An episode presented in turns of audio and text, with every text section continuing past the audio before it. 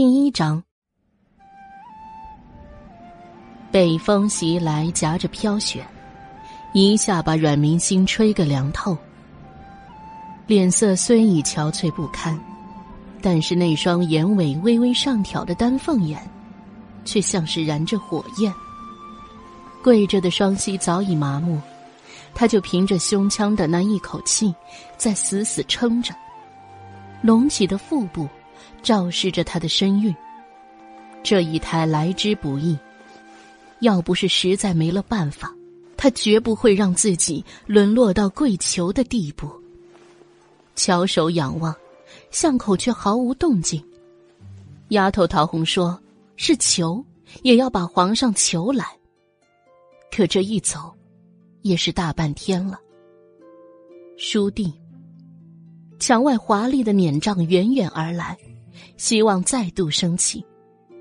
可是，做撵的人竟不是他，而是他一向回护的庶妹阮清离。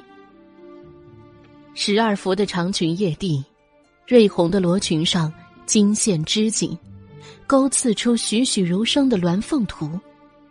肩上的霞披缀满珍珠，在冷宫残壁前，显得格外夺目。阮明星眸子微微一缩，有些狐疑的开口问道：“青离，阮家上下老小并三族血亲，全被没入天牢，你怎么会在宫中？而且，竟还是这样的排场。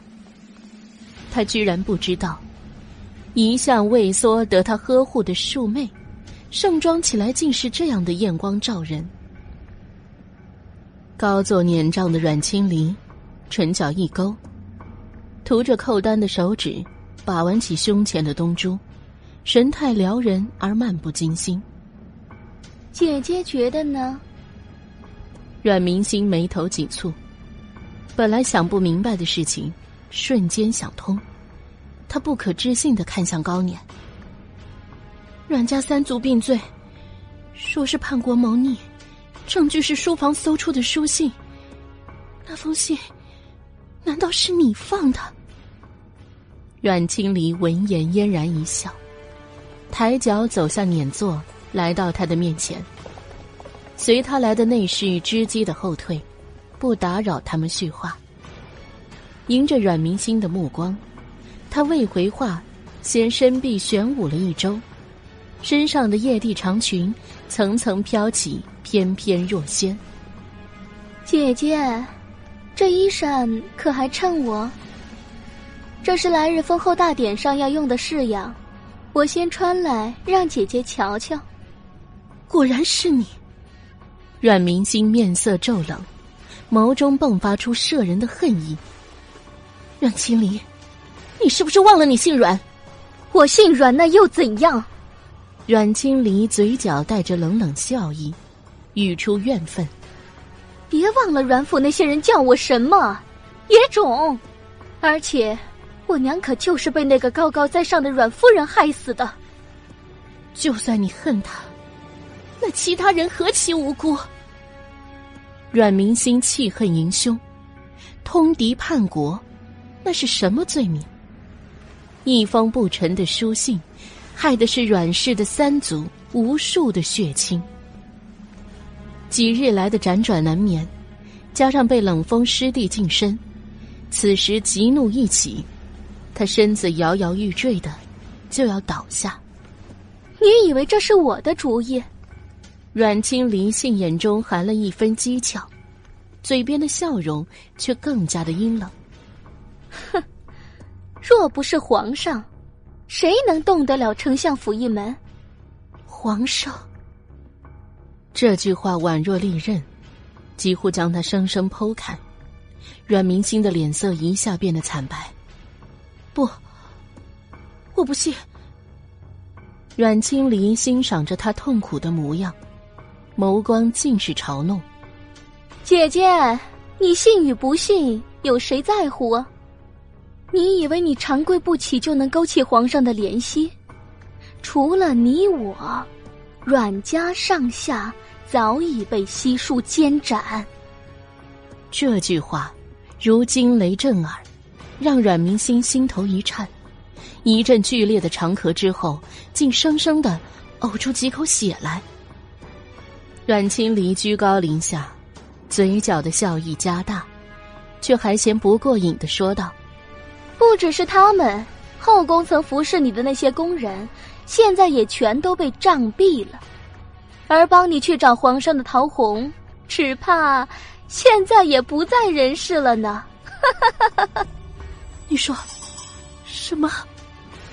阮明心的肚子抽痛的厉害，几乎语不成声。恨意如惊涛拍岸，在胸口翻滚，似乎要把他整个人撕裂。陶红，那可是他从家里带出来的丫头，情同姐妹。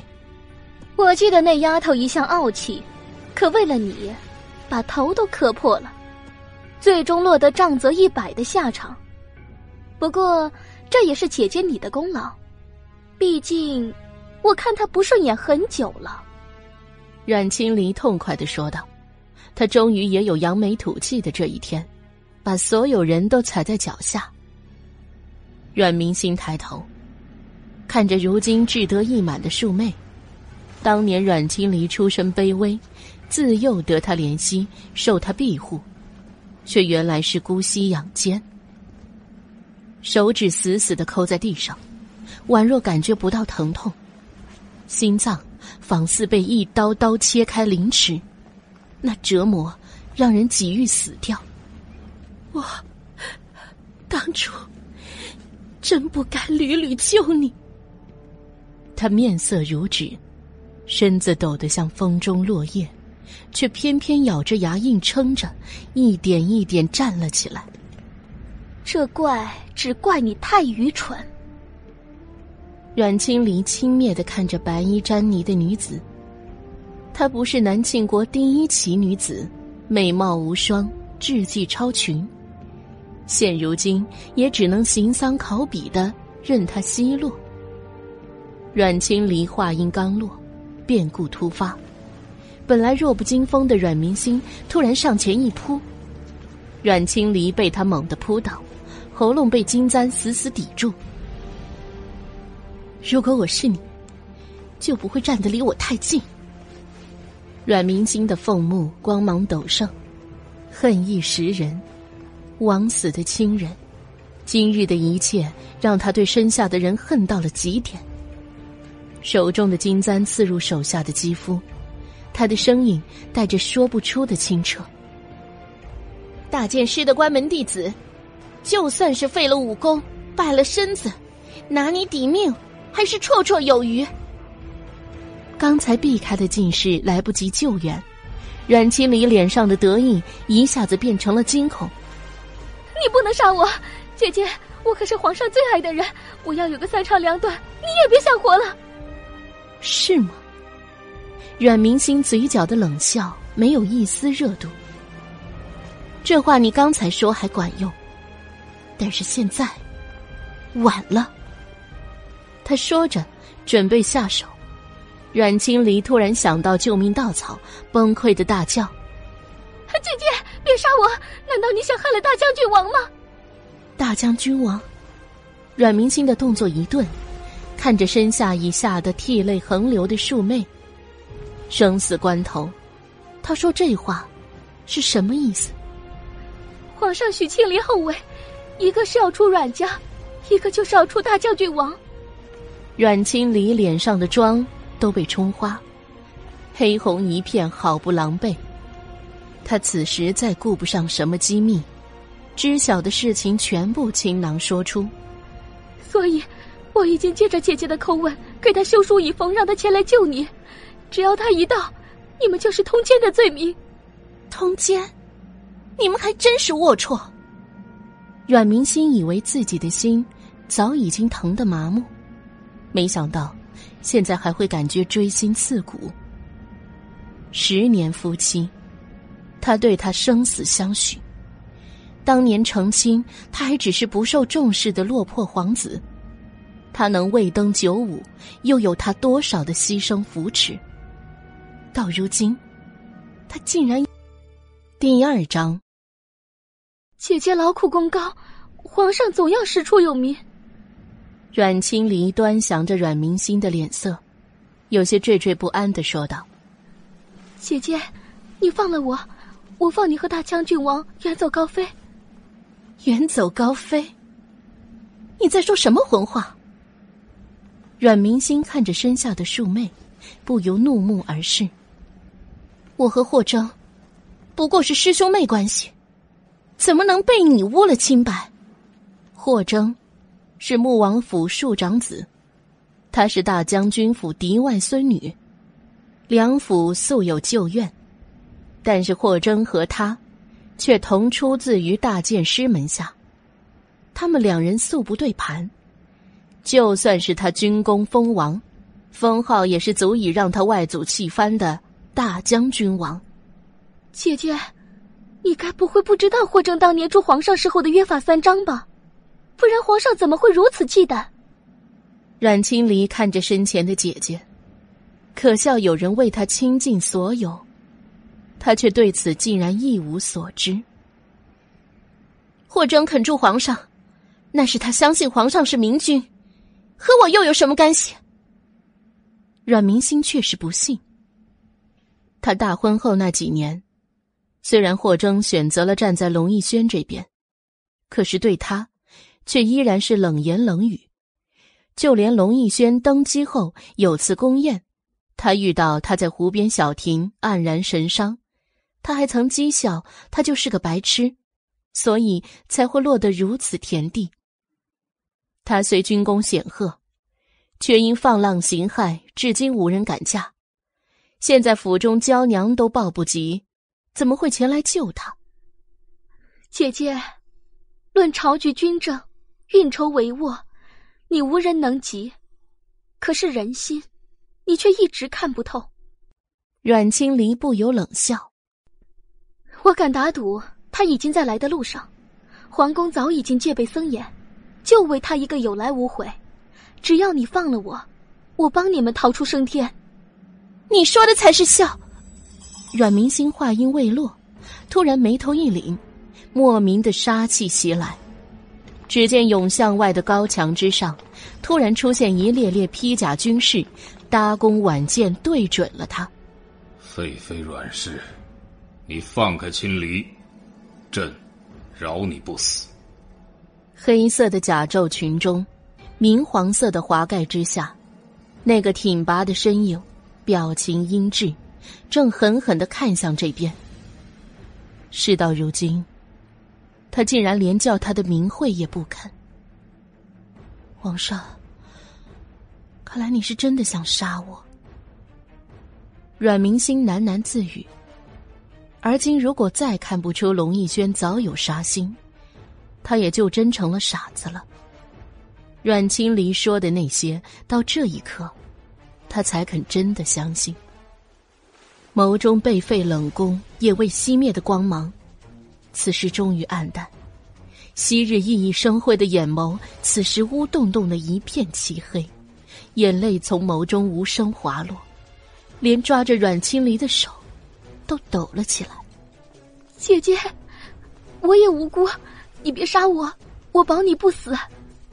阮青离见他神情决绝，吓得两腿发软，他真怕姐姐急怒下把他杀了。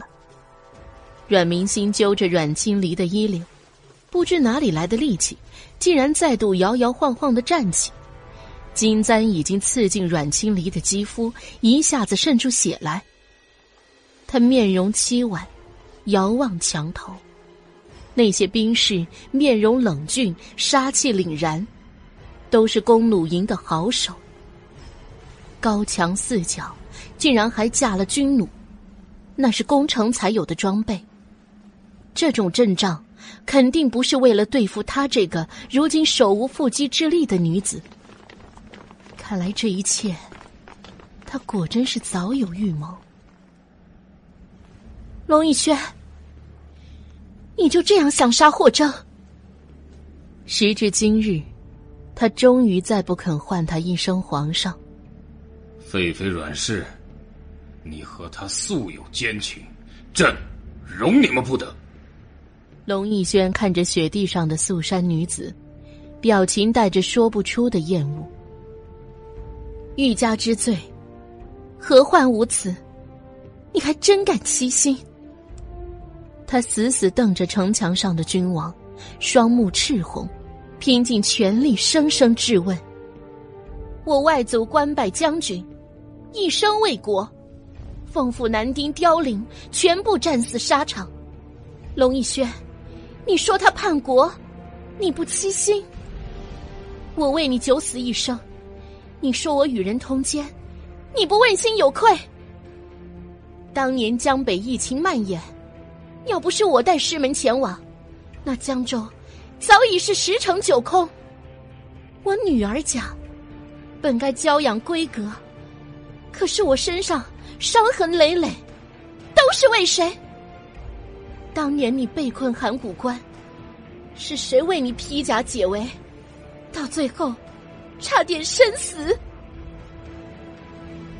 这一刻，他白衣尽血，黑发迎风，字字泣血，仿若悲鸣。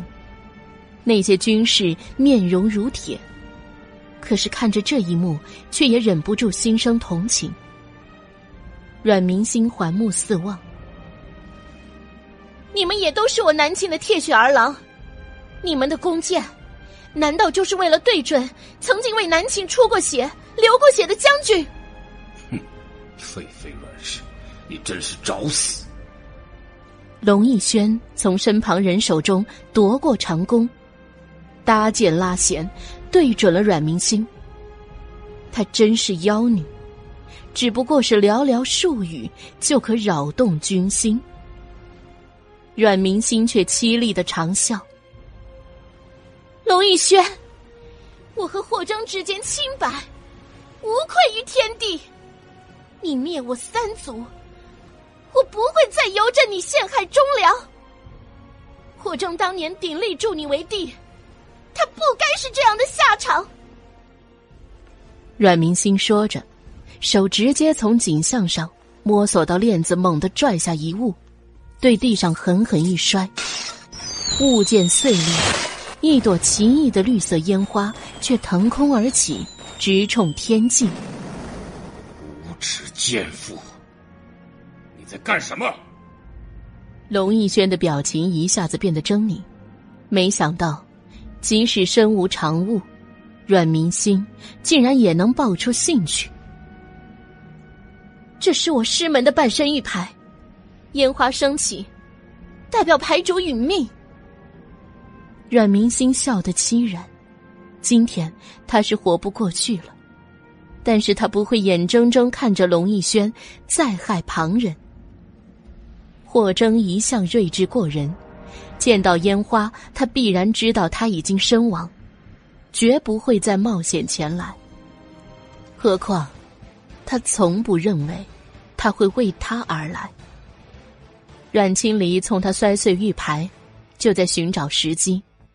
见到现在阮明星的心思没有在他身上，立刻瞅准机会，一个转身猛向前跑去，顾不得尖利的金簪在颈上划出一道血痕。阮明星扑身想追，却觉得胸口一痛，一支长剑从墙头袭来，穿胸而过。他惨笑着抬眼。只见龙逸轩手挽强弓，第二剑又至。他的剑法，还是他亲手所制，瞄准判断，倾囊相授。他那双手，也曾挽长弓执剑杀敌，到现在，却虚弱的连一个女子都控制不住，而一身武艺内力，全是为了给他过毒，毁个彻底。一剑又一剑，墙头的男人像是泄愤，发了狠似的箭射连珠，浑然不顾他正怀着他的孩子。剧痛刺骨，嘴角呕血，阮明心却还死死咬牙站立，他的目光狠狠瞪向那个直弓连射的冷酷男人，神情凄厉。好恨，心好恨。他恨良人无情，恨姐妹无义，恨救人无法，恨自己瞎了双眼，识人不清。若有来世，他也愿冷了热血，狠了心肠，再不像如今这么窝囊。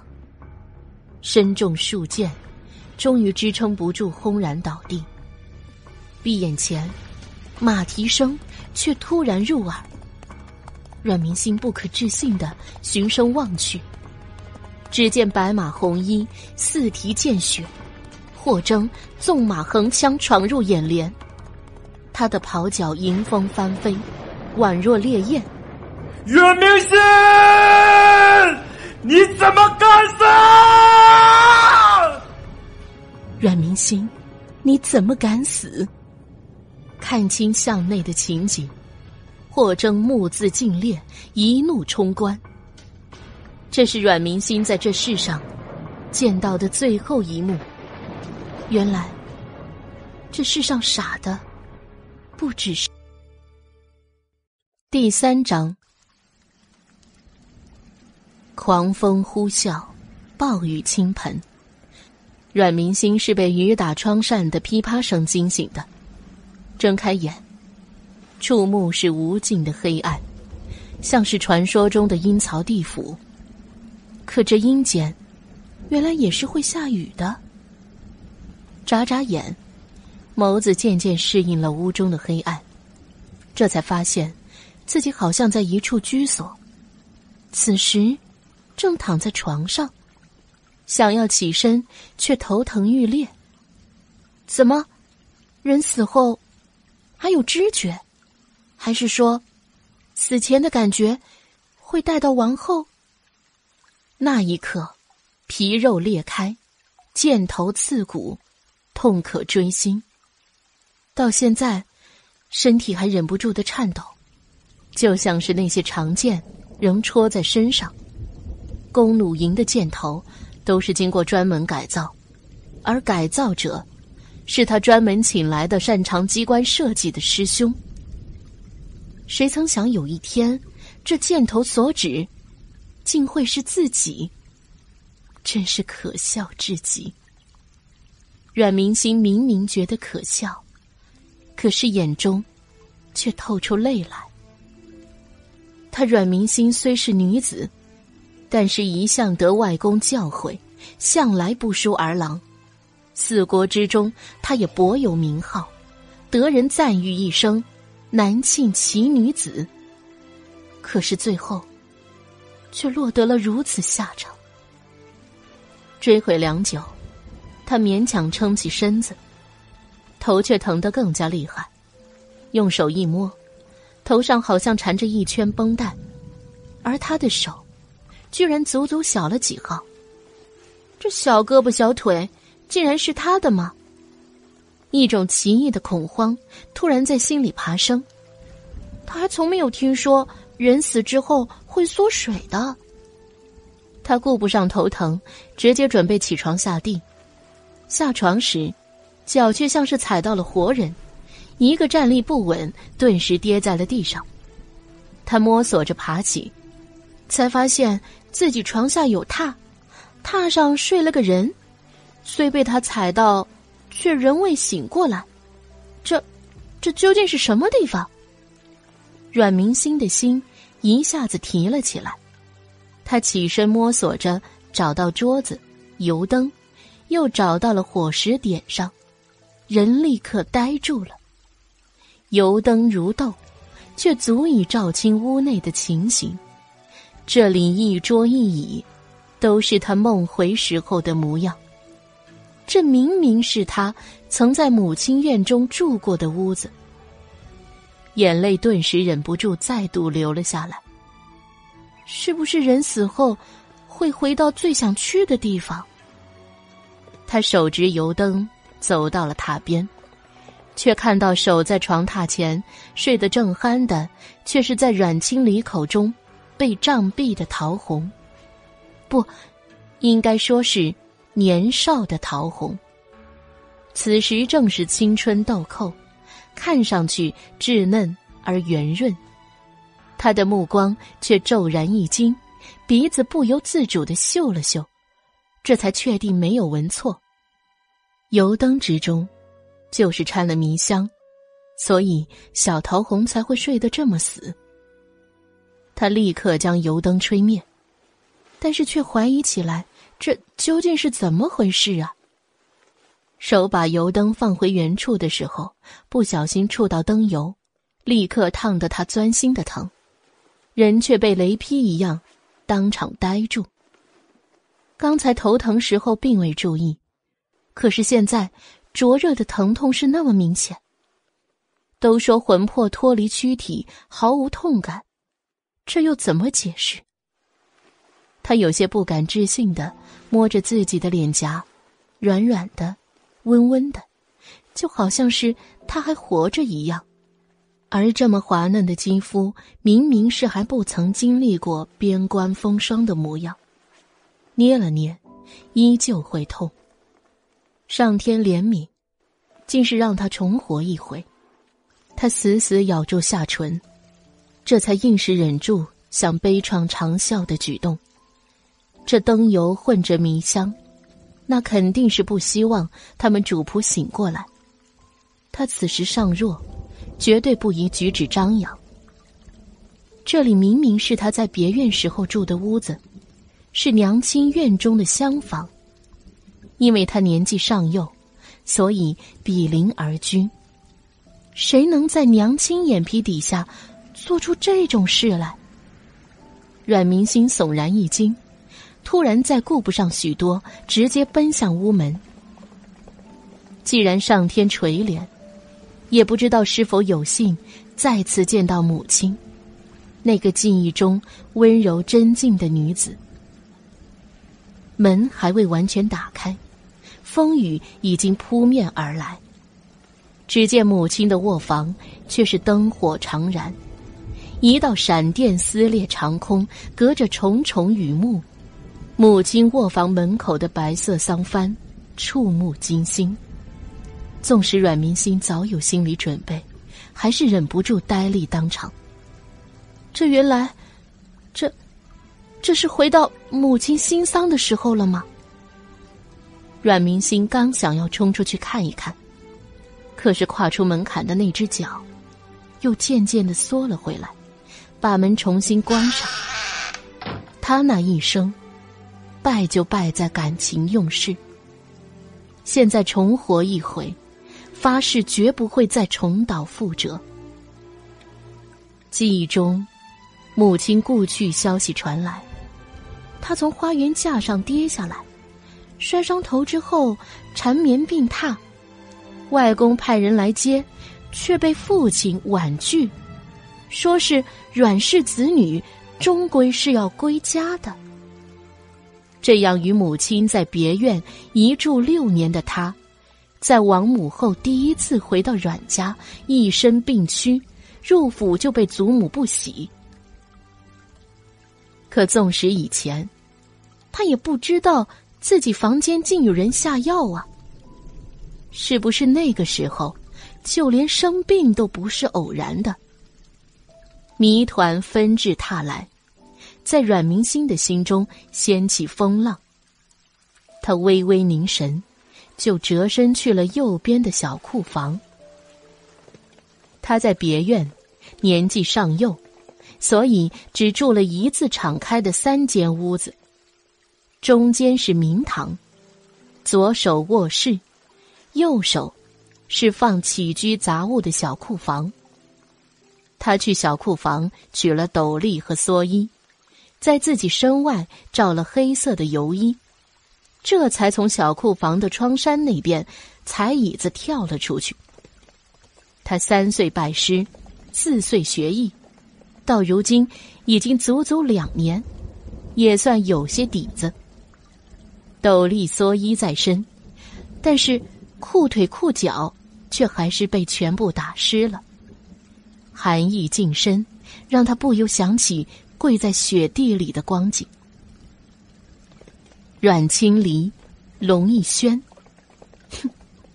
你们等着，那万箭穿身的痛，一定会让你们一点一点还回来。黑夜之中，他的眼眸却亮得吓人，一步步走到母亲的卧房。里面虽然烛光常燃，听声音呢，却是没有半个人影。他和母亲的院子足足有四个一等丫鬟，八个二等丫鬟，还有负责扫洒擦抹的杂事丫头。怎么现在都跑去了哪里呢？以前从来没有注意过的细节，此时发现，却让他更加迷惑起来。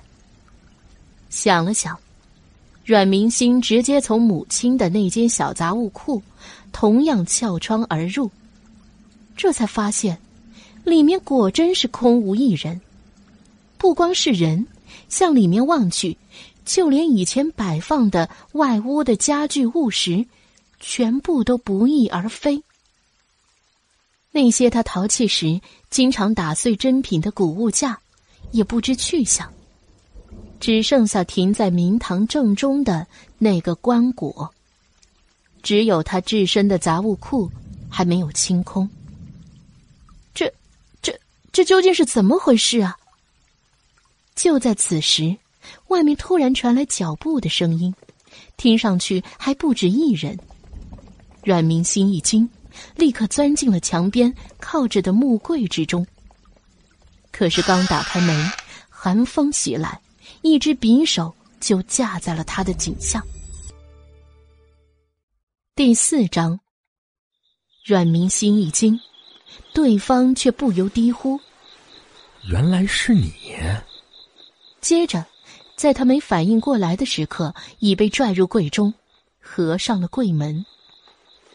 阮明星身子整个都是僵的，这个声音，他不会听错。有时。是那样反感，几乎成了条件反射，而此时，却是那样的让人心悸。手腕被对方死死攥着，全身冰冷，似乎就只有两人的肌肤交贴处是热的。这是霍征，霍征的声音。濒死的那刻，那声高喊几乎刻入灵魂。闭眼前的最后一幕。是他持枪驱马，义无反顾，心脏疼得快要爆裂，此时却一句话都说不出来。柜子里不但黑暗，而且格外静谧，连彼此的呼吸声都可以听到。你不是跌伤头，怎么还乱跑？压低的声音在身边传了过来，刚一出口，似乎觉得语气软弱，立刻换为。讥讽，真是可笑！大剑师的弟子，居然差点把自己摔死。阮明星没有说话，他们两个像是斗鸡，从来没有彼此示弱过。他虽是师兄，但是他却从不服气，所以斗来斗去，一晃经年。怎么不说话？摔傻了？霍征的声音再度响起。若不是仔细分辨，真听不出这言语中的关心。师兄，我很想你。这句话，若不是重生，就算是打死他都说不出口。眼眶里一阵发热，水汽再度凝结。他忘不了那最后一眼，他的怒发冲冠，更忘不了。最后一眼，他身后的万箭齐发。他来赴的，是必死之局。身边的人却像是一下子僵住，似乎被他这句压着泪意的话给惊到了。但是，他话语中的哽咽，他听得清清楚楚。他向来倔强，能说出这种话，绝对是受了委屈。我就知道，你摔伤不是意外。霍征咬牙切齿的说道：“放心，有我在，谁也伤不了你。”这句话终于暴露了少年所思所想，却让阮明星骤然心惊。原来此时此刻，他就已经开始为自己所做良多了。师兄，你是来看明星的吗？阮明星忍住心痛，开口轻声询问道：“没，散步刚好路过。”霍征立刻矢口否认，想到外面此时大雨，马上又加了一句：“其实雨天练轻身步伐最有成效。”阮明心心痛如绞，嘴角却露出笑来。他以前怎么没有发现？原来他一直对他关爱有加。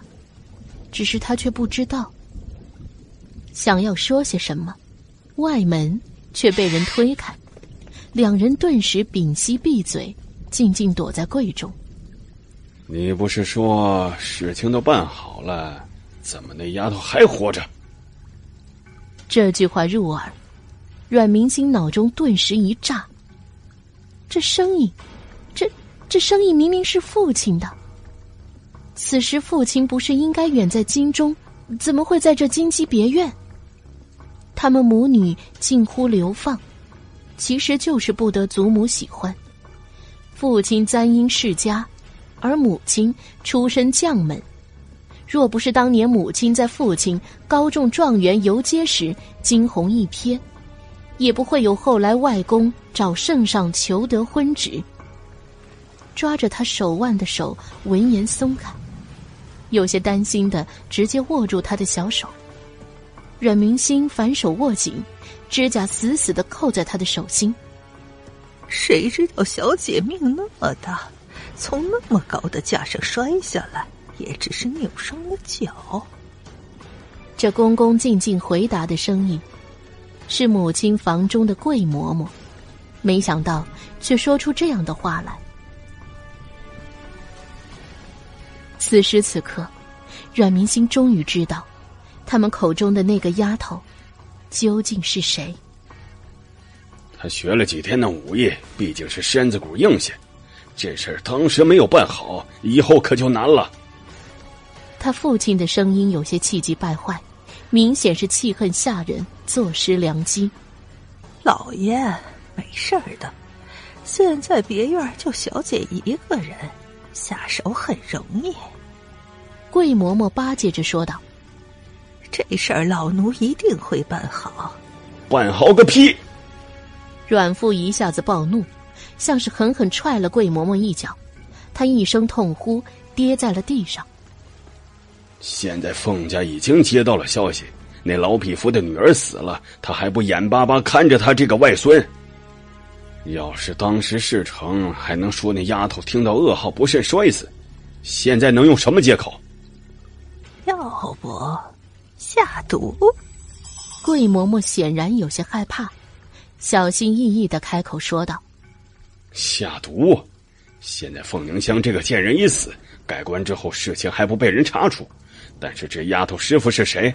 大剑师学贯古今，据说剑术通达，可以通晓轮回。要是这事儿败露，到时候你我都没有好下场。”阮父的脚步声在外面踱来踱去，显然已经暴躁到了极点。而柜子里的阮明星，整个人却像是被雷劈开，动弹不得。外面，他们在说什么？他的父亲，竟然叫他最崇敬的母亲“贱人”，而且，他母亲的死，竟然另有乾坤。不行，不能这样。现在那丫头不能让她醒着，在凤家人来之后，她必须病着才好。阮父的话语凉薄，一句句像是戳进阮明心的心中。手被身旁的人攥紧，霍征的手竟然比他还凉。放心吧，这个老奴知道怎么做。桂嬷嬷应声说道。这个鬼天气还不能回京，我要找地方躲着。记住，这别院我不曾来过，是家人通报我才知道凤宁乡病故。阮父开口说道，声音很绝的，不像是个文人。放心吧，老爷，现在别院老奴一人说了算，肯定会把首尾收拾的干净，不会漏了端倪。桂嬷嬷开口说道：“等此件事了，你还是回玉莲身边去吧。”阮父对着桂嬷嬷说道：“谢谢老爷，那老奴就等着老爷和我们家小姐早日可以成就好事。”桂嬷嬷匍匐地上，话语间透着欣喜。我当初就起诺，对玉莲此生不负，却未曾想，足足晚了十年。阮父的声音透着恨意。都是那个贱人，当年一纸圣意拆散了我们，现在这种死法，真是便宜他了。外面的话语，再度给了阮明星狠狠一击。裴玉莲，那是他的继母，阮家后来的当家主母，也是阮清离口中那个害死他娘的狠毒女人。却原来，他早就和父亲暗通款曲，而他母亲，竟是被他们合伙害死的。原来母亲竟然和他一模一样，所托非人，被害身亡。直到最后，都无人知晓父亲的所作所为，道貌岸然，而他居然还为了阮家上下雪地跪求，恨意如惊涛拍岸，顿时。第五章，往事一幕幕爬上心头。阮明星幼年丧母，父亲再娶，后母寡恩。那个同样丧母敬父的外室庶女阮青离，才博得了他的怜惜。可是，在冷宫雪地，那个艳光照人的庶妹，却嗤笑着他的跪地求情。那时候，阮青离一句句话即可戳心。你倒是顾惜阮家，那是谁在你未及笄就将你嫁作他人？就因为怕碍了那个女人所生二小姐的大好婚配，是谁当年在你父君濒死之际，你苦求上门却闭门不应？又是谁在你们夫妇遭先皇贬斥，居然当着满朝文武和你断绝父女关系？最后是谁在你夫君最终荣耀后，迫不及待的送来两个妹妹分宠？在他眼里，你不过就是他的一件物品罢了。又何曾真的把你当成掌上明珠？对于阮府，阮明心也不是不愿怼。可是他却曾天真的以为，那一切不过就是因为父亲娶妻不贤，才会有那些事端。原来，他们其实都是同样包藏祸心。从他远嫁质子，到龙逸轩几次遭难。他回阮府求助，却全部吃了闭门羹；而楚卫尘埃落定，因为他多年无嗣，阮家又迫不及待的送来两个幼妹来分宠。过去种种，原来不只是后母刁难，也有父亲的推波助澜。而外面的厅内，阮父的话语听上去是那么讥讽伪善。桂妈妈。你卧薪尝胆，十年忍辱，却终于帮我们了却心事。我的承诺也会兑现。自你夫妇之后，他们不再是奴仆身份，而你幼子今年的科考，就放心去吧。谢谢老爷，谢谢老爷。桂嬷嬷的声音一下子激动起来。爷，时候不早了。一个男声传来，中气浑厚，应该是护卫。后面的事情你就多挂心了，千万别被凤家的人看出什么端倪。阮父最后叮咛一句，这才转身撑伞离开，而桂嬷嬷却还在屋子里逗留了一刻，阴狠的冷笑一下子传入耳中。凤凝香，我呸！亏你还是什么京城第一美女子。连给我们家小姐提鞋都不配，你就该在黑黝黝的棺材里待上一辈子，还有下辈子、下下辈子。事到如今，你恨也没用，让你当年硬要嫁给老爷。现在你的棺椁里早请高人画了符咒，就算你的魂魄想出来都难，更别说转世投胎了。凤凝香，这可是我们家小姐送你的大礼。桂嬷嬷恶狠狠的说完，这才冷笑着转身离去。听到外面不再有动静。阮明心一下子冲了出去，他扑倒在母亲的棺椁之上，心中大痛。当年他一病不起，连母亲的葬礼都未能出席。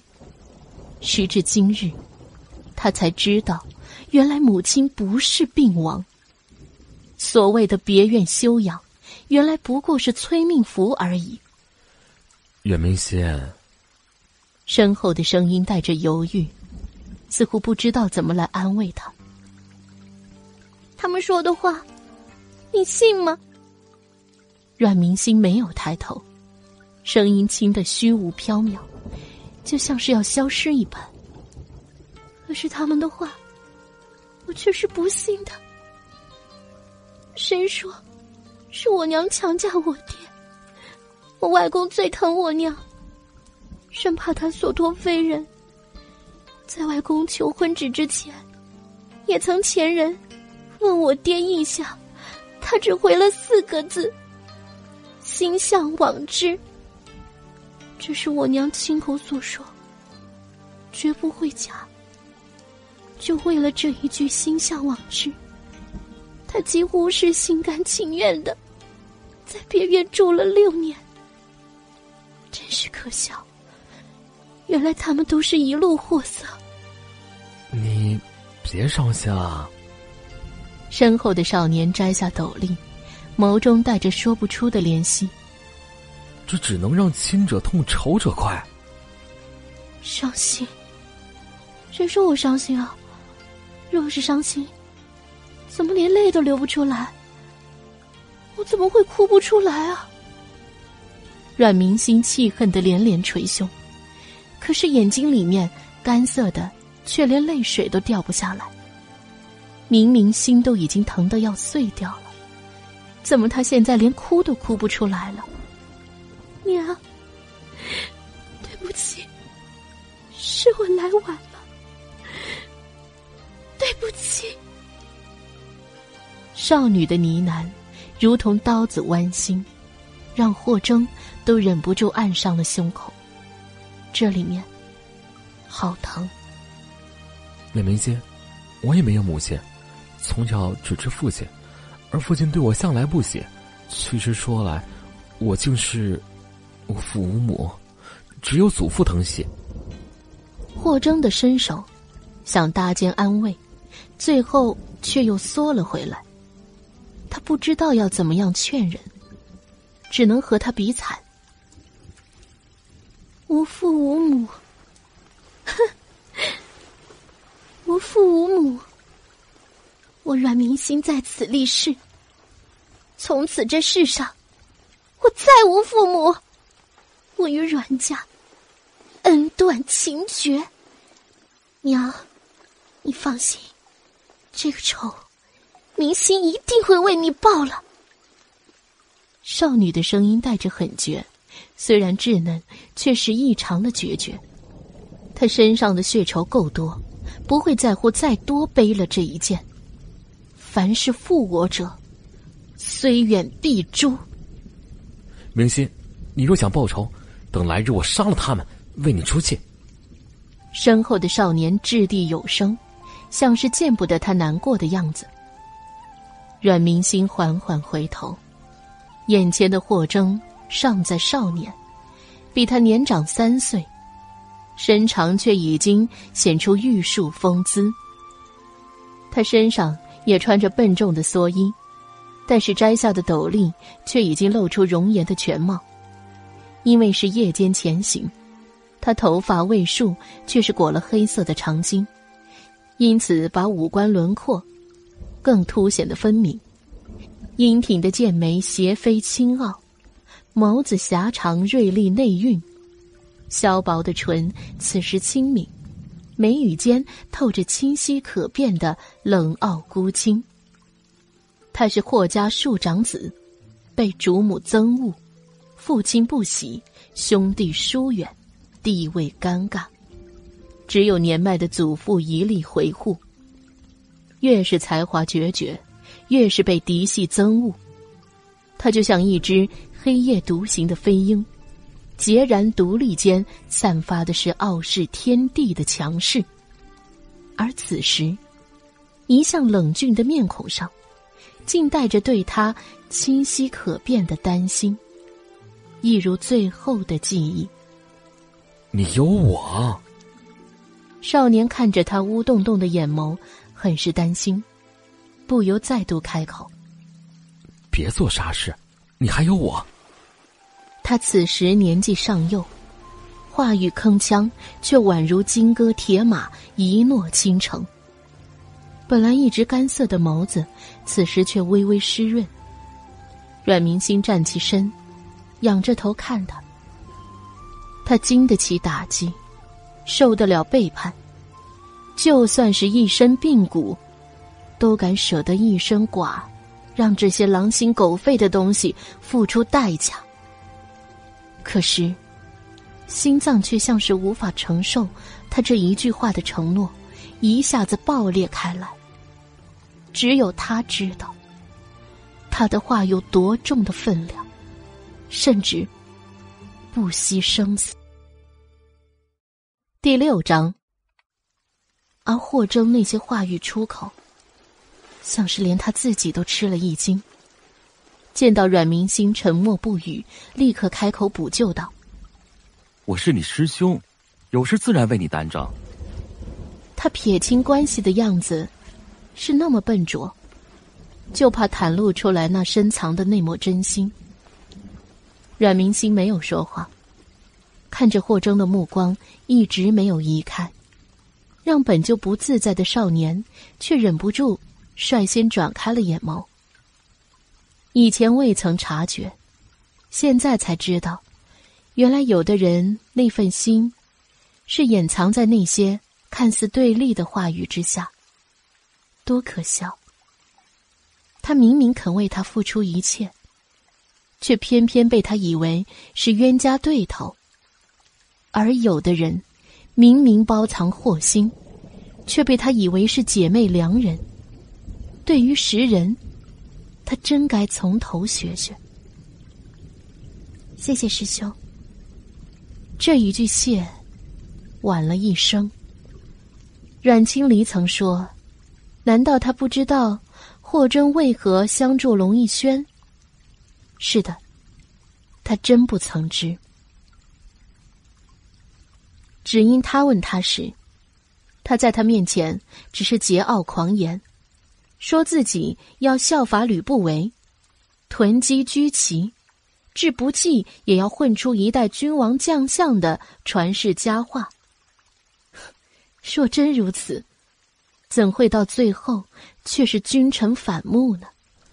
你比我小，师门就你我在京城，我不护你，护谁？霍征转回目光，倒是未曾想，阮明心会说出这种话来。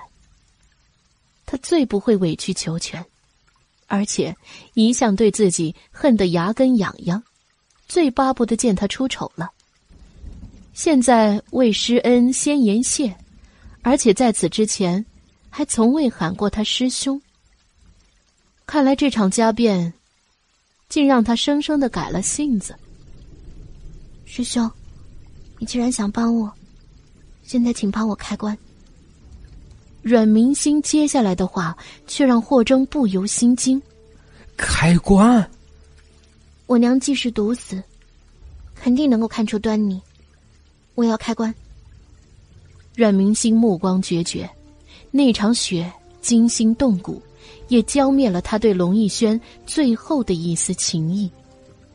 万箭穿心，只剩长恨。现在，一切从头再来。他既然知晓母亲死因，就不会无动于衷。现在关外包裹，长钉钉死。如无意外，肯定无人验看。他现在要亲眼看看，母亲到底中的是什么毒。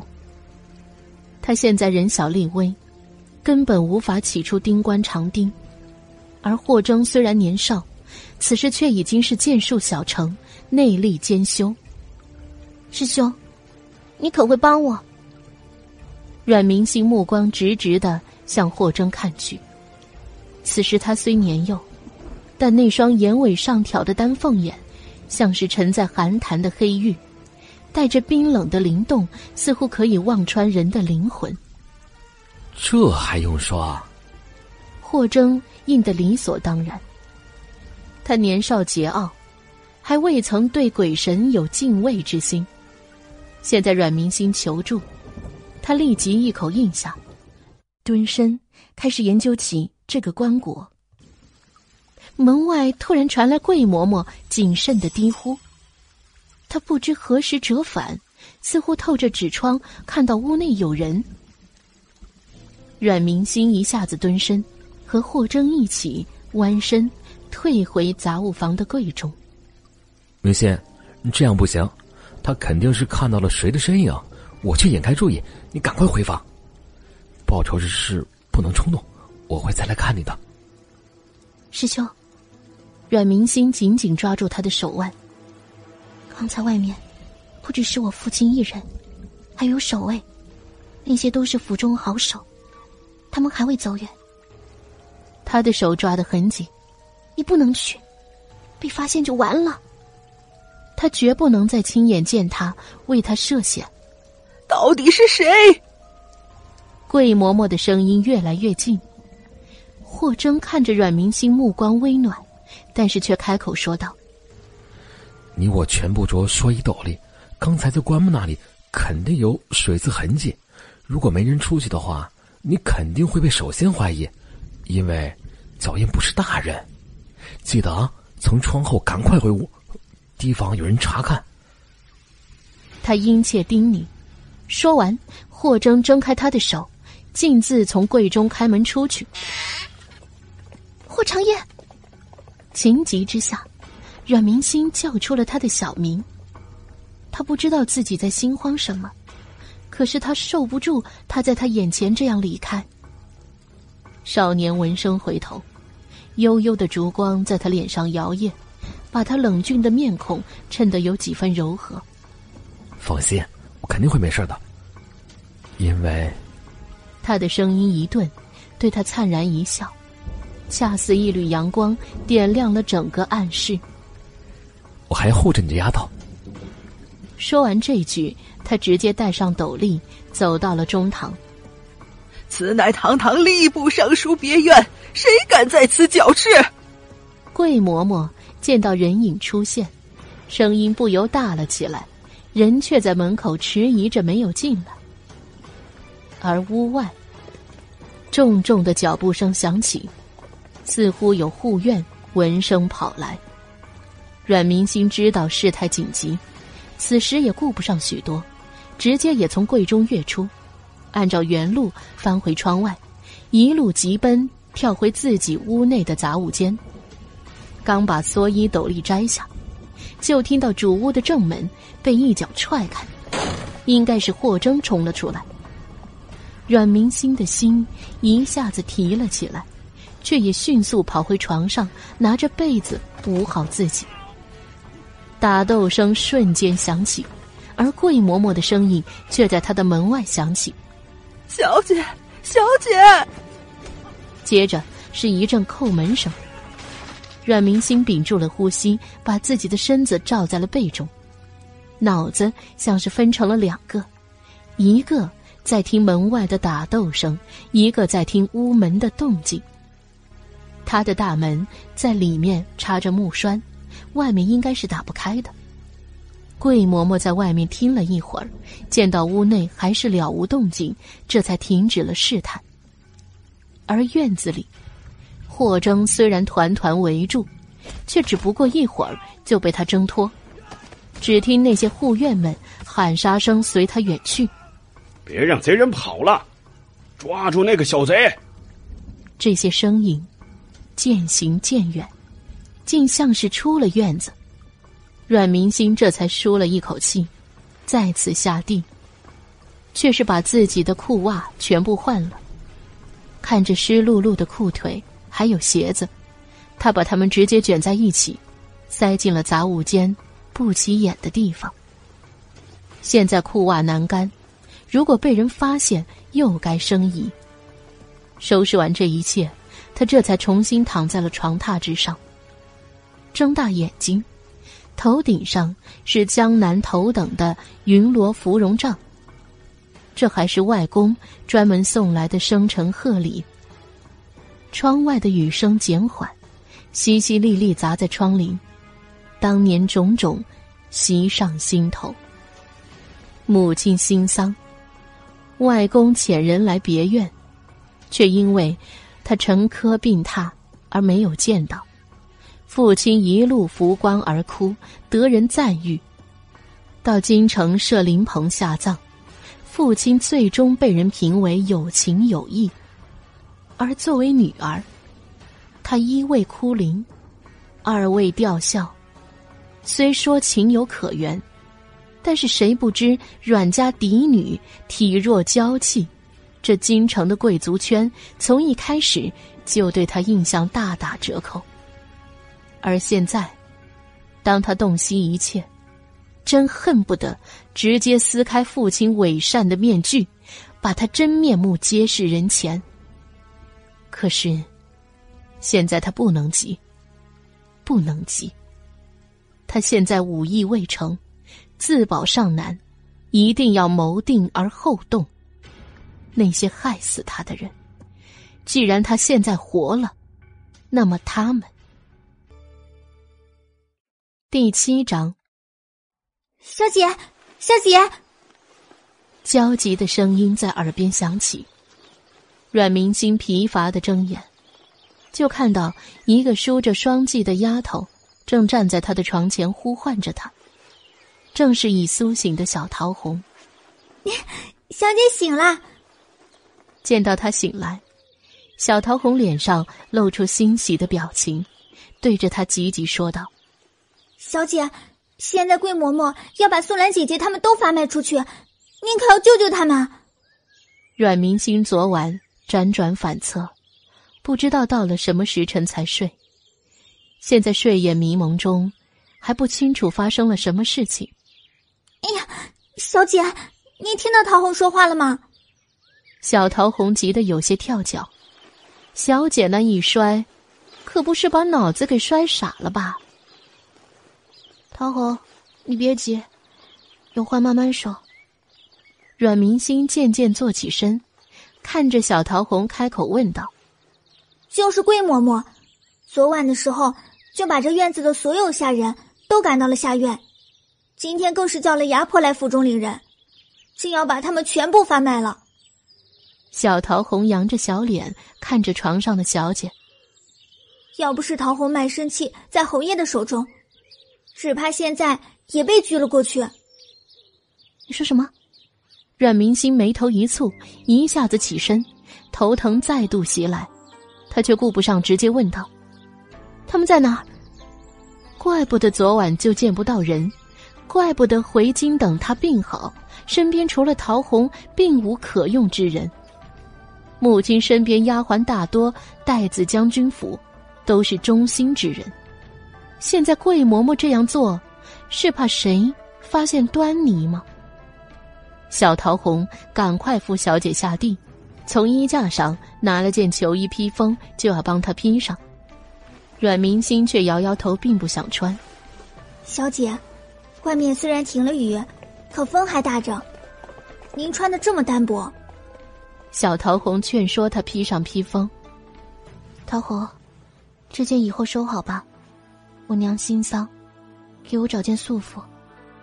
阮明星开口说道：“那件球衣领边滚着火狐的毛发，他不想穿。”奴婢怎么忘了这个？小姐您等着。小桃红说着，就去箱底一阵翻腾，从里面直接翻出一件白球。小姐。您看这个行吗？阮明星点了点头，任桃红帮他系好披风系带，就像是多年前他出征前，桃红为他系好袍甲一般，这才径自向外走去。小姐，你等等。小桃红又折回去，带了把油纸伞，撑开追了出去。外面说是雨停，其实却细细的飘着雨丝，吹在脸上一阵的凉意。头顶的天空更是一片暗沉，宛若有一张巨毯遮在了空中。他们在哪儿？阮明星人小步子却急，生怕一个怠慢就和那些人失之交臂。就在别院的西门。小桃红觉得小姐今天似乎有些不同，但是又说不出来哪里不同。桃红，我娘什么时候过去的？阮明星边走边问道。他甚至到现在都不知道今夕是何夕。就在昨天晌午时分，还没到饭点儿，小姐你在后院假山玩耍，那个时候夫人去的。小桃红言语凌厉的说道：“不知道小姐怎么会问起来这个。”晌午去世，晚上就订好了棺椁，这还真是未卜先知啊！冷冷的笑意在他唇角绽开。既然是这样，那不妨就从这件事开始。他要和他们好好斗斗。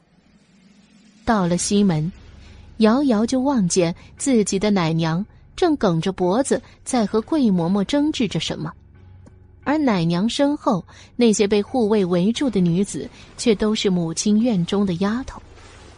走得稍近，就听到他奶娘白氏正指着桂嬷嬷怒吼：“现在夫人刚刚故去，你就要发卖了这一院子的奴仆，到底是何居心？”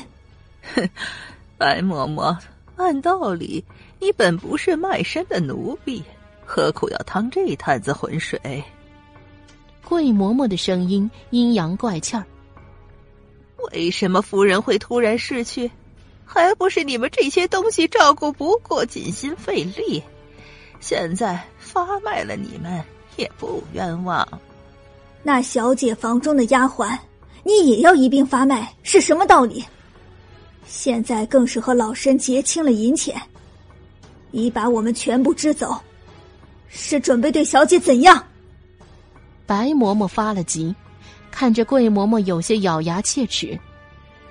现在夫人院中的奴婢，那些下等丫鬟，刚刚不是被带走发卖，就是有家人来赎了领走。剩下这些一等、二等丫鬟，有的不服，生生杠在了这里。发卖你们，是因为你们照顾小姐不周，才会让小姐跌下假山的。站在桂嬷嬷身边。趾高气扬的丫鬟，却是夫人身边一等丫鬟素菊。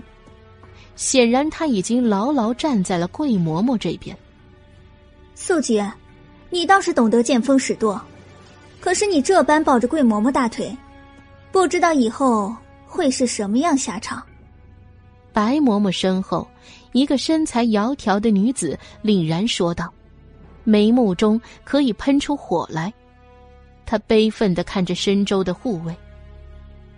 夫人在时，我们姐妹是什么身份？现在真是阿猫阿狗都可以逼近身来。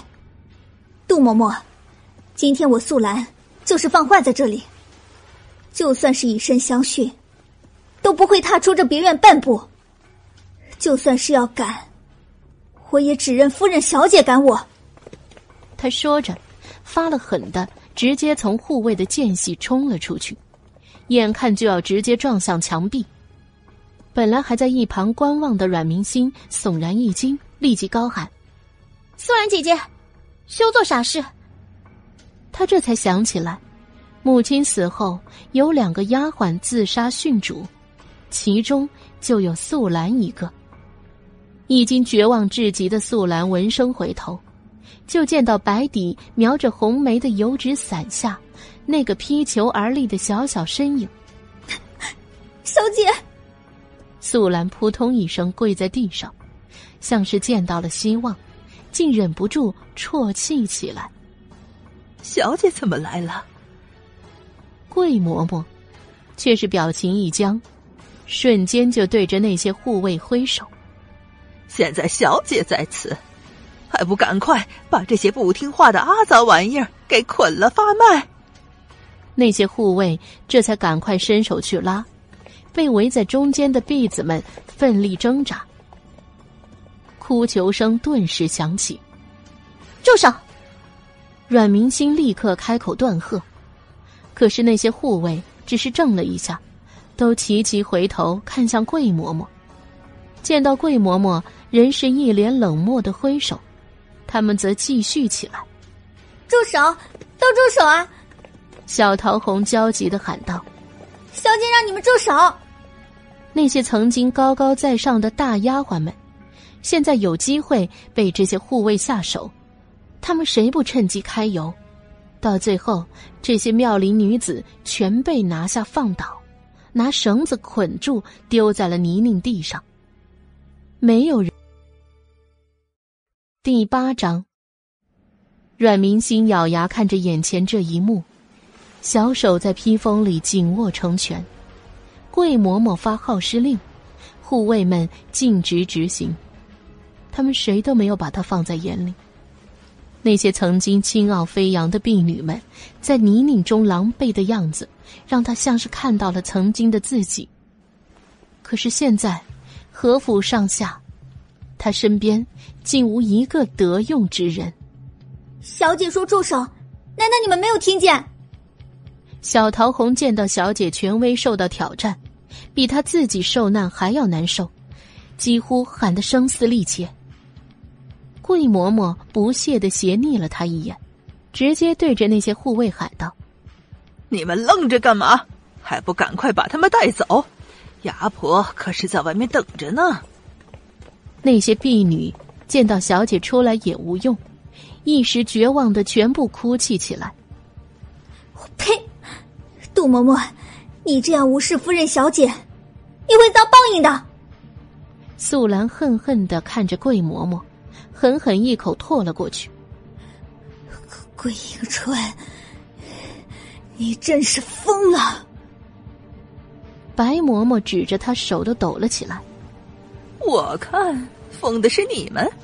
现在开始，你们和阮府再没有半分的关系。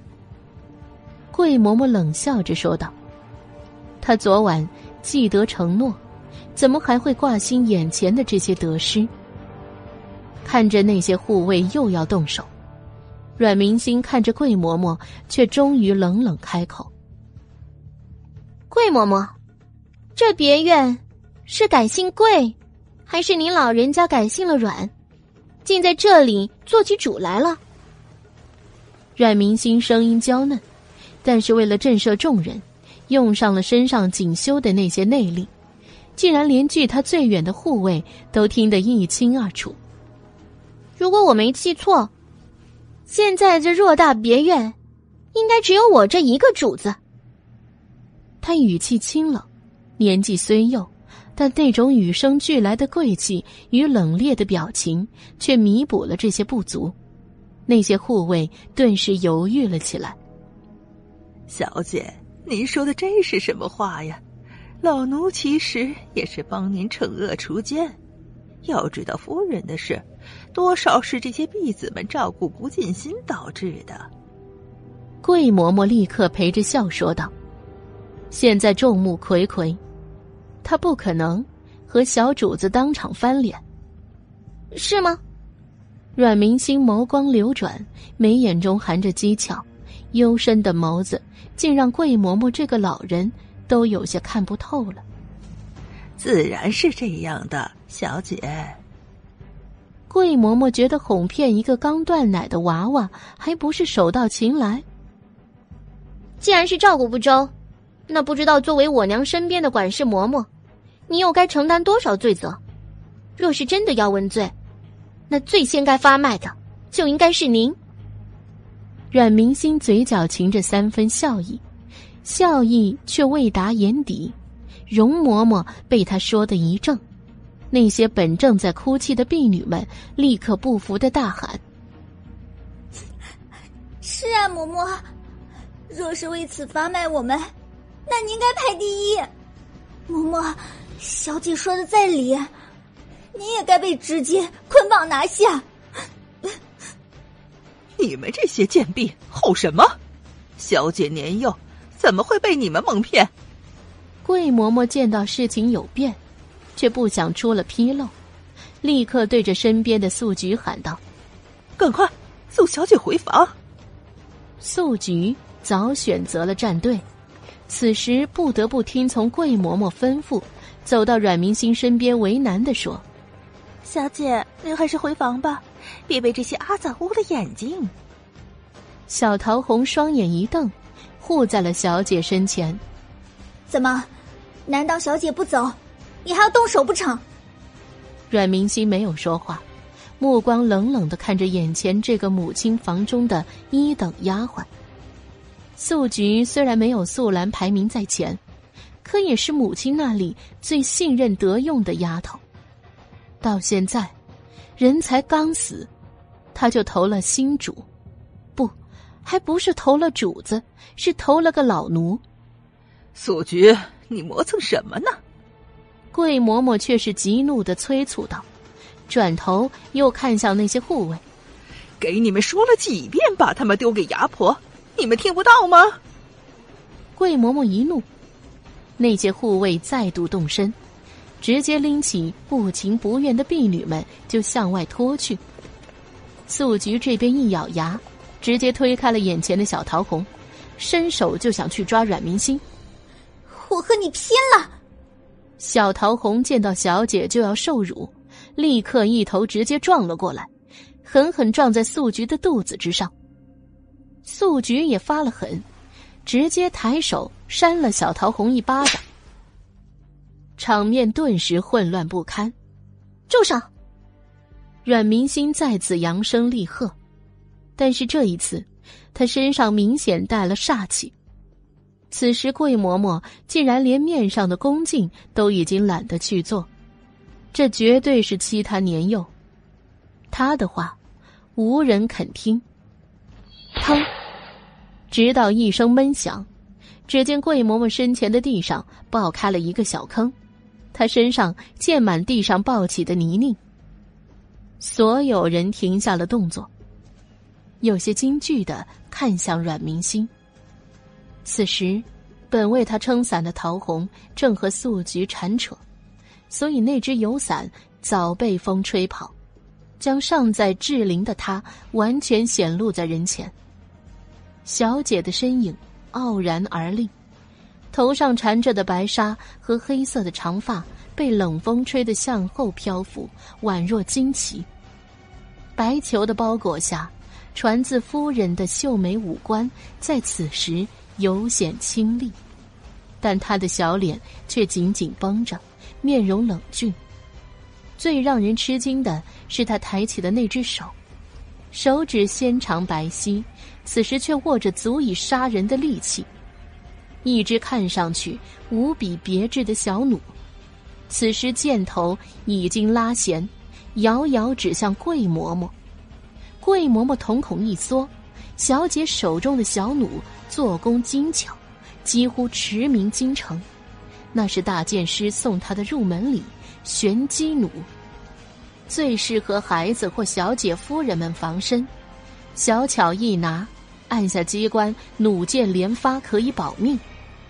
而小姐这支射程远，速度快，据说连会武功之人都很难躲避。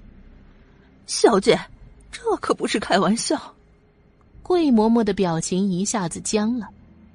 阮明星看着桂嬷嬷变色的面孔，嘴角却勾出一抹嫣然的笑意。她颊边的梨涡浅现，看上去让人惊艳。不是开玩笑吗？我还以为桂嬷嬷你在说笑呢，不然怎么你一个奴仆竟要做起主子的主来了？他话语说的铿锵，手执弩箭，恰好初露峥嵘。他说完，手臂平移，箭头对准了素菊，面容一下子沉冷下来。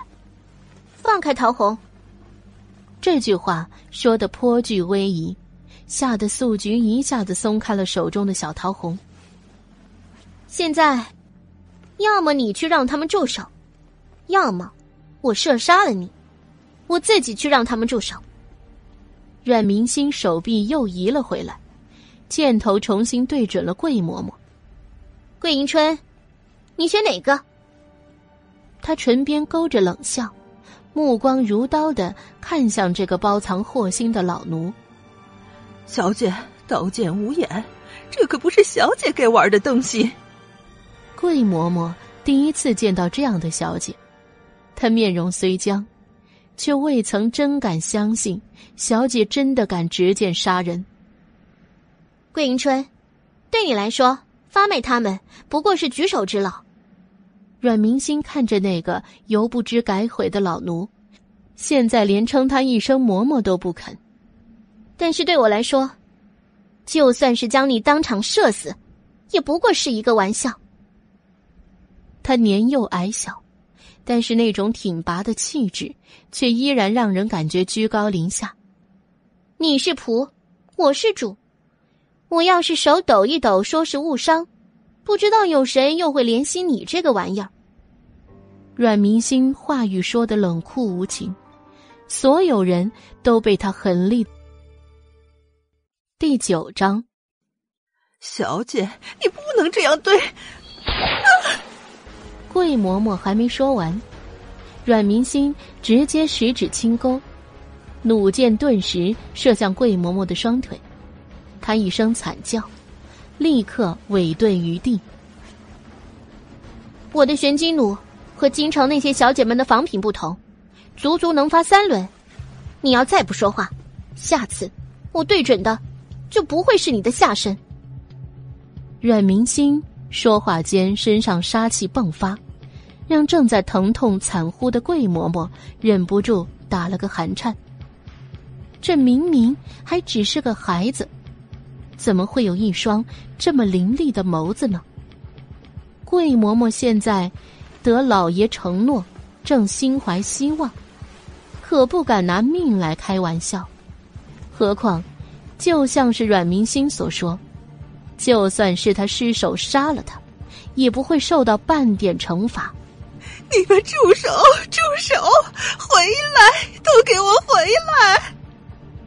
桂嬷嬷终于气急败坏的对着那些护卫喊道：“今天，她身上的痛苦，来日一定会在这个死丫头身上还回来，保管让她和她那个短命的娘一样，早登极乐。”桂嬷嬷，您说话倒是有个准儿行吗？一会儿带走，一会儿带回来的。家丁护院们也有了意见。小姐，可是刚才都已经收了牙婆的银子，现在要是不交人，恐怕会败了阮府的名声啊！那些护院中有个领头的开口对阮明星说道。听了他的话，那些家丁又迟疑起来。阮明星眉心一蹙，这个领头的男人，应该不是别院的家丁。而是父亲身边的得力护卫。现在他出声阻拦，显然不想让这些旧人继续留在别院。看来，父亲在别院倒不只是有桂嬷嬷这个眼线。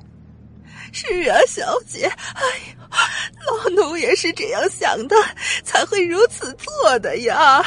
哎呦，桂嬷嬷立刻也跟着说道。腿脚上插着五六根弩箭，一边说一边在哎呦叫痛。小姐，这事关阮家的名声，不能因为这几个奴婢就给败了呀。素菊见到桂嬷嬷时的眼色，也开口跟着说道：“是啊，是啊。”家丁中也有人出口应和：“我说阮家大小姐，您到底是卖不卖丫头呀？”老婆子可是在外面等了大半天了，别是想昧了老身的银子吧？门口的牙婆可不想要手中的生意就这样黄了，这种价钱买这种丫头，绝对赚死啊！这些人句句相逼，全部对上阮明星。那些早被家丁们捆绑拽着的丫鬟们面色凄楚，眼见这些人铁了心的要卖他们，不知道才六岁的小姐又能怎样应对？你们说，不给你们人，就是败了阮家名声。阮明心见到他们一致开口，倒是省了心去分辨到底谁是父亲的人，谁忠心母亲。本来就是，老爷官拜吏部尚书，声誉极好。现在要是为了这件事儿剁了名声，那可颇为不值啊！那个领头的护卫开口说道：“收了钱不卖人是剁了名声。”那要是收了钱加倍还钱，是不是就于名声无碍了？阮明星凤眼轻挑，直接望向了脸颊刚才被素菊打红的桃红。桃红，你可还能跑腿一趟？小姐，您说，桃红干什么都行。小桃红面带悲愤，她也看出来，这些人明显已经不尊小姐。去我娘那里，拿锭金子还了牙婆，不知道。这可否足够？阮明星说着，看向牙婆。现在整个别院都失去掌控，他只能用这种方法各个击破。牙婆闻言，眼珠一转，这一出一进，已经不止翻转了多少倍。他才用不到十两银子就买了这些丫头，现在换定金子回来，已经赚翻了。这样。又不用得罪官家小姐，已经是最好的结果。哎呦，我说阮府的千金呐，就是不一样。谁会怀疑阮家要没那点银子？老身第一个就不依。牙婆喜不胜收的说道。那些丫鬟们见到峰回路转，不由又燃起希望。小桃红领命就要跑走，阮明心却叫他扶耳。又叮嘱了他几句，他这才拎起裙子赶快跑走。容嬷嬷表情大骇，阻止不及。不知道现在桂嬷嬷和丁护卫还有什么话说？阮明心嘴角噙笑，看向了他们二人。护院的首领悚然一惊，目光狐疑的看向小姐。不知小姐怎么会知道他的姓氏？这个六岁孩子。怎么那双眼眸却仿佛洞悉一切？哎呦，老奴可真是命苦啊！从夫人入府，老奴就在身边伺候着，尽心尽力。今日不过是要发卖了那些有罪的奴婢，就被小姐直接射坏了双腿。夫人呐，你睁开眼睛看看吧，小姐她是被鬼迷了心窍了呀。桂嬷嬷见到事情不妙，竟然借着腿痛哭天抹泪起来。阮明心静静站在那里，任他撒泼。所有人都僵持在这里，只有桂嬷嬷哭喊个不停。她的每一句话入耳。都像是拿刀狠狠戳在阮明心的心上。这个桂嬷嬷，原来竟是入府就陪伴在娘的身边，那么父亲也是从那个时刻就已经布局要谋害母亲了吧？怪不得母亲当年生他的时候出现意外，所以他出生并未足月，因此曾被太医断言难成活。后来有大师临门给他赐了名字，这才叫做明星。明心见性，方才成活。母亲身为正室，却移居别院，一个是因为祖母不喜，一个就是因为自己的缘故。他被批命六岁前在京城避讳早夭。所以，大师建议他干脆直接养入佛门。母亲怜他幼小，所以亲身带他避居京郊，每天去附近的佛寺临经向佛，直到三岁，遇大剑师，蒙对方收为关门弟子，这才断了灵经，改为修武。却原来这一行是救了自己。害了娘亲啊！他目光杀气迸发，瞪着桂嬷嬷，几欲食人。他绝不会放过他。桂嬷嬷感受到小姐身上的杀气，不由一惊，连哭嚎都缓了下来。她偷偷用眼角余光打量着小姐，不知道小姐怎么会有这种眼神。阮明心看到桂嬷嬷在偷瞄，冷笑一下，却仍是静默而立。良久，小姐，不好了，不好了，小姐！陶红突然气喘吁吁的跑了回来，脸上大惊失色。素兰虽被人紧紧捆着拽在一边，可是见状还忍不住柳眉一竖。陶红，不要言语无忌。什么叫做小姐不好了？这种话，要是平时在别院里，他免不了受一通数落。阮明心看了一眼素兰，这个母亲身边最得用的大丫鬟，平时素有威严，现在已经自顾不暇，却仍是忘不了教陶红规矩。只可惜，他对他上辈子的结局一点都没有印象，因为当自己回京，这些丫鬟们早就不知去向。不过现在。他对谁忠谁奸，却已经是心里有数。素兰，第十章。陶红平时最害怕被诸位姐姐数落，可是此时见他们全部被缚着，狼狈不堪，心里却十分难过。陶红，我交代你的事情可以做好了。阮明心却沉着大气。看着陶红的眼神别有深意，小桃红定定神，点了点头。小姐交代的事情，桃红已经办了。可是现在大事不好，夫人房中的器物全部不见了。你说什么？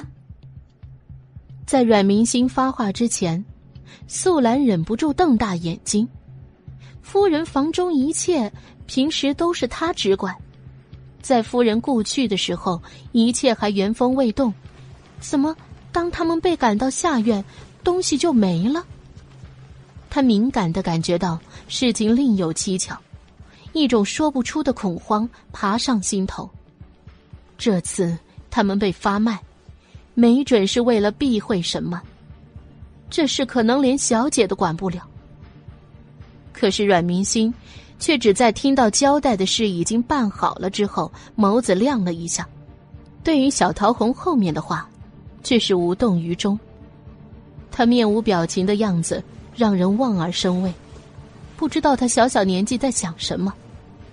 哼，没了，没了就是没钱了，那不行，人还是要带走。牙婆一下子闹了起来，她为的就是小姐许诺的金子。现在金子没了，她说什么也要把人带走。大小姐，您看这可不是小的，非要把人送走。现在您可没钱付账了。领头的护卫见到事情发展有变，又开始坚持起自己的立场。是啊，小姐，你们还不快把人交给牙婆，算是了事。桂嬷嬷虽然腿疼连心。但是见到事态已经向最糟糕的地方发展了，赶快想先解决掉这些丫鬟。领头的护卫又看了一眼小姐，此时已经顾不得撕破脸，立刻让那些人把丫鬟们交给牙婆身后带来领人的壮汉。我们不走，小姐，我们不走。小姐，救我！救我！哭哭啼啼的声音，拉拉扯扯的挣扎，让别院的西门乱成了一团。阮明心却只是挺着脊背站在那里，面沉如水。我还没有发话，你们是反了不成？这句话再度用的内力，听上去稚嫩，却清冷冰寒。有的护卫开始犹豫张望，但是领头那个却忍不住吼道：“看什么看？现在小姐年幼，主事不周，咱们不能犯糊涂。快点叫人！”他一嗓子吼完，那些护院家丁们只好继续拽人。素菊，你这个死丫头，还不赶快把小姐带走！桂嬷嬷此时也发起狠来，死瞪着素菊，让她动手。你要是敢动手，素菊，我就和你拼了！陶红表情凛冽，刚才他就差点没护好小姐，现在更是直接张大手臂挡在了阮明星的面前。阮明星站在陶红的身后。当目光触及到西门外的光景，唇角微微一勾，表情却越发的高贵冷冽。你们果真是反了。他这句话在场的人都听到了，可是领头的护院和桂嬷嬷全部选择了装聋作哑。素菊再度和陶红纠缠到一起，但是小桃红这次却没有留情。直接伸手就在素菊最珍爱的娇颜上抓了起来。我抓破你这个狠心肠的坏蛋！他一边说着，一边还大力直接狠狠的咬了素菊，抓着他的手腕一口，疼的素菊立刻松开了他。场面再度混乱不堪。哟，你们尚书府这是在闹什么呀？让我也来瞧瞧稀罕。一个有些痞赖的男声突然入耳，众人转头，就见到别院西门那个披着黑裘、玉扣束发的小小少年师弟倪妮。这个看上去十岁左右的少年，却偏生穿了一身白衫，把他本就俊美如玉的容颜衬托得更加出尘。天寒地冻，他却只穿着薄衫。有风袭来时，衣衫飘拂，玉树临风。不过，虽然生得眉目如画，但他眉宇间却透着深深的桀骜不驯。那双狭长的眸子黝黑而深不见底，射出的光芒却有如利刃，带着让人心悸的寒意。他身后，是扇形排开的幕府护卫。刀剑皆已出鞘。霍少爷，这是尚书府的家事，和您好像没有半点关系。桂嬷嬷皮笑肉不笑的说道：“霍府和将军侯府素有旧怨，所以和尚书府也一向不对盘。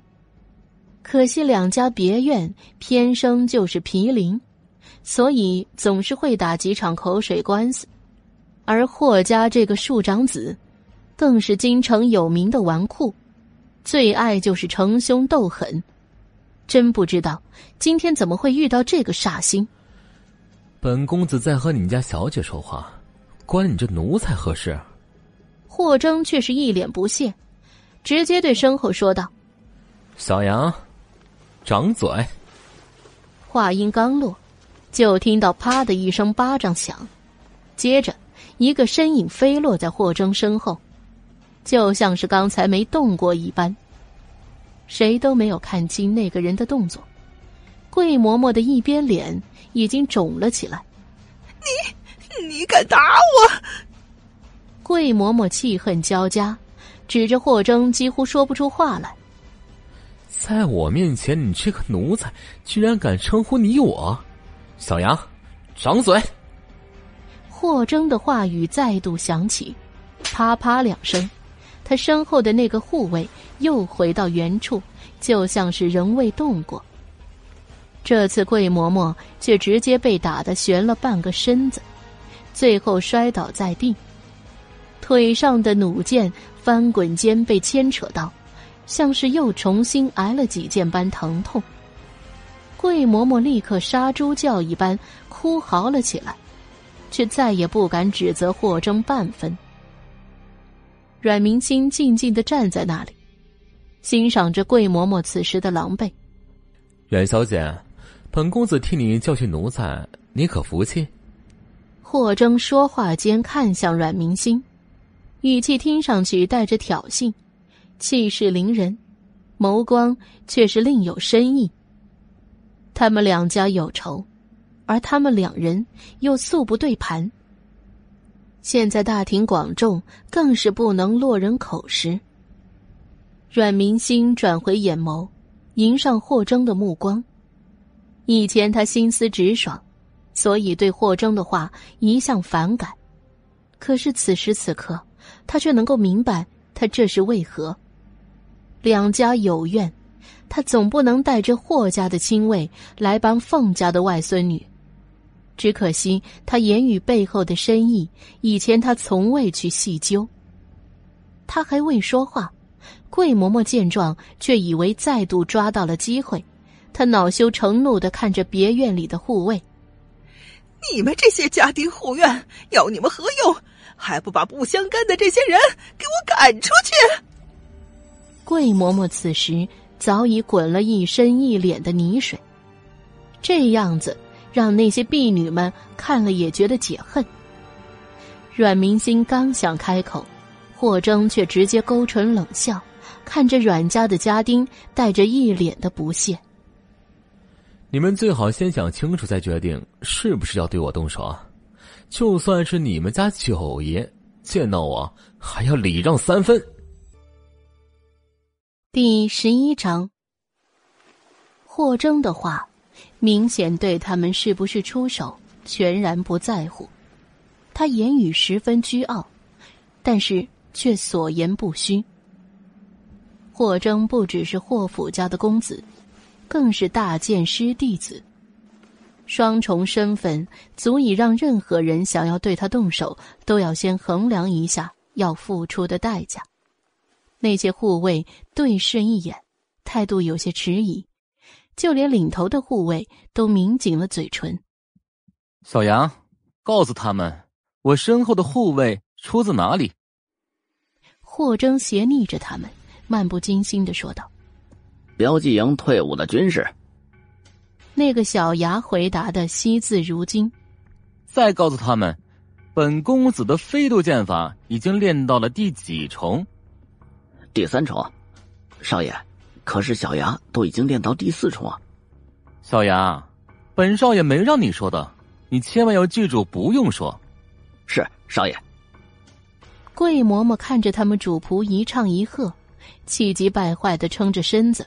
再度对家里的护院吼道：“你们这些奴才，连个人都护不住，要你们何用？”小杨，这次霍征的话还未说完，他身后那个小牙直接飞身掠过众人头顶，拎起桂嬷嬷，直接从墙上丢了出去。就听到一阵哎呦的叫痛声响起，别院内终于暂时安静下来。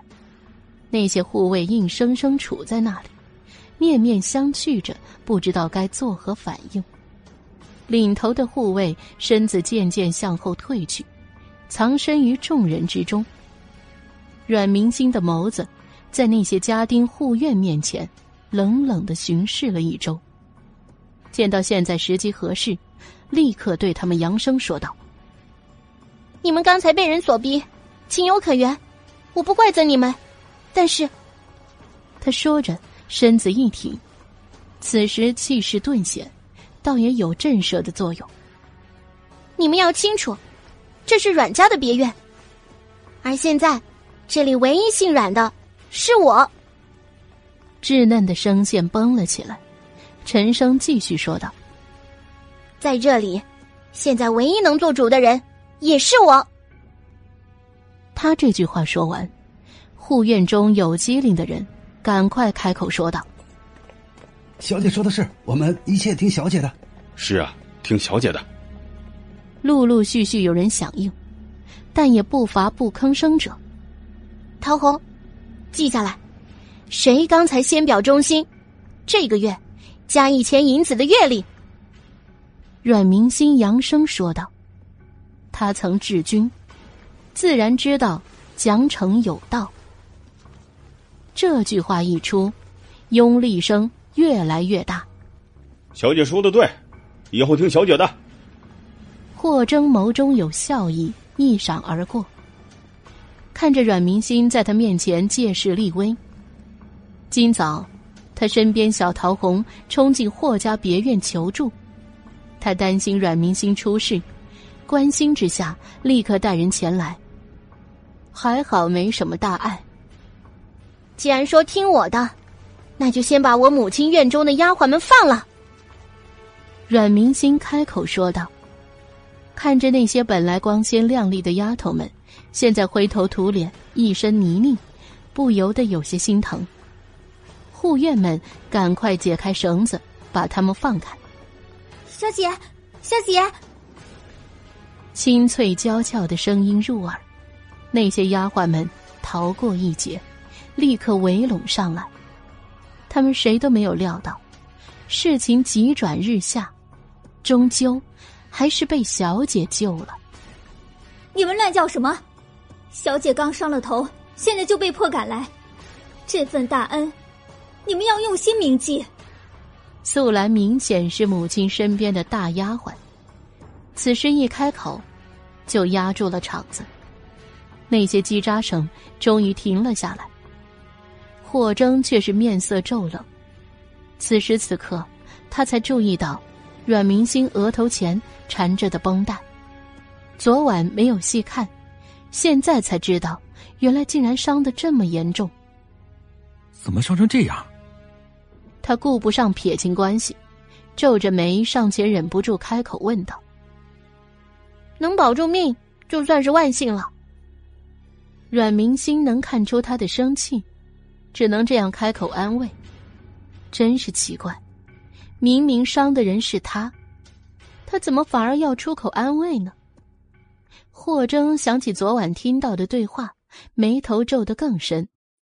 昨晚时间有限，现在也不是说话的时机。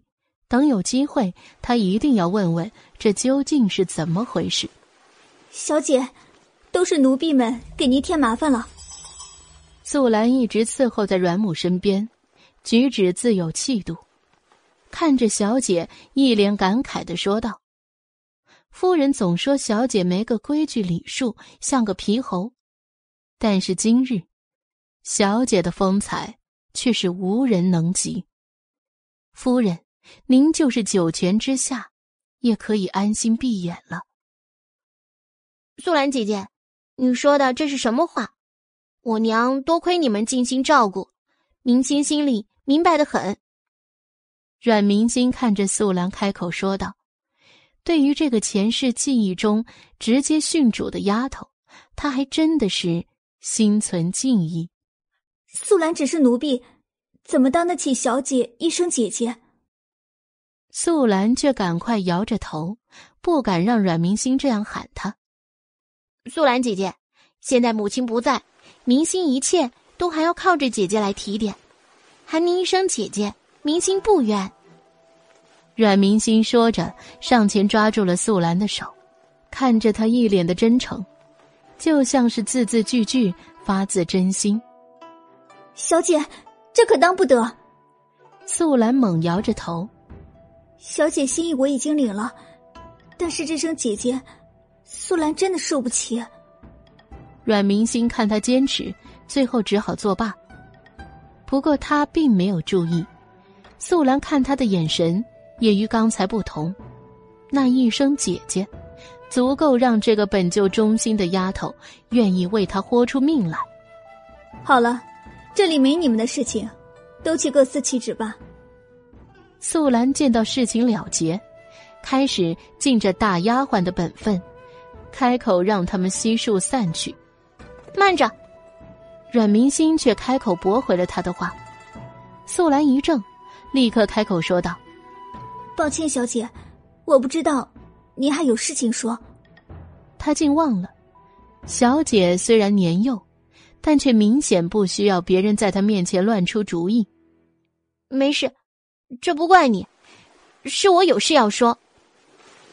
阮明星安抚了一下素兰。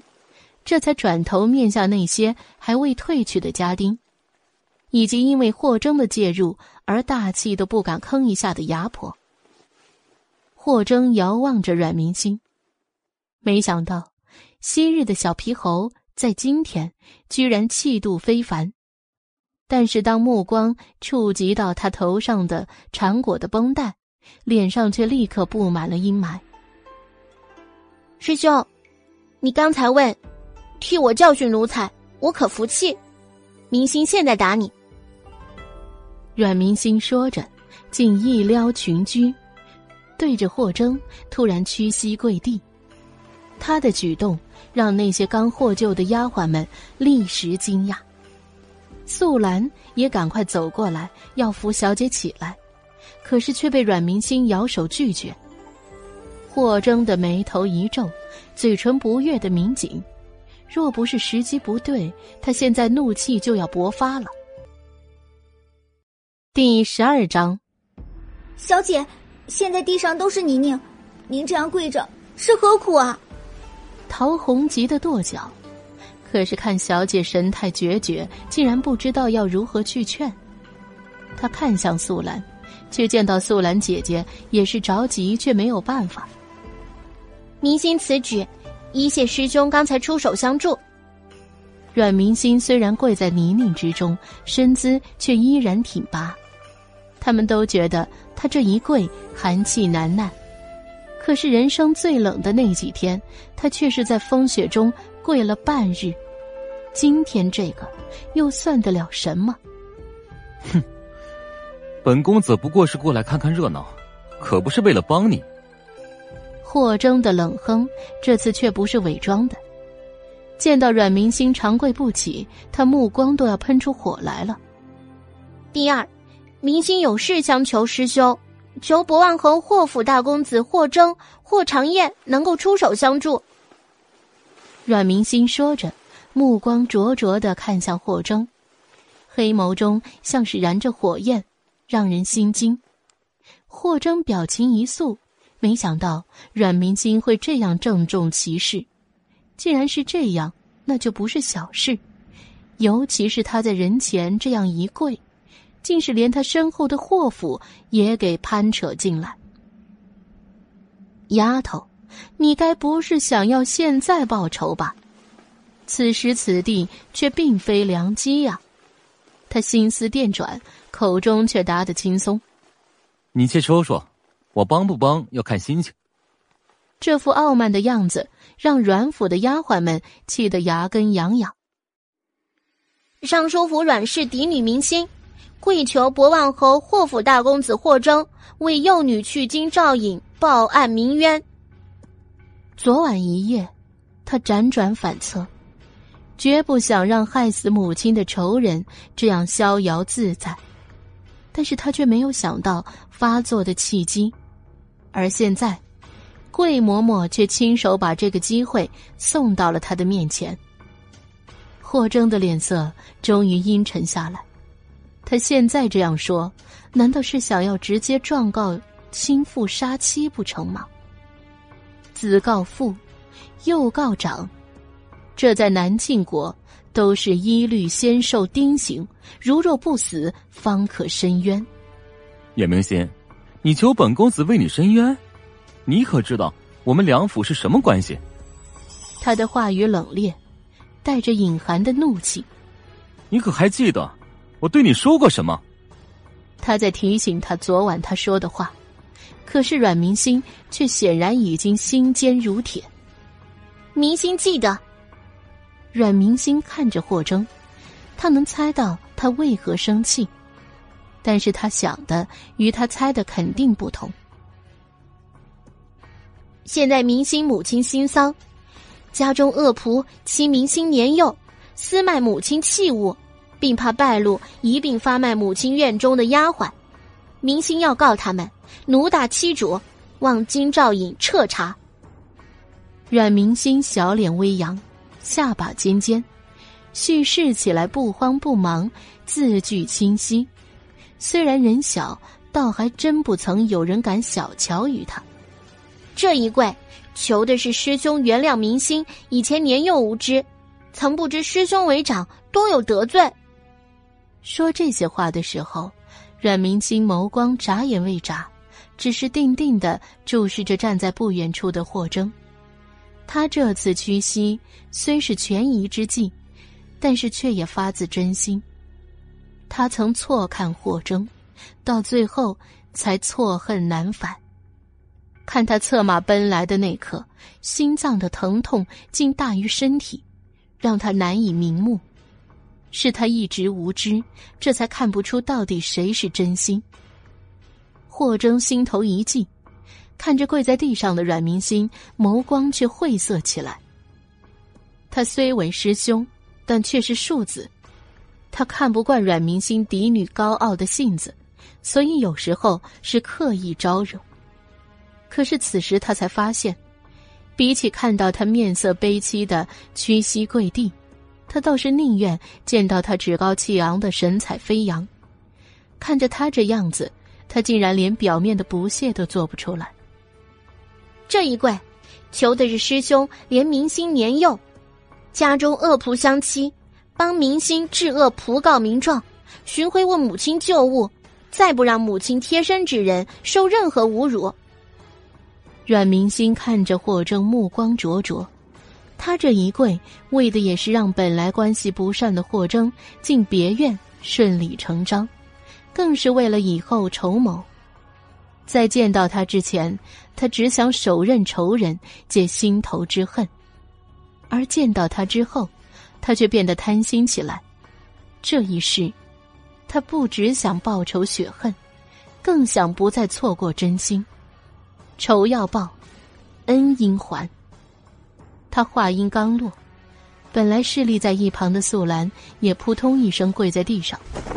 刚才小姐的话句句激扬，尤其是那句“再不让母亲贴身之人受任何侮辱”，更让人热血沸腾。霍公子，求你帮帮我家小姐。他也翘首向霍征望去。今天之事不是那么简单。如果霍征转身就走，那别院不知又是个什么结局。陶红见状，也急忙跪下，连着身后的那些丫鬟们也全部齐齐跪下，看着霍征，齐声说道：“霍公子，求您帮帮我家小姐。”阮明心身子一震，这是他万万没有想到的事情。身后的声音娇嫩，却初具气势。让他不由想到自己曾亲见的女子兵团。他其实性子刚强，一向瞧不起闺阁女子，所以后来颇吃了些苦头。当年随龙逸轩征战，虽然清苦，却到底是比被困居在四方小院痛快。后来召女子建军团，却也开创了不是只有男子才能入伍的先河。只不过那些姐妹。到最后，全部喋血沙场，而那些母亲的忠婢，经此一事，倒是看出有几分血性，让他目光流动间有了别的想法。一群女子一起跪在地上悲呼，这种场面却让人不能不动容。霍征看着他们，状似有些为难，摸着下巴，问向身后的护卫：“你们说？”少爷，我管还是不管？管。小牙的声音干脆明了。霍征打了个响指，唇角斜斜的勾起。本少爷。后面的话还没说出口，变故突发。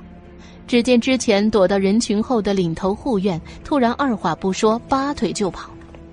阮明星眉头一皱，人不由站起来，不能让他跑了。他话音未落，只见白衣翩翩飞起，霍征一个掠身，已赶至那人身前，面色不悦的挡住他的去向。你也太不给本少爷面子，我的话可还没说完。霍征，你博望侯家的人，凭什么管我阮府的事情？领头护院见到没法逃走，沉着脸看向霍征。现在老爷就在附近。这里的变故一定要通知老爷。凭你家小姐求我，凭我是他的师兄。霍征像是要故意气这人似的，回眸一笑，看向了阮明星。喂，今天看你识相啊，以后不管。第十三章，人跪在地上，提心吊胆的素兰这才放心，觉得今天这灾总算要过去了。阮明星看着他，却也是回以一笑。那今天明星院中这些人就靠着师兄收拾了。小意思。霍真刚说完，那个领头护院瞅机会，趁他不注意，赶快又狂奔起来，趴下。霍征对着他的背影一声大喝，那个领头的护院果真立刻重重的扑倒在地上，趴着不再动弹。糟糕，哦，好像出手重了啊！霍征说着，把自己口袋中的一排飞刀拿出来看看，只见刚才顺手间丢出来的好像是个大号，那些飞刀全部由寒铁打制，刀尖在阳光下折射的光芒凛冽。刚才还在凶神恶煞拖着那些丫鬟要卖掉的护院们，顿时面如土色，有的甚至也扑通一声跪了下来，求小姐开恩。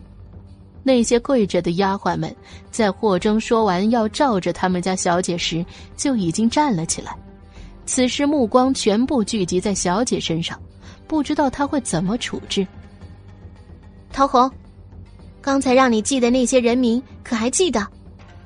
阮明星开口问道：“记得。”陶红点了点头。好，那你念一个人名，走一个人，剩下的全部扭送到金兆尹府上。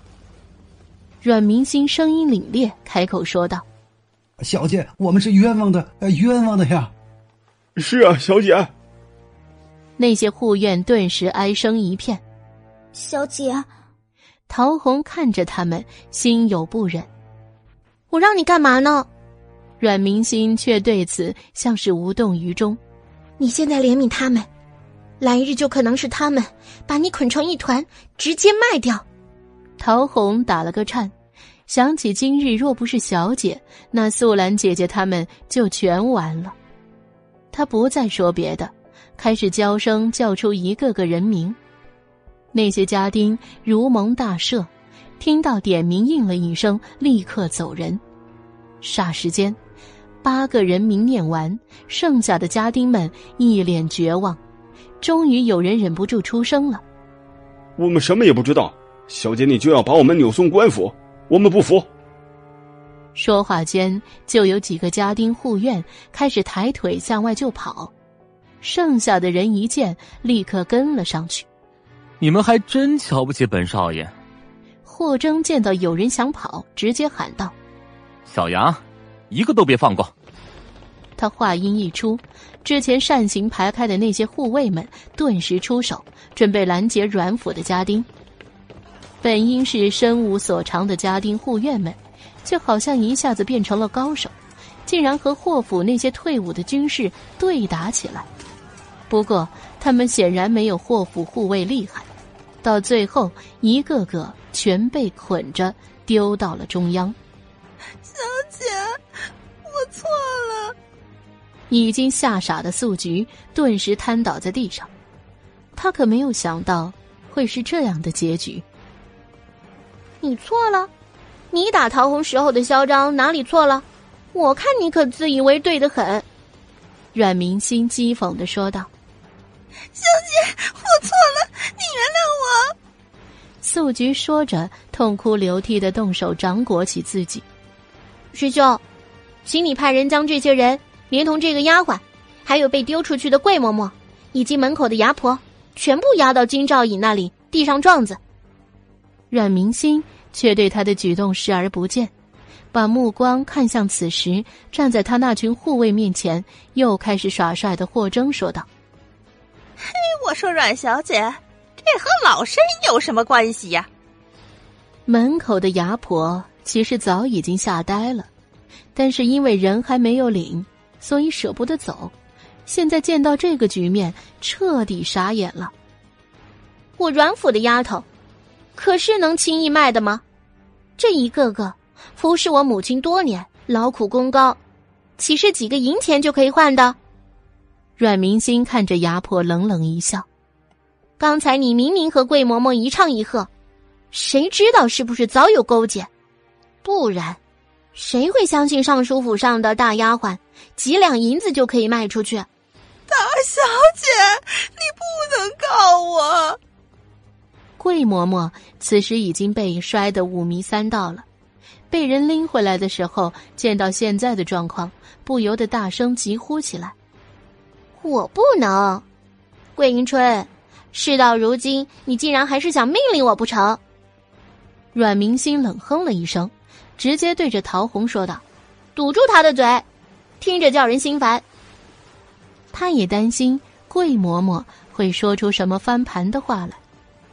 他现在就是要把事情闹大，这样父亲来的时候为时已晚，他的理由很好推脱。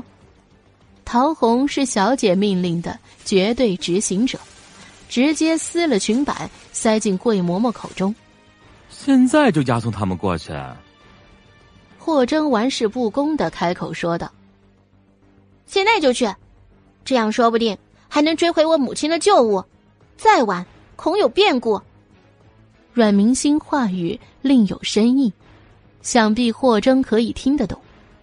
霍征的表情果真变得凝重，回头再度看向小牙。小牙，刚才阮小姐所说的话，你可听到？嗯。小牙点点头。要告什么？你还记得？霍征目光询问：“嗯。”小牙的语气有些不耐。那你带着他们回府驾车，直接押着这些人速去京兆尹那里报案。霍征看着小牙的目光带着叮嘱：“好。”小牙没浪费时间，带着护卫直接把他们一行人全部押走。阮府这才清静下来。我帮你这么大忙，不知道你准备怎么感谢啊？霍征眉头一挑，此时看着阮明心，嬉笑着说道：“请师兄到家中叙话，我去让婢子备一些薄礼送上。”阮明心给霍征微微俯身，开口说道：“好，我就见识一下你们袁府的薄礼是什么样子。”霍征说着抬腿，竟自顾自的走在了前面。阮明星带着那些婢女跟在了他的身后。其实，霍征来阮府别院不止一次，但是这样大摇大摆登堂入室，却还是第一次经历。等到了别院会客的大厅，阮明星打发这些丫鬟们离开，更是让素兰和白嬷嬷去清点一下别院的库房，看能不能找出什么谢礼。最后只剩下陶红跟在了他的身旁。明心，你这是准备敲山震虎？见到没了别人，霍征一下子正色起来，看着阮明星问道：“杀母之仇，不共戴天。如果现在可以报，我不会等到明天。”阮明星很坦然的看着霍征，小桃红看着他们。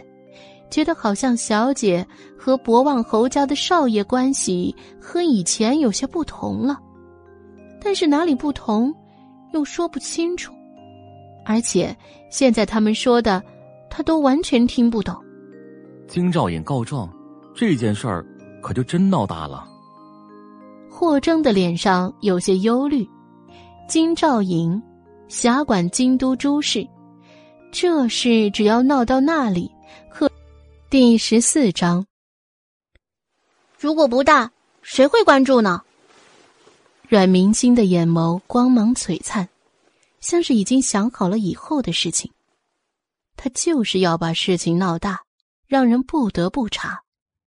明心，现在要是把事情牵扯到你父亲身上，其实很不明智。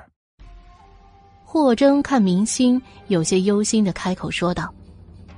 不说子告父的丁刑之罪，就是他真的告了，手中也无凭无据，无法定罪。何况，当今世道，最重孝悌，人被冠上不孝的帽子，几乎终身难以摆脱。他这是伤敌一千，自损八百呀！没有万全的把握，我不会牵扯到他身上。阮明心看着师兄，却是一笑。他所图的，其实不过就是右相裴静的后继之位。当年父亲娶了裴玉莲，所以得右相支持。等裴静荣退之后，他就成了新相，到最后又更进一步，成为左相。一人之下，万人之上。现在他要做的就是斩他前途，断他后路。他要娶裴玉莲，那也要看他给不给机会。你拿桂嬷嬷开刀是为了裴玉莲？霍征也天资聪颖，虽然年少，只不过是一个皱眉就想清了他的所思所想。是。阮明星很干脆的承认，他目光落在了霍征身上。师兄，你可会帮我？废话，我不帮你谁帮你？霍征有些没好气的说道。现在阮明星这个举动可以说是非常大胆，如果不想帮他，何苦来呢？但是这事儿你不回报阮家，却直接报案，你有没有想过，要是你父亲回来，你怎么解释？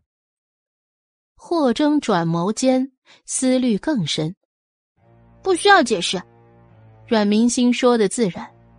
我现在不过是一个六岁的孩子，惊慌之下哪里顾得了这么多？我只知道我皇英明，所以就直接告官喽。你哪里像是才六岁？霍征上上下下把他打量了一遍，这小妮子。经历这场变故，就像是一下子开了灵窍。那是在师兄面前才会这样。阮明星看了他一眼，悠悠的说道：“如果不是知道他不会害他，他才不会说起这些。这份信任，是他用命换的。”霍征唇角扬起，听到他这样说，十分开心。那我这样帮你，明心，你准备怎么谢我？女孩的眸子像是琉璃般洁净无瑕，却又湿漉漉的，像是沾了山间雾气。樱桃般的红唇微微轻启。以身相许怎么样？这句话很轻，却像是思虑已久。阮明星扬起小脸，一脸正色的看向霍征。霍征的身子一僵，本来嘴边的笑意也一下子僵住。连目光都直了起来，他可知道自己在说什么。师兄，明星这样答谢可好？阮明星见到他没有吭声，再度开口问道。这一次，他的小脸依旧十分认真。其实这些话出口，他不是不紧张，可是比起这些，他更怕错过。此次回京，他已经打定了主意。谁也不知道之后的事情，很可能他从此只能幽居一隅。现在不在霍征心里刻下印记，要是再度相逢，被人捷足先登，他会后悔一辈子。你可知道你在说什么？霍征的脸一下子涨红，他看着阮明星，有些气急败坏。这种话可是随便说的，师兄。我知道这种话不是随便说的，所以我是很认真开口说的。阮明心点点头说道：“明心，你可是元府嫡女。”霍征连这件事想都没有想过。就算他们同是大剑师弟子，可是江湖地位改不了出身差别，嫡女和庶子，那是怎样都不可能般配的。何况两府关系不佳，他父亲又是那样的德行。我说那些话，和我是谁没有关系。师兄打我的话，也和师兄是谁没有关系。阮明星眼睛就像是黑色的葡萄，定定的看着霍征。我只问师兄，我这样报答，师兄可还满意？霍征此后最后悔的事。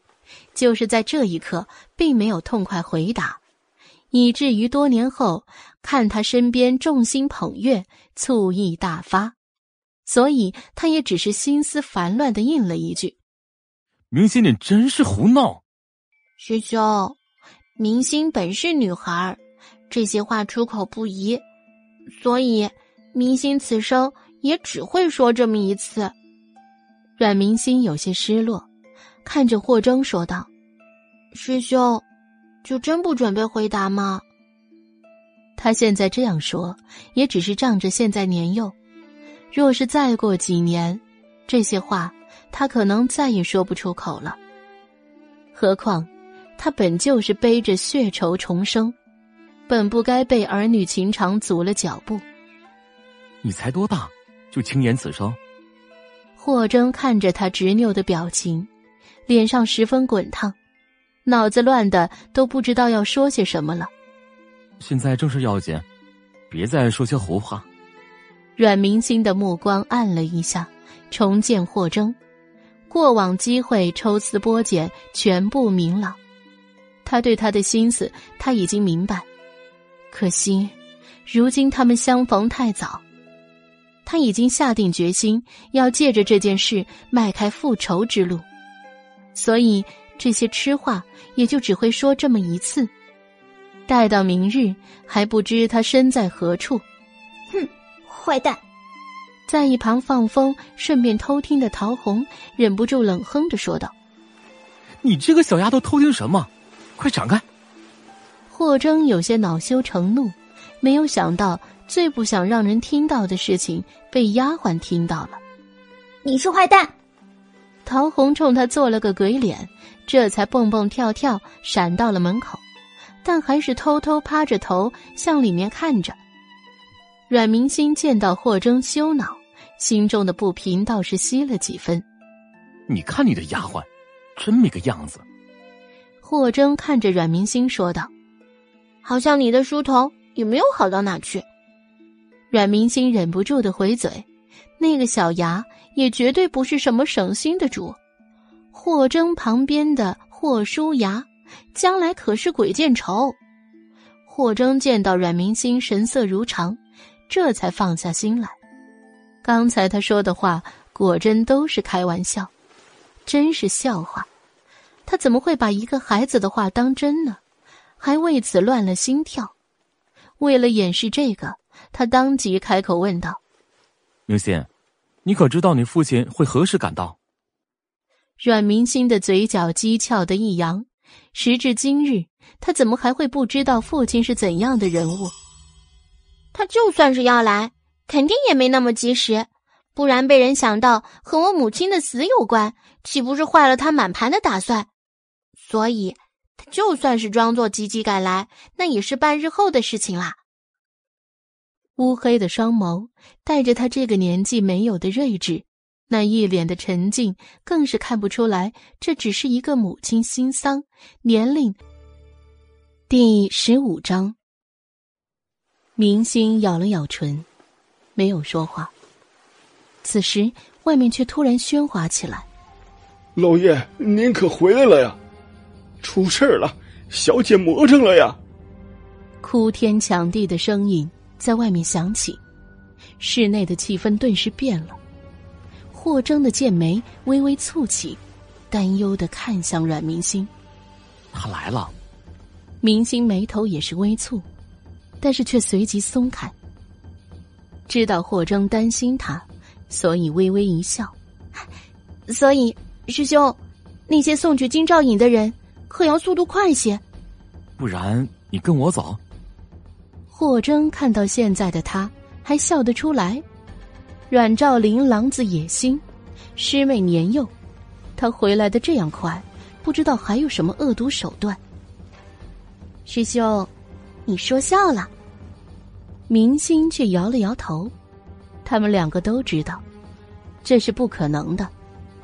她不只是尚书之女，更是将军府外孙女，现在因为父亲回来，住进敌对之家，怎么可能？外面的声音更加喧闹起来，似乎是他之前镇下的牛鬼蛇神。此时见到老爷回来，都重新有了主心骨。陶红，你赶快去叫素兰他们，从后门跟着小牙离开。明星知道时间不多，因此立刻叮咛道：“千万别被父亲发现了。小桃红虽然不懂小姐这是吩咐为了什么，但是她的忠心让她立刻点头。阮明心这才把目光再度看向师兄。师兄，明心虽然不能去府上，但是母亲生前的这些人，就蒙师兄照料，送到外公府上了，请务必让他们安全到达。他还年幼，看上去粉雕玉琢。那双眼眸更是清澈灵动。此时被他这样看着，霍征根本没办法说出个不字，转头就让小牙去办了。少爷，你小心红颜祸水啊！小牙虽然是奴仆，但是和霍征情分不同，也开蒙读了些诗书，因此听到少爷现在这样任由本来看不对眼的阮明星之前。顿时好心提醒道：“要知道，将军府素来和博望侯府不和，他要是带人去了，难道不被打出来？历来两家之争，这些仆役可没少互殴打架呀。你才祸水呢！你全家都是祸水。”小桃红听到有人污蔑小姐，立刻气呼呼的还嘴道：“桃红，不得无礼。”阮明星不由呵斥了一下陶红，不说未来贺叔牙会是什么了不得的人物，单说这人属于睚眦必报的性格，就怕陶红将来落不了好。重来一次，他希望不只是他能好好活着，那些本来因为护着他死去的人，更要好好活着。哼！小桃红不满的一撇嘴。但是终究没有再说什么。小牙，我知道，按说我不该支配你，可是时间紧迫，现在不走就真的来不及了。阮明心此时走到了小牙的面前，诚恳的看着他说道：“我娘的那些婢子，就拜托了。”霍舒雅很想说他还没答应呢。但是此时霍征的眸子已经变得锐利起来，看上去似乎要发火了。他这才有些不满的看向小桃红：“走吧，后门在哪儿？”师妹，抱歉。霍征见到他们走了，不由道歉道：“是他把那个臭小子惯得不知道天高地厚了。”其实他说的没错，我明白的。阮明心却摇了摇头，要不是自己已经经历一切，换身而处，他说不定也会说出同样的话。霍征还要说什么，但是外面的声音越来越近。阮明心知道时间紧迫，立刻出言交代起来：“师兄，明心现在人小力微，全靠这师兄相助了。”你和我客气。霍征看着他这副谨慎的样子，有些心疼。这丫头一向天不怕地不怕，可是现在头上带伤，而且竟然会对他手下的小牙说“拜托”二字，可见这次事件对他打击多大。不说两人以前不对盘，他都会帮他；现在他这样，他更不会坐视不管。师兄，没时间了。明星拜托师兄，一定要将母亲那些旧人安全送达，还有金兆尹那里，一定要立案收审。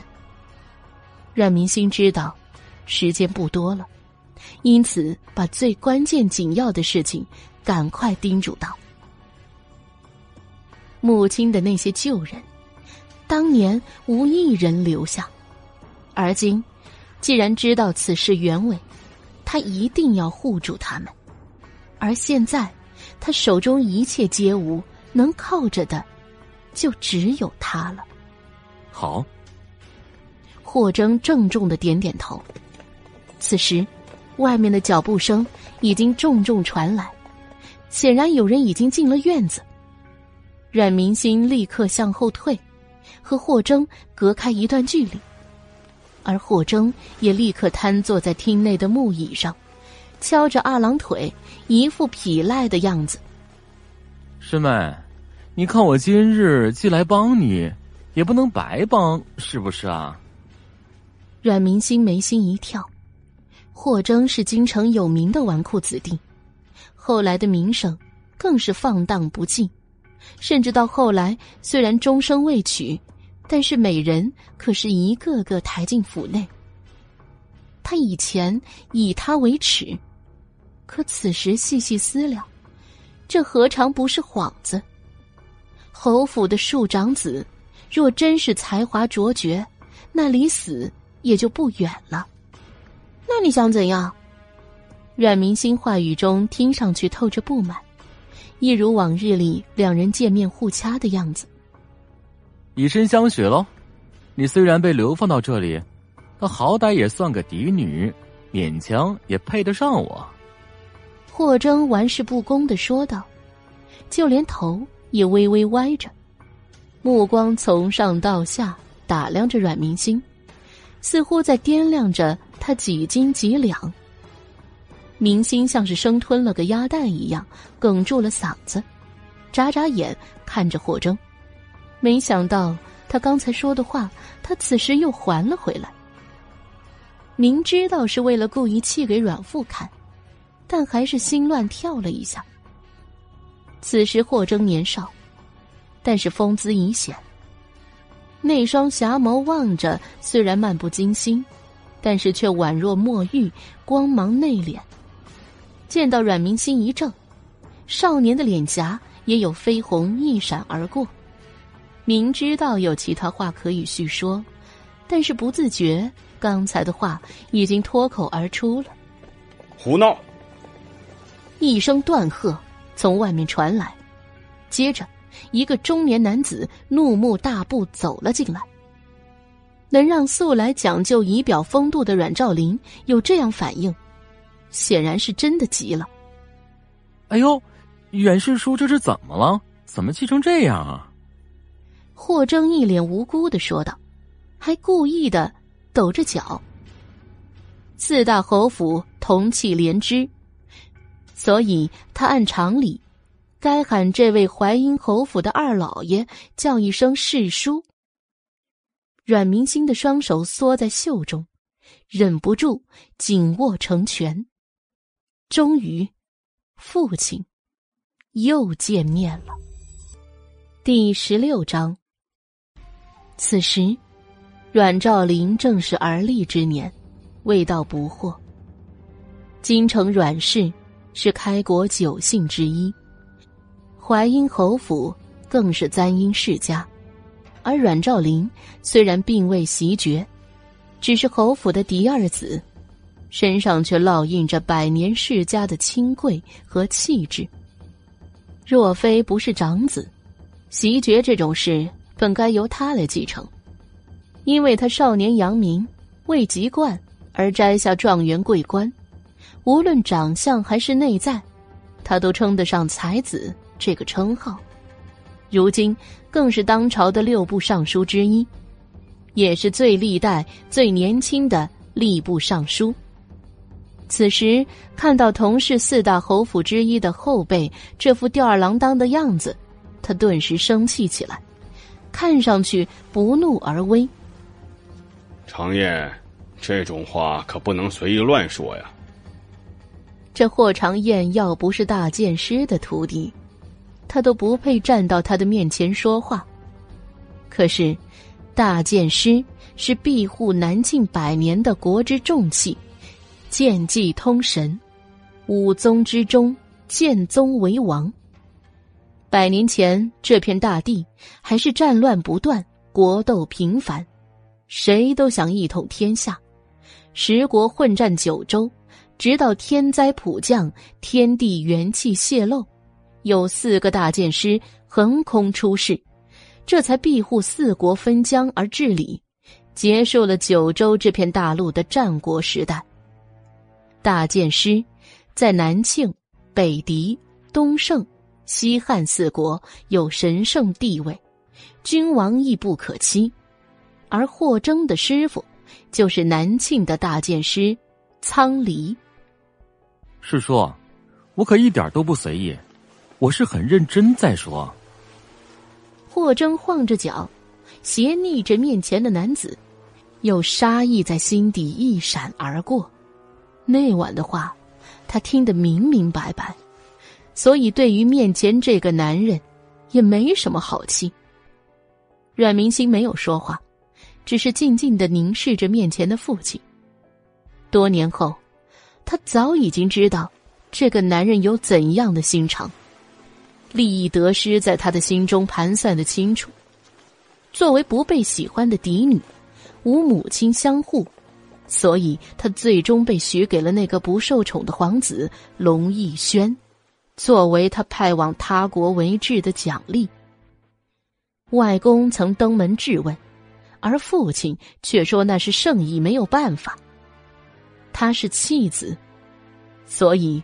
就算为了龙逸轩曾回阮家求援，得到的却都是拒绝，一次次，心渐渐冷掉。面前这男人，曾经是京城第一美男子，气质儒雅，惹得多少闺秀千金芳心乱舞，而母亲，却是他当时最好的选择。若不是外公的提携，他也就仅是淮阴侯府里被世子压制的一个才子而已。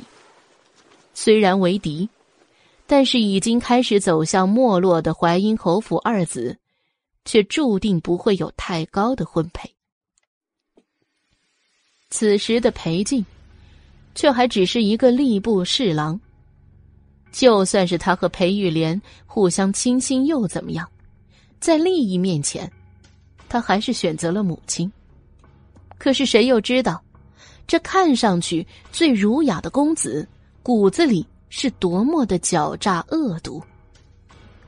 恨意在心底蔓延。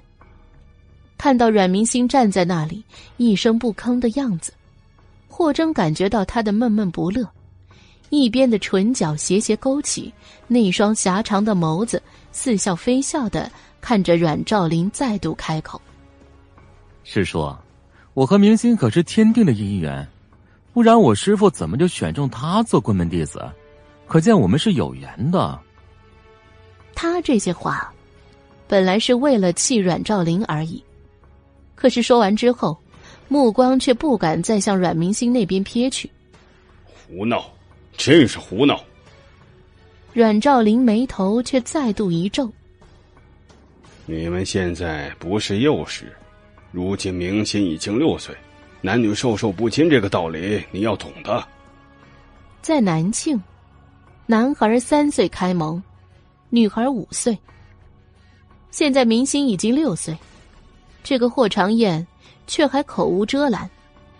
所以师叔，你要是答应我们的婚约，那不就不用管什么男女授受不亲了？霍征却越说越倔，似乎和阮兆林一下子杠上了。阮明星不由诧异的转头看着霍征，刚才他拒绝的话言犹在耳，现在就算是要拖住父亲，让素兰他们早点安置好，还有桂嬷嬷被早日送走，这理由说完也该换上一个。这家伙怎么说上瘾了呢？霍长燕，你家大人呢？不会又把你一个人扔在别院了吧？阮兆林看着霍征。不肯妥协，立刻眸光一闪，换了话题。京城四大纨绔霍征分属第一，加上又是庶子，所以经常以为犯事就被罚到别院居住。现在他人在这里，肯定又是犯事了。按照他的性格，要是别人用这个来刺他，肯定会炸毛的。可是现在，他好像料错了。不是扔，是说，我这是故意为了明心来的。霍征嘴角的笑，透着邪魅。年纪虽轻，但是那股与众不同的气韵却已经开始散发。他说的虚虚实实，阮兆林倒是一下子被他绕住了。见到压制不了霍征，他顿时把目光转向了阮明星。见到他头顶缠着的纱布。眸底一丝寒光闪过，但是表情却越发慈祥。走过来，担心的看着自己这个嫡女。孩子，你受苦了。这句话透着真诚和关心。要明星真的是六岁的无知孩子，在失去母亲的痛苦之中，肯定会对父亲这样的话倍感亲切，直接扑进他的怀中。可是阮明星却还是站在原地，静静的看着父亲。霍征有些担心的轻咳了两声，怕他忍不住自己的情绪。然而阮明星看着阮兆林，虽然没有说话，眼圈却渐渐红了，泪水在眼底像是凝聚而成的珍珠，一颗颗掉了下来，看着让人心疼。接着，他这才开口说道：“父亲，你可算回来了，母亲她……”小小的孩子哽咽着，似乎说不下去了。明明年幼，却好像还力图维持着嫡女的仪度，但是眼泪却还是宣泄了心情。见到阮明心带着如沐和惹人怜惜的泪水，阮兆林叹息了一声，似乎眼圈也微微红了。唉，明心呐，是父亲来晚了。父亲，阮明心似乎再也忍不住，终于一头扎进了父亲的怀中，抱着他哇哇大哭起来。他怕自己再不这样，就会露出马脚了。不哭，明心不哭啊！阮兆林抱着女儿，轻声的安慰着。他们父女似乎还不曾这样亲密过。阮母带着孩子。长期在别院，四季之中能见面的也不过就是换季时节，那个时候也只是互相问询一下，带着生疏的礼仪。而且母亲一直教导她是阮氏嫡女，最尊贵的就是自己的脊梁，绝不可以轻易弯下。因此，就算是当年母亲新丧，她在病榻之上，每次见到父亲都要恭敬坐好。失礼，母亲出身将门，被祖母不喜，也和文豪世家有些格格不入，因此更是让他不可随意妄离。而如今他却要打破这份疏离的界限。阮兆林能装，那么他也可以。第十七章，明星却在阮兆林身上大哭不止，直到哭得累了。似乎直接睡着，霍征看上去却还没有什么眼力劲儿的，慵懒的坐在椅子上，摇着头咂咂嘴道：“这父女情深，看上去还真让人羡慕。”这丫头倒还是聪明，直接装睡，倒是免去了一场责问。常燕，家里有事儿就不留你了。阮兆林终于忍无可忍，说出了带着送客意味的话语。这对他来说已经算是失礼。既然世叔不留客，那常燕就先走了。霍征潇洒的站了起来。看来阮兆林此时还不知道桂嬷嬷被带去金兆尹的事情。阮兆林摆摆手，让身边的长随送客，这才抱着阮明星把他送回了房间。站在床前，他看着躺在锦被中的小小少女。眸中有杀机一闪而过，他命还真大。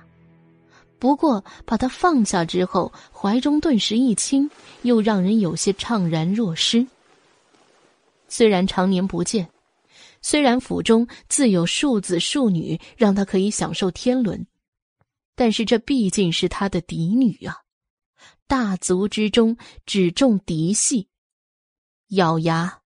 他不再看阮明星，却直接走了出去，开始具体问到底发生了什么事。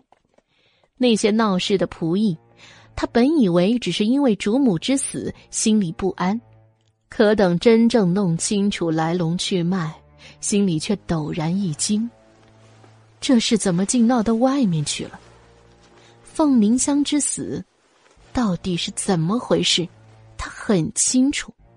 如果闹大了，恐怕十分不利。可是满府不但找不到桂嬷嬷，凤凝香身边的婢女竟然也不见了。找了陶红来问，小丫头却傻傻的说不出所以然。有心叫醒阮明心，可是陶红去叫都没有叫醒，据说是没休息好，可能累到了。没办法，阮兆林只能到隔壁的别院去找那个小煞星。但是别院的门房却说少爷去打猎去了，已经走了一阵，显然是出了阮府就走人了。阮兆林的脸色顿时阴晴不定，他都不知道这一切究竟是偶然的还是故意的。但是这件事绝对不可以闹大，他立即叫了亲信去金兆尹那里说明原委，说是小孩子不懂事。让务必把桂嬷嬷他们带回来。阮兆林那边忙个不停，而阮明星这里却已经悠悠醒转。小姐，老爷刚才叫我去问话。小桃红看上去还有些紧张，不知道自己刚才说了谎会不会被看出来。嗯，他问了什么？阮明星却是一脸沉静。现在。恐怕金兆尹那边已经立案了，不管阮兆林做什么都来不及了。问了小姐的事，还有素兰姐姐他们的事。陶红只说了桂嬷嬷那件事，但是别的可都没说。小桃红开口说道：“要不是小姐再三叮咛，她早就露馅儿了。虽然她不明白为什么要瞒着老爷、素兰姐姐他们的事，可是小姐的丫鬟。”这辈子都要听小姐的话。好，你做的很好。阮明星看着床前这个比他大不了几岁、现在还很稚嫩的丫头，这是他央求母亲救下的逃荒母女。小桃红的娘没有熬过去，把她留了下来，所以这个丫头一直都是最忠于他的。从此时到彼时。小丫头变成了大丫头，最后却是被阮青离直接杖死。眸中恨意迭起，他看着小桃红的目光却更柔。桃红，我为你改个名字可好？改名？小桃红一愣，但是却点了点头。小姐说什么都是好的。傻丫头，以后就叫做百灵吧。阮明心看着他，淡淡说道：“希望他以后也不再是那么悲惨的下场。这辈子，他希望他可以活到百灵，安然无恙。”小姐这是在说奴婢像个百灵鸟一样，每天都爱说个不停吗？陶红听不出阮明心话语中的好坏，也不知道小姐心里的打算，就以为小姐说的是百灵鸟。他知道自己有时候话多，连素兰姐姐都说他不够稳重，但是看着小姐的神情，却不像是在责备。百灵也好，你这样子很好。阮明星的唇角微微勾起，看着小桃红此时懵懂的样子，这大概也是他最天真的时日吧。回到了尚书府，那些宅子里的争斗。早早就搓磨掉了小桃红身上的纯真，最后变成了他身边最得力的大丫头。这种时光，能留多久，就留多久吧。嘿，那以后桃红就叫百灵啦。小桃红一脸高兴的说道。两人话音还没落下，外间里就响起阮兆林的声音：“四丫头是醒了吗？”阮明星嘴角的笑意顿时消失。现在两人在里面说话，外面就有人听到，去报了阮兆林。显然他是留了眼线在他院子里的。嗯，父亲，明星醒了。多可笑！她是府中的嫡长女，但却排行第四，上面早有了妾生的子女。如果父亲真的看重母亲，就不会让这种事情发生了。可惜呀，母亲到死都没有看明白这个人。鬼嬷嬷，这事儿是怎么回事？阮兆林说话间，已经走进了阮明心的闺房。此时他脸上也已经没有了笑意。父亲，母亲的器物都被那个恶奴给变卖了。阮明星反应极快，见到他质问，立刻再度哭了起来。娘亲的所有东西都没有了，那恶奴还准备贱卖了母亲身边的丫鬟们。小女孩的眼眸黑白分明，一边说，眼泪一边掉着，看上去我见犹怜。那也不能交由京兆尹去处理呀。阮兆林此时看女儿，已经完全没有了之前养出来的那一丝亲密，眼底带着不易察觉的厌恶。金兆颖，阮明心却是一愣。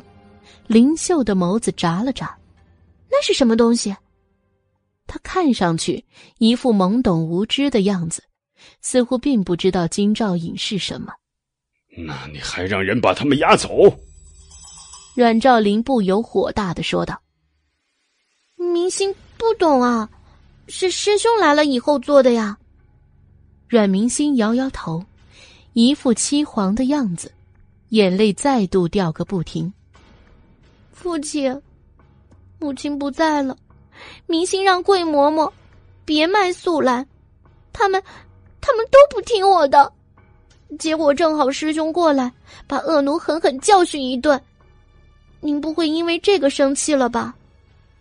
师兄是为了帮明星，您可别生气啊。阮明星把霍长燕卖了个彻底。反正金兆尹是个什么？他一个不到七岁的孩子能懂什么呀？所以，一切都是霍征做的。而阮家的长辈，怎么也责备不到霍家的子侄。第十八章，不气。阮兆林怎么可能不气呢？可是看着面前懵懂无知的幼儿，却不知道这火气要撒在哪里。明心，你虽年幼。但是母亲心丧，也该去守灵了。冷冷的吩咐了这一句，他抬脚向外走去，没有再去见这个女儿。不管怎样，别院一定要做到没有马脚可循。只要福临回京，一切都好办了。让他守灵。阮明心恭敬的看着阮兆林的背影，直到他的身影消失在视线之内。嘴角，这才讥诮的勾起。等他收拾了起来，整个别院已经是一片素白。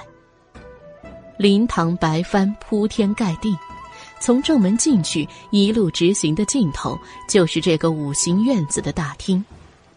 与外面明亮晃眼的白不同，后厅堂内黑暗幽深，只有棺材的头部左右摆放着两盏长明灯。有了父亲的吩咐，阮明心开始守灵。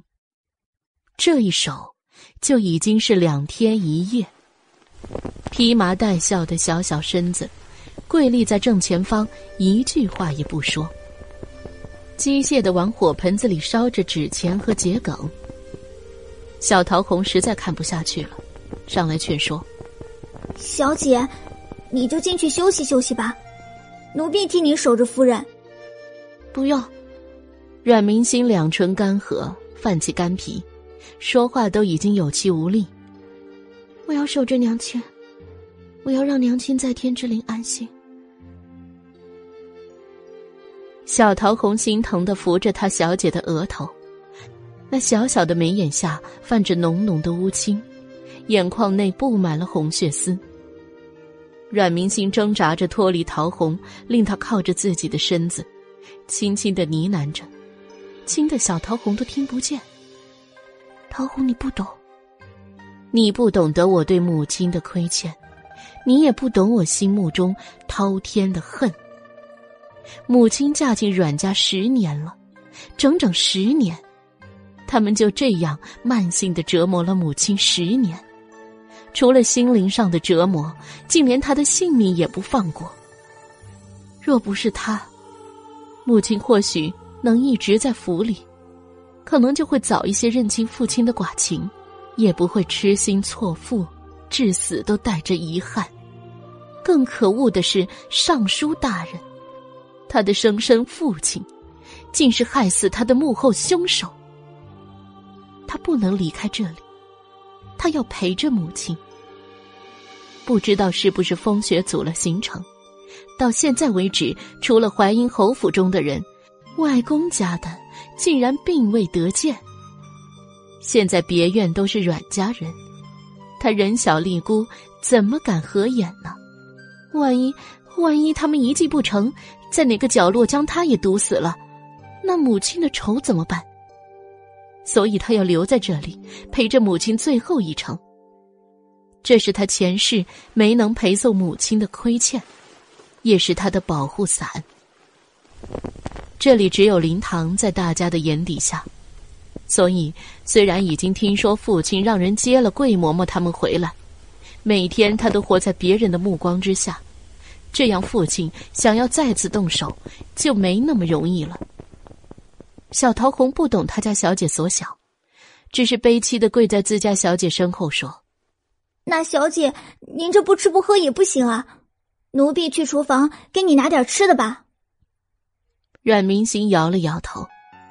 现在别院里已经没有信任的人在了，而隔壁的霍征也被急召回京，不知道是不是父亲使了什么手段，所以给他的吃食他怎么敢用呢？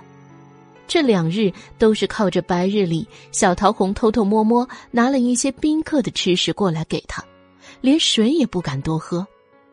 这是在自己家呀，阮明心心中嗤笑，可能天底下再也没有他这般窝囊的小姐了。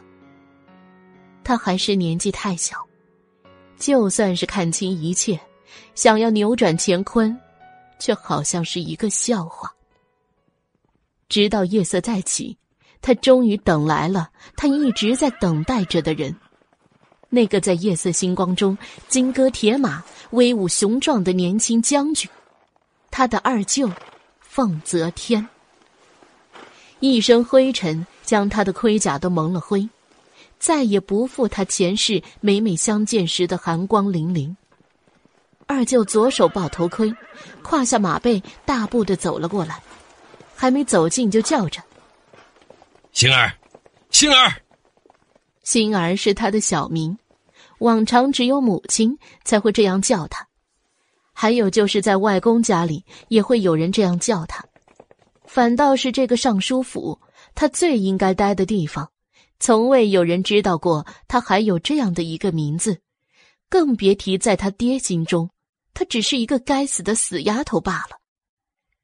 可是他不会去死，他会将那些害他、欺他、辱他的人。一个个送进地狱，生不如死。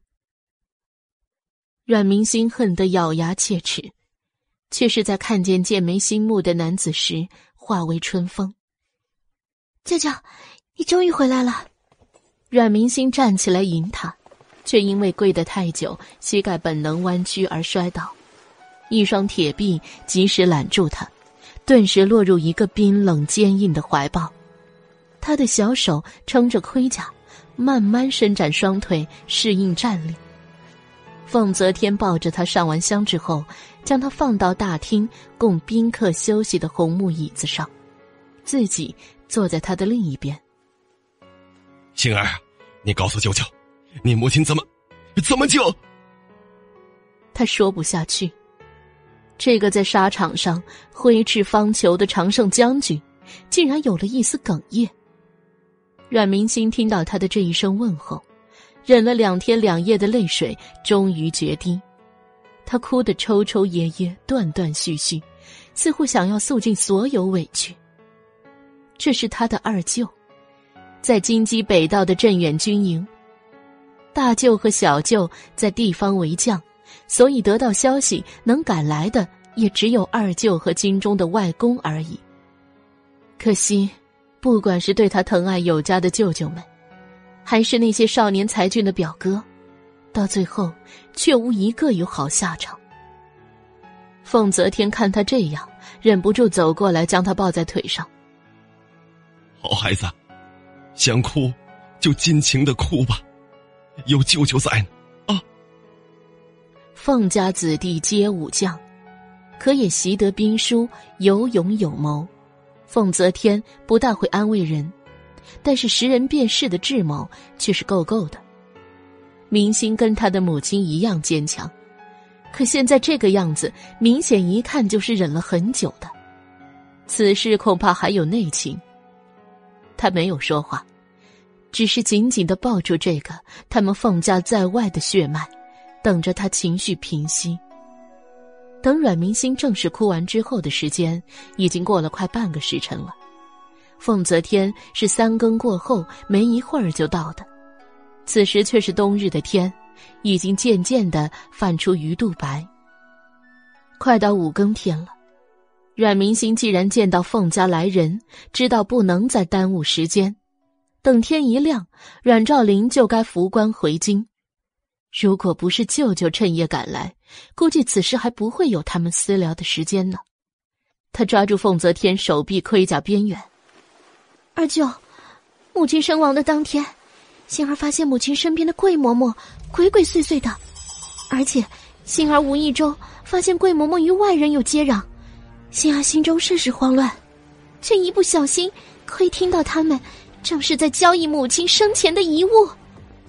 说到这里，阮明星看着凤泽天同样沧桑的眼眸，一字一句很是惧怕的说道：“心儿发现，发现母亲房内所有值钱的首饰。”金银玉器都不见了。小小的女孩声音哽咽，满眼。第十九章。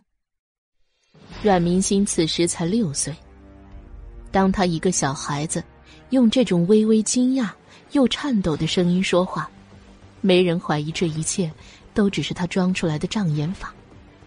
二舅，杏儿好怕。说完。红红的眼眸，又是一串泪滴落下。就连被他指使着在门口守着的小桃红听到，都侧目过来，跟着抹了抹眼泪。小桃红这两日过得也是浑浑噩噩，从夫人新丧到桂嬷嬷要发卖那些姐妹，直到后来，桂嬷嬷被制住后，小姐整日整夜跪在灵堂，她日夜守在小姐身边。本来只知道夫人死去，小姐难过，却没想到，桂嬷嬷这件事本来就不寻常。小桃红顶着寒风，手握成拳。是的，必须得为夫人讨回一个公道。凤泽天听完，顿时怒目，周身威压，连阮明心都忍不住打了一个颤。来人，将那刁奴给我带上来。是将军。凤泽天带来的侍卫，立刻去寻了灵堂这边的护院，去了桂嬷嬷养伤的院子。阮明星靠在凤泽天的怀里，嘴角勾起了一个冷冽的笑意。他就知道，外公和舅舅一向疼爱他，更是视母亲为掌上明珠，知道此事一定会勃然大怒，到时候。就算父亲再怎么游说，也无济于事。他能将桂嬷嬷带回来，那么他就能再把他送出去。桂嬷嬷被侍卫押解上来的时候，还在挣扎，一路威胁着尚书大人不会放过他们。他也不想想，一个尚书大人和大将军府比起来，到底孰轻孰重啊？此时天已经大亮了。这一番动作，阮父听到动静，急忙赶了过来，看着被随意乱扔在地上、爬不起来的桂嬷嬷，对着周围的侍卫大怒：“你们这是在做什么？”桂嬷嬷一见到阮父，就不停的往阮父面前爬，哭喊着：“老爷救命！老爷救命！”啊，老爷，老爷，你是最知道老奴的忠心的呀！奴婢入府十年，辛辛苦苦、兢兢业业的照顾夫人跟小姐，无愧老爷，无愧小姐呀！桂嬷嬷抓住阮父此时穿着的白色亚麻衣衫，直坠下巴，哭得涕泗横流。说到小姐时，还特意回头冲着黑暗加强了语调。他以为这只是阮明星指使人把他带来，现在没有霍府那个小子做主，老爷也在，一定要这个死丫头好看。不知道阮父是听懂了桂嬷嬷话中的深意，还是真心为着他心中的裴玉莲着想，按耐住对桂嬷嬷此时的肮脏嫌弃。桂嬷嬷，你且先起来，你对我阮家的功劳，那是无需任何多心的。阮明心此时还跪在棺前，二舅不是愚人，此时听了外甥女的话，正隐在白色的布幔之后，准备好好看看这个妹夫会怎样处理。看着阮兆林让桂嬷嬷起身，阮明心的眸中划过一抹讥诮。哼，桂嬷嬷当然是无需父亲任何多心的，他帮父亲害死母亲，又来迫害他。对父亲当然是忠心耿耿。且慢，阮明星缓缓从蒲团上站起，终于开口。他一步一步缓慢从阴影中走到光亮下。弟弟，桂嬷嬷奴大欺主，私自变卖主人的物品，按家规该打断双腿，直接贩卖。可是家有家法，国有国规，当日桂嬷嬷已经被送去官衙，怎么又在家里出现了？他只做无知小儿，但是此刻神情凛冽。不，桂嬷嬷听着一直摇头，轻易的看着阮父。明心，你乱说什么？阮父看看周围，又看向阮明心和桂嬷嬷之间，语态已不复温度。你这是做什么？你母亲尸骨未寒，这就是你对待自己养大自己嬷嬷的态度吗？他眼神冰冷。手指灵堂，到你母亲灵牌前跪下，好好反省你自己。我阮家书香门第，这就是你从小跟着你母亲学的规矩不成？父亲，阮明星脸上做出不敢置信的表情。就算是已经知道父亲憎恨母亲，憎恨自己，可是他没想到，他居然在母亲的灵堂之上这样污蔑母亲。这还是他从小认识的那个温文尔雅的尚书大人吗？他竟然连表面功夫都不做了。不过这样最好，因为这样看着的人，至少知道他是什么东西。阮明心受伤后退，一步一顿，又融入了那片光线还没有照到的黑暗之中。卯时两刻了，天边已经渐渐的有了红色彩霞。霞光还不甚明朗，阮父看不清灵堂后面昏暗的情形，只模模糊糊的看见还有个高大的影子坐在椅子上。他定睛看了看，黑影一动不动。对照那个在大厅内一顿一退的小姑娘白影，被蒙了尘土的盔甲闪不出寒光，坐在那儿，实在像是黑暗中的家世。阮父没有放在心上。他是一点也不想再看见凤凝香这个贱人，即使死了，犹不解气。这两天的悼唁安排，除了宾客人多的时候进来看一眼，其余时候都是在前厅招待，甚至连故作的悲戚，他都觉得辛苦。阮父看见阮明星站在那个黑影前面，白色的衣料在黑夜中尤为明朗。这样一衬，阮父完全放心下来，转身就要走出去。天快大亮了，他该出去做一个深情款款的丈夫了。就在他踏出门口的时候，一个冷寂的声音毫无缘由的冲入他的耳朵：“等等。”那拉长的语调像刀磨着人的骨头，阮父巍然一颤。这就是。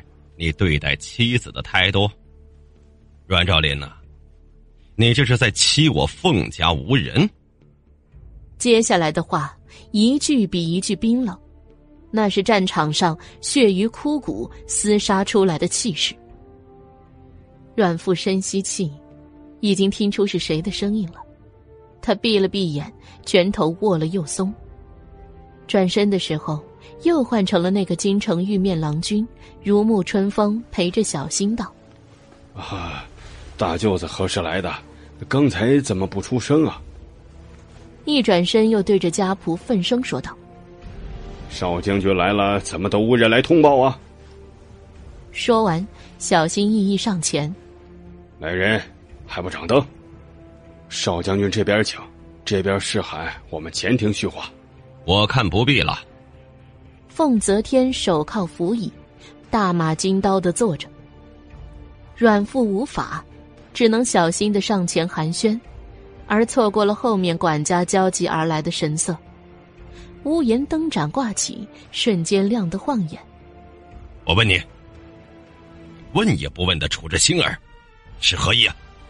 凤泽天怒目而视。少将军，这是何意呀？明心不顾尊卑，一指桂嬷嬷不敬在先，我罚他为母亲守灵也是符合情理啊。阮兆林一身白衣，长身而立，面容温润如玉，说话侃侃而谈，看上去秉持公正。第二十章，阮明心没有说话，这就是他的父亲，无论何时何地，看上去。都像是光风霁月，可直到真正拜相，那些骨子里面埋着的阴毒才一点点显现出来。凤泽天憋气，他最不善的，就是与这些文人文绉绉的拐弯子。将军府中，唯有他和书本有仇，看到就睡，看到读书人更是八字不合。可就算是如此。他也知道，阮兆林实在是强词夺理。那你不分青红皂白就是符合情理？凤泽天陡然大声，手中茶杯一把摔在了阮兆林的脚边。奴打妻主，欺上瞒下，倒卖家产，尊卑不分，这就是你苏府书香门的规矩。阮家百年世家，无比清贵，规矩十足，不是这样。妹妹也不会到最后黯然离开，来到别院，在这里连呼吸都带着憋闷。这这这，少将军，这怎么可能啊？这是没有的事啊！稍安勿躁，稍安勿躁，少将军。阮兆林立刻做出一副无辜的样子，小心安抚凤泽天的情绪。阮父温温和和的态度，凤泽天仿佛一拳打在棉花上。一口气简直如鲠在喉，暴怒道：“来人，给我把这个刁奴压下去，乱棍打死！”真是岂有此理！竟然因为要处理恶奴，所以要罚跪小姐。哦，老爷救命啊！奴婢冤枉啊！桂嬷嬷焦急大喊。阮兆林见到这一幕。也不再和凤泽天软和说话了，直起背脊。少将军，这里是我阮府，你要在我府上发威，可要有冠冕的理由、确实的证据才行啊！他说的理直气壮，直接站在了桂嬷嬷的面前，挡住了凤泽天吩咐的下人。你，凤泽天指着他说不出话。角落里的阮明星看着这一出闹剧，面无表情。虽然知道，这世上唯一真心爱护他的，只有外公一家，舅舅是自己的靠山，但是来的是二舅。此时此刻，他还真不能把所有希望，都寄托在他一个人身上，因为二舅尚武，不善言辞，如果来的是大舅或者是小舅，都不会让阮兆林这样压住气势。恰在此时。一声吊儿郎当的少年声从前后厅隔断的隐蔽传来。谁说没有理由、没有证据的？话音未落，人已经走了过来。小小少年长身而立，看上去衣着单薄，身形更显飘逸。伴随着他一起进入的，还有身穿绿色官服的一位大人。阮明星的眸子眯了眯，竟然是金兆尹傅伯。这位大人的官声极好，可是京城里有名的铁面无私。霍征竟然直接把他带来了。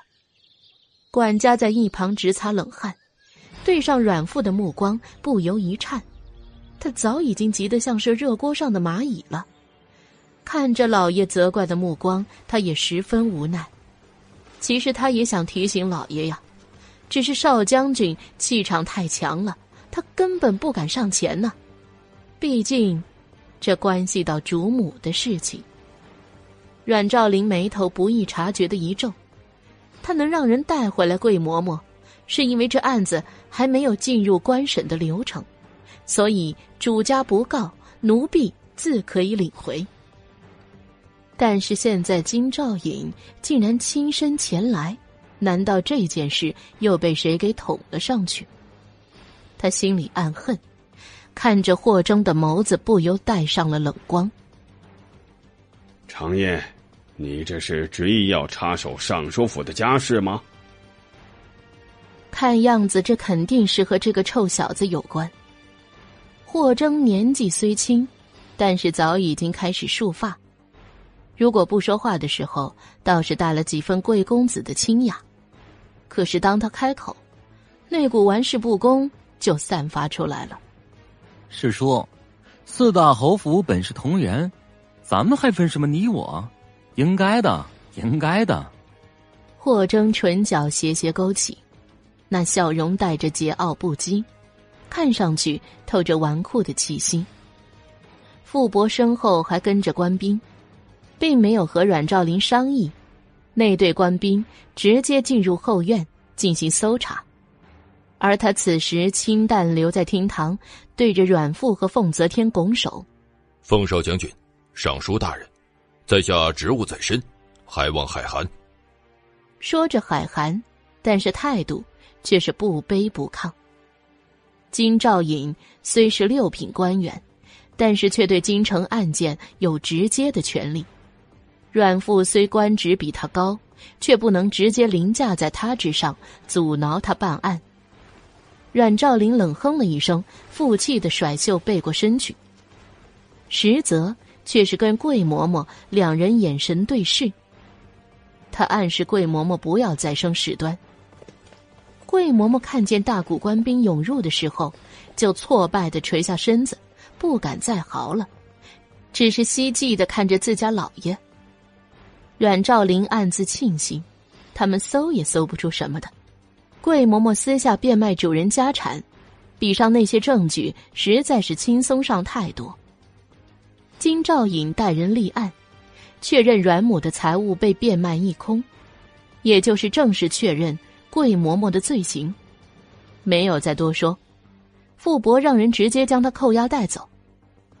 阮兆林，你现在。总算是分辨出谁是中间了吧？凤泽天一声冷哼，要不是金兆尹前来，恐怕他还是会抵死不认的。没人注意，那个眉目飞扬的少年，在和小小少女对视一眼之后，已经悄然离去。阮明星没有说话，但是心脏微微悸动。其实一直以来，霍征为他做的都比他以为的要多。这一次，阮兆林既然带人回来，他就在想怎么把这个事件再捅出去。没想到霍征却帮他做到了。谁知道恶奴如此可恶？阮兆林很会见风使舵，见到情景不利，立刻走到阮明星的面前：“乖女儿啊！”父亲错怪你了。这句话，他说的声音都微颤了，连眼圈都微微泛红，看上去像是真的无比懊恼，连凤泽天都被他瞒了过去。算了算了，你也是不知情。阮明星咬住下唇，看着阮父在他面前卖弄演技，不就是比谁能装吗？他眼圈也微微一红。父亲千万别这么说，都是刁奴作恶，老天自然能够分辨好坏，害人者一定没有什么好下场。他这句话说的意有所指，阮兆林心里一惊，但是却还是欣慰的看着女儿。你真是懂事儿了。阮明星微微一笑，似乎为父亲的夸奖有些羞赧的低头，但是眸中却放出冷光。他怎么可能不懂事呢？如果再不懂事，怎么对得起那些心心念念为他着想的人呢？又怎么对得起害他的人那些伎俩？桂嬷嬷这里，只是一个开始。他要他们一个。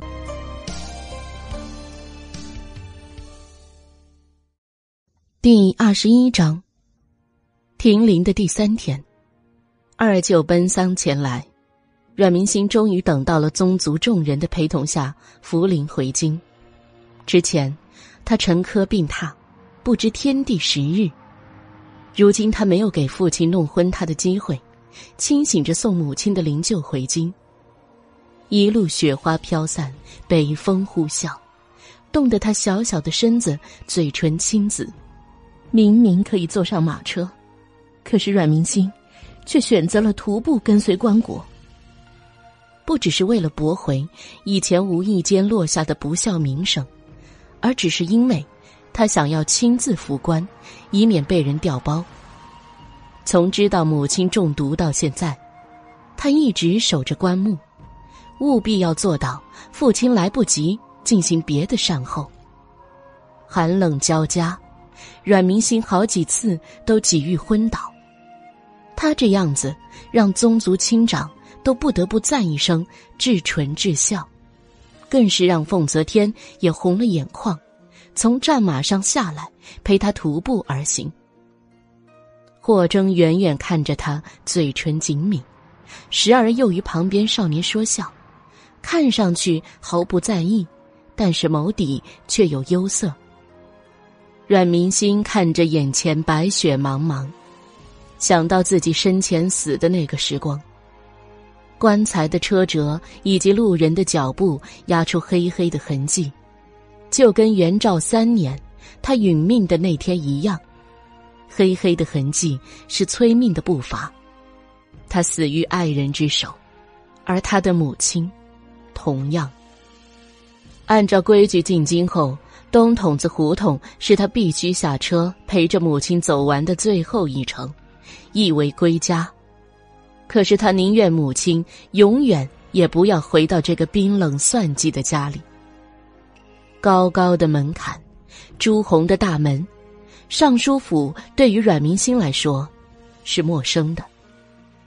前世小时候，他几乎都是跟着母亲住在别院，一年回不了几次京城尚书府，回京更多的就是住在大将军府上。后来母亲病逝，后母寡恩，他几乎就没有出过这扇大门，更别提还未及笄就远嫁荒北。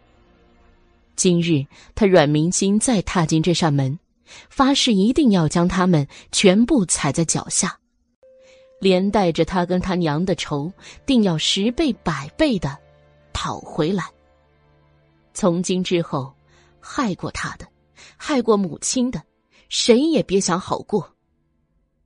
安顿好灵堂，烧好纸钱和桔梗，阮明星终于在舅舅的守护下，放心的昏迷了过去。几日几夜担惊受怕。这一睡就到了第二天进午的时候才醒过来，看着屋内明亮的光线，他猛地坐起身，有些惊慌的叫道：“小桃红，小桃红，小姐，小姐，桃红在这儿，小姐可醒了？奴婢这就去给您拿吃食去。”别，阮明星一把抓住小桃红要离开的手臂。现在什么时辰了？怎么都没人叫我？不行，我还要去给母亲守灵。今日是大宴，我不能缺席。他说着就要掀被下床。小姐，小姐，老爷说了，您最近受累了，就不要打扰您，让您好好休息。小桃红却是一脸忧心，小姐可是走回京的，这身子要是不好好将养，真出了什么事的话，怎么办呢？你听他的做什么？阮明星眉头微微一蹙，兀自穿鞋就要下床。可是舅老爷也是这样吩咐的，让你好好休息，叫我们不要打搅。小桃红虽然奇怪，小姐怎么突然对老爷的语气不敬，却依然本着丫鬟的职责，服侍着阮明星，快速的穿好衣裳梳头。她现在还小，还在校期。只需要梳两个包包头就好了，衣裳也穿得雪白简单。阮明心边走边把亚麻色的马草帽子戴在头上，就往灵堂赶去了。从后院到前堂要穿过一个月洞门，还要走几个长廊。在路上的时候，阮明心忽然听见在假山后面的丫鬟的议论声，说桂嬷嬷昨晚死在天牢里了。死了，桂嬷嬷死了。阮明星霎时整个脑子一片空白，怎么会这么快？死无对证了，他的仇可怎么报啊？丫鬟何时离开的？阮明星不知道。他的小手抠在假山石上，抠出刺耳的声音，眼神愤恨，咬牙切齿：“小姐，小姐，你可别吓小桃红啊！”小姐，你怎么了？小桃红的声音都快染上了哭腔。他死了，岂不是更好吗？你难过什么？你可不就盼着他早点死吗？一声调笑，从假山的另一边传来。虽是调笑，但话音清冷，入耳好听。阮明心虽然没有看清人，但是这个声音太熟悉了。他习惯性的冷声甩过一句：“你懂什么？”唉，看来有人不领情啊。霍征做出受伤模样，把玩着手上的那个黑棕色药壶。小杨，接着。说完，手往后一抛，药壶直接化成一道线向后丢去。啊，小心！阮明星奔过去。小牙却已经稳稳当当的将药壶收好了。你先慢慢的在这儿自怨自怜吧，小杨，我们走。霍征甩着手中的玉佩绳子，吊儿郎当的往花园外面走去。等等，阮明心一眼就认出了那是母亲的药壶，药壶熏得发黑。别院里除了母亲，再也没有谁整日里与药汤为伍了。而药壶上有专门的标识，那是他以前无聊时候在上面拿刀刻的。看着霍征的背影，他不由出声：“你不能走，回来说清楚。”他这是从哪里弄的？怎么到手的？要知道，他找到母亲用过的器物，可是一件都没有留下来。霍征听到声音，回眸看着他，微微一笑。他的笑有些特别，只有一边唇角深深勾起，透着一分邪似的魅惑。今天是来做客，他穿了一身素色的长袍，外罩一件黑色大氅，看上去格外清俊。冷风吹起他的发丝和大氅边缘的长球，带着几分飘然的味道。可是他只看了他一眼。一笑之后，却是一点不停，继续往前厅的宴席走去。阮明心无法，小跑着追上去，直到伸手拽住少年的衣摆，霍征这才停了下来。小桃红就看见他家小姐和那个从来不对盘的纨绔，这般那般的窃窃私语起来。他知机的四下看看。见到小牙也在霍征身后帮忙看风，不由狠狠瞪了他一眼。不过半炷香的时间，霍征就抬脚离去。阮明星低着头想了想，也抬脚走向宴席大厅。而他出现之后，就听好些人在低低的议论，说他不孝。七日停灵孝期，居然都不来守灵。阮明星仿佛又听见前世那些指责他的话语在耳边再次响起，那些指指点点，那些鄙夷的眼神，阮明星每每想起都懊悔生恨。难道今生他又要重蹈前世的覆辙吗？他不甘心。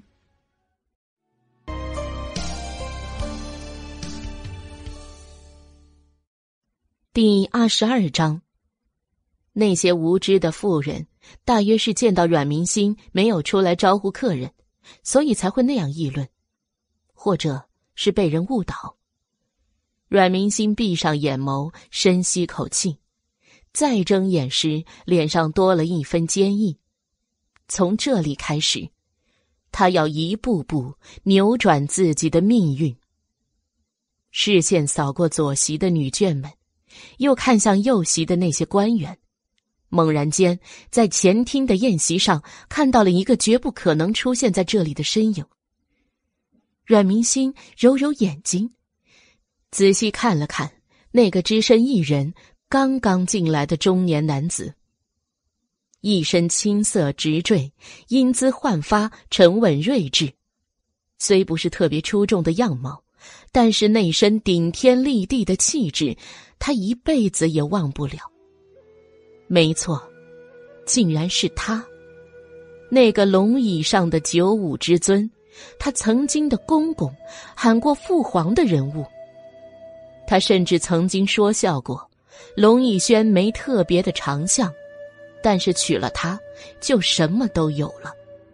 彼时，龙逸轩直接惭愧的说。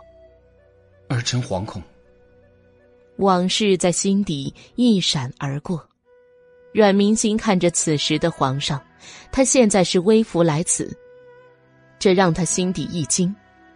他知道父亲最终会拜相，深得皇上信任，但是他一直以为是借着继妻的势力，以及后面才君臣相得，但是没想到，不过是一个尚书丧妻。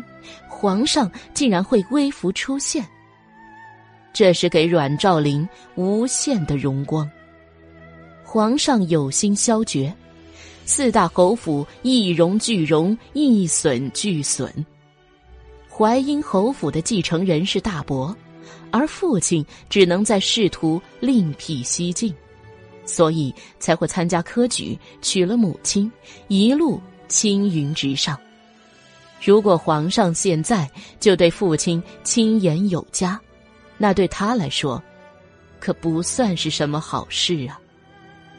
阮明星眸子转了转，定下心来，仗着自己人小，身子骨扁薄，在人群里自由穿梭，三下五除二的就潜到了皇上身边，小心翼翼的跟着。皇上进来的时候，最初在大厅外门。等他进来时候，身后的护卫和进士这才远远追着。阮明心暗暗跟在一旁，还没走几步，皇上身边的护卫就发现有人跟踪了。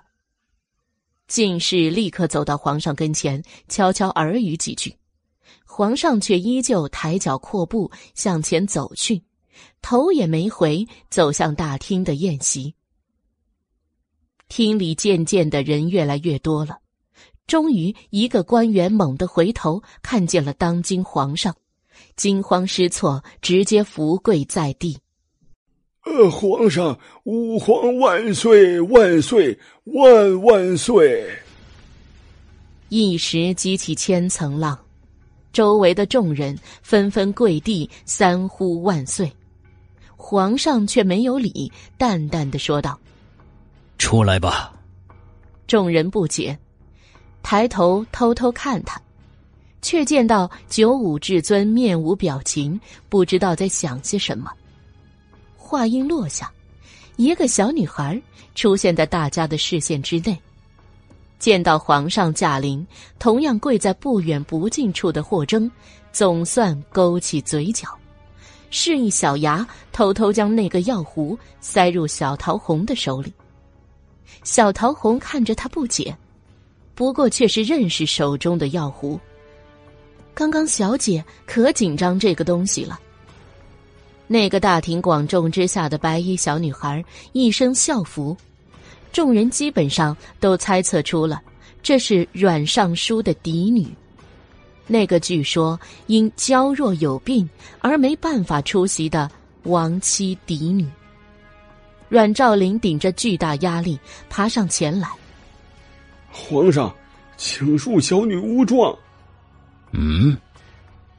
皇上轻轻的一点头，不怒而威。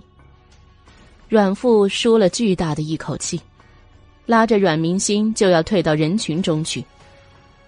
我不，阮明心却是挣脱他，双手抵额，伏跪在地。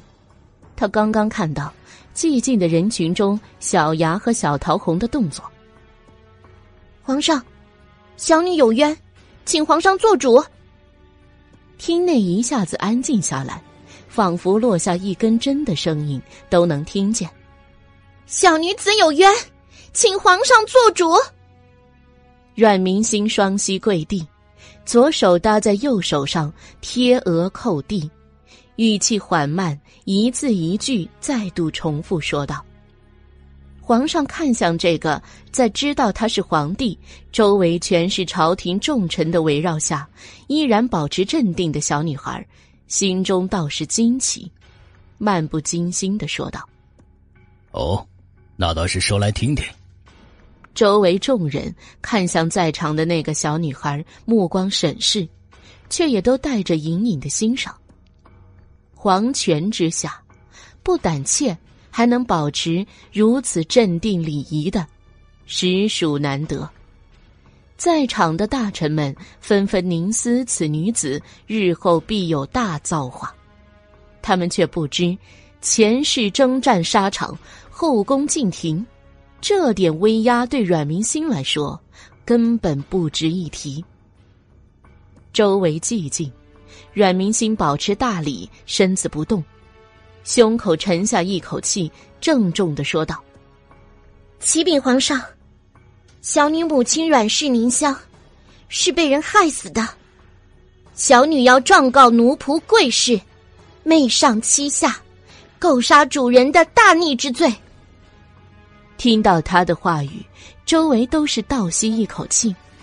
阮父大惊：“你想说什么？桂嬷嬷已知罪自尽。”她的罪行早已死无对证了，你还有什么不满之处？要在你母亲的祭奠上闹吗？阮明心不管阮父如何说，依旧铿锵有力的继续道：“桂嬷嬷虽死，但她犯下的证据却上流人间，此罪祸祸滔天，人神共愤。若不公于御前，只怕会遭来上天之谴。母亲就算是在九泉之下，也死不瞑目。”我是他亲女，理应为他昭雪平冤。他年纪尚幼，但举止有度，话语清晰，一字字声声入耳，带着恳切的冤屈。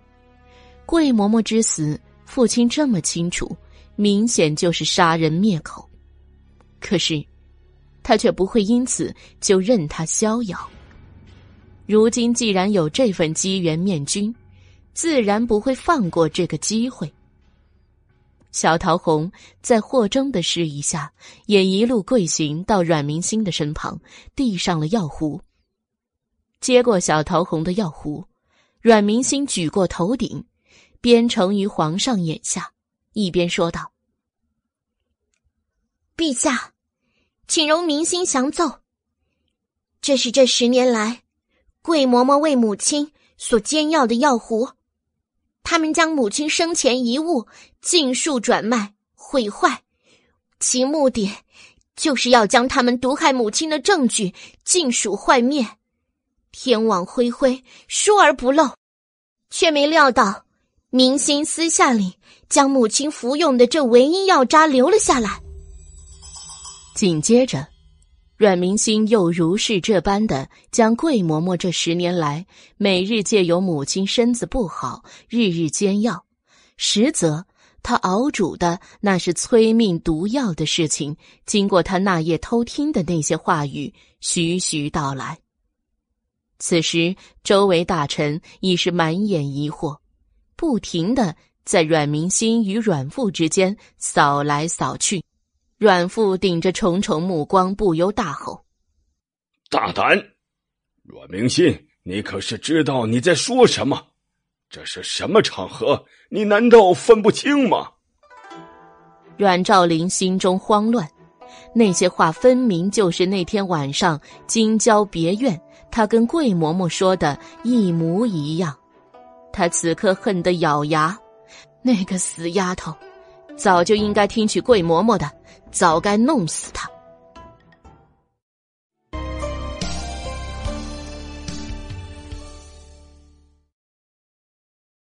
第二十三章，阮明心却还是一派的淡定，小小的身子挺得笔直，回头看他一眼。父亲，就是因为知道这是什么场合，女儿才更要说。宾客已经议论纷纷，显然都在猜测到底具体出了什么事情。阮兆林想要带走阮明心，皇帝却开口了：“既然阮心说桂嬷嬷已经死无对证，那你母亲如今已死，也是死无对证，你可还有其他证据？”他说着，看了一眼阮明星手上举着的药壶。就凭这个，在两个死无对证的情况下，可是不能算是任何证据的呀。你可还有其他证据啊？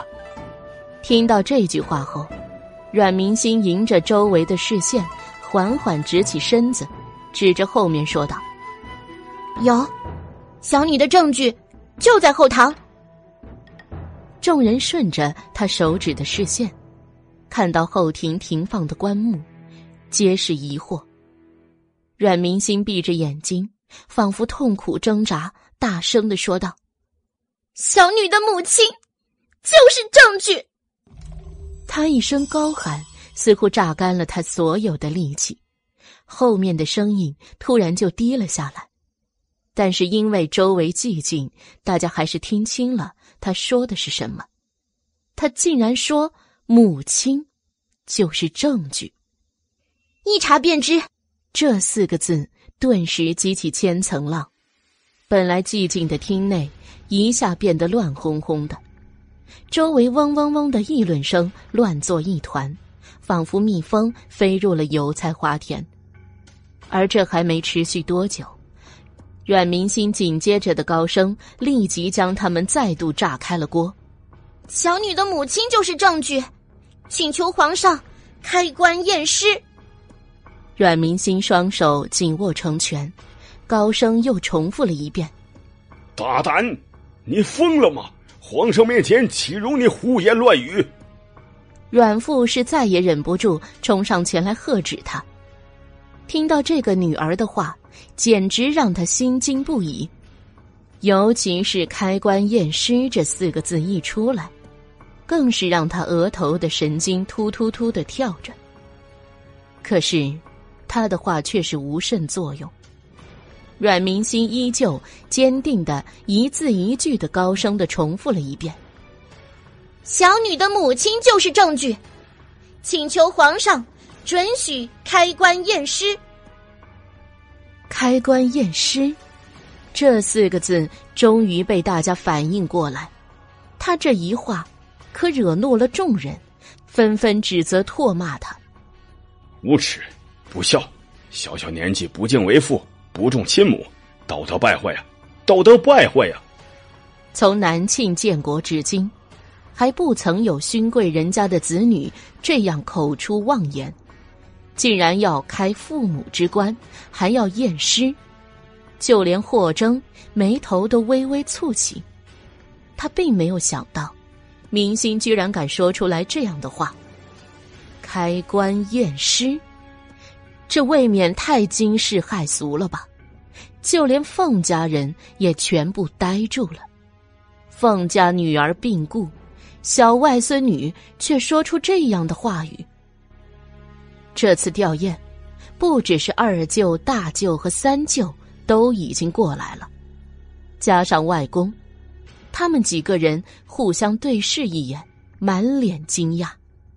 六岁的女孩当着天子的面说出这样的话来，不是有人教唆，就一定是另有隐情。二弟，之前你没发现端倪吗？大舅目视前方，话语却是低低问向身旁的二舅：“没呀，我只知道有刁奴变卖妹妹财物。”二舅挠挠头，有些焦急的说道。要是他早知道，也不会让事情发展到如此地步。蠢货！凤家外公看着那个小小的女孩，无法掩饰眸中的担心。一直主张谦和恭顺的赵御史，终于看不过去了，从后面的队伍中出列，跪在阮明心的身旁，很是愤懑的看了他一眼，禀皇上。远氏之女远明心罔顾人伦，在齐母发丧宴上喧哗大闹，使其不敬。宫人要求开棺打扰齐母亡灵，使其不亲也。如此之人，尚无恭敬亲情，小小年纪长大之后，必然祸害一方。还请皇上莫要听他一派胡言。赵御史是他们御史台的上大夫，历来主张谦和恭敬。不像其他御史大夫一样，天天瞪直了眼睛跟踪那些大人们，逮着别的大臣的小辫子不放，是以颇受朝廷重臣的敬重。他一说话，后面的大人们就议论开了，纷纷欺行上前请奏，莫要听信小女子一派胡言。更有甚者说，他这是扰乱朝纲，扰乱天下。此风气不可助长，必要将他严惩不贷。霍征站在远处的茂林修竹后面，看着眼前的情景，嘴唇紧抿。他略略思索，就要上前。少爷，你做什么？小牙更快的拉住了他。小牙这一拉，将霍征拉出了清醒。他看着眼前情景，闭眼仰头。愤恨的捶了一锭子旁边的竹子，现在怎么办？那死丫头肯定是说不清楚了。小牙最终还是没有拉住他。小牙不解的看着他家少爷往相反的方向走去，亦步亦趋的跟了上去。霍征眉头打着的结早已松开，此时那双眼眸平静下来，就像是两汪深潭，看不出一丝波动。小牙没说话，但是那赤裸裸的眼神分明出卖了他。你看什么看？闭眼，闭眼，闭眼！霍征气恼，不停的以手扇着小牙的脑袋瓜小牙一手拿剑，一手摸着被拍疼的额头，委屈的说道：“哎，少爷，咱们这是去哪儿啊？”霍征没理他。带着小牙七拐八拐的走出了竹林，撇撇嘴，神情无奈。他怎么挑了个这么傻蛋的跟班呢？霍征却不知道，他走后，事情有了突兀性的进展。阮明心双膝跪地，背脊挺直的向后侧身，看着众人。众位大人不必多说，明心知道自己是在做什么。若母亲不是因为中毒死亡，明心愿意出家为尼，从此常伴青灯，以赎对母亲不敬之罪。此言一出，在座诸位纷纷哗然。阮明心举着那个黑褐色的药壶，再次叩拜，还请陛下明晰冤情，顺应天理，下旨彻查凤鸣乡冤死一案。有了他的这重保证。诸位大人纷纷闭嘴，就连阮父都收起了再劝说他的姿态，嘴唇紧抿，眸光幽深，不知道在想些什么。皇上看着他挺直的身躯，又扫了一眼阮兆林，示意边上的护卫接过阮明星手上的药壶，转呈给大理寺，此案直接由大理寺审理。看着如此结果，阮明星的心里喜极了，面上却是依旧保持镇定，双臂伸直，再次叩拜：“多谢皇上，武皇万岁万岁万万岁！”皇上不由嗤笑：“起来吧，要是不审理你的冤情，是不是朕就不万岁了？”这话一出，就像是乌云沉沉罩顶，场内一下安静下来，所有目光都集中在阮明星的身上，想要看这个孩子如何应对。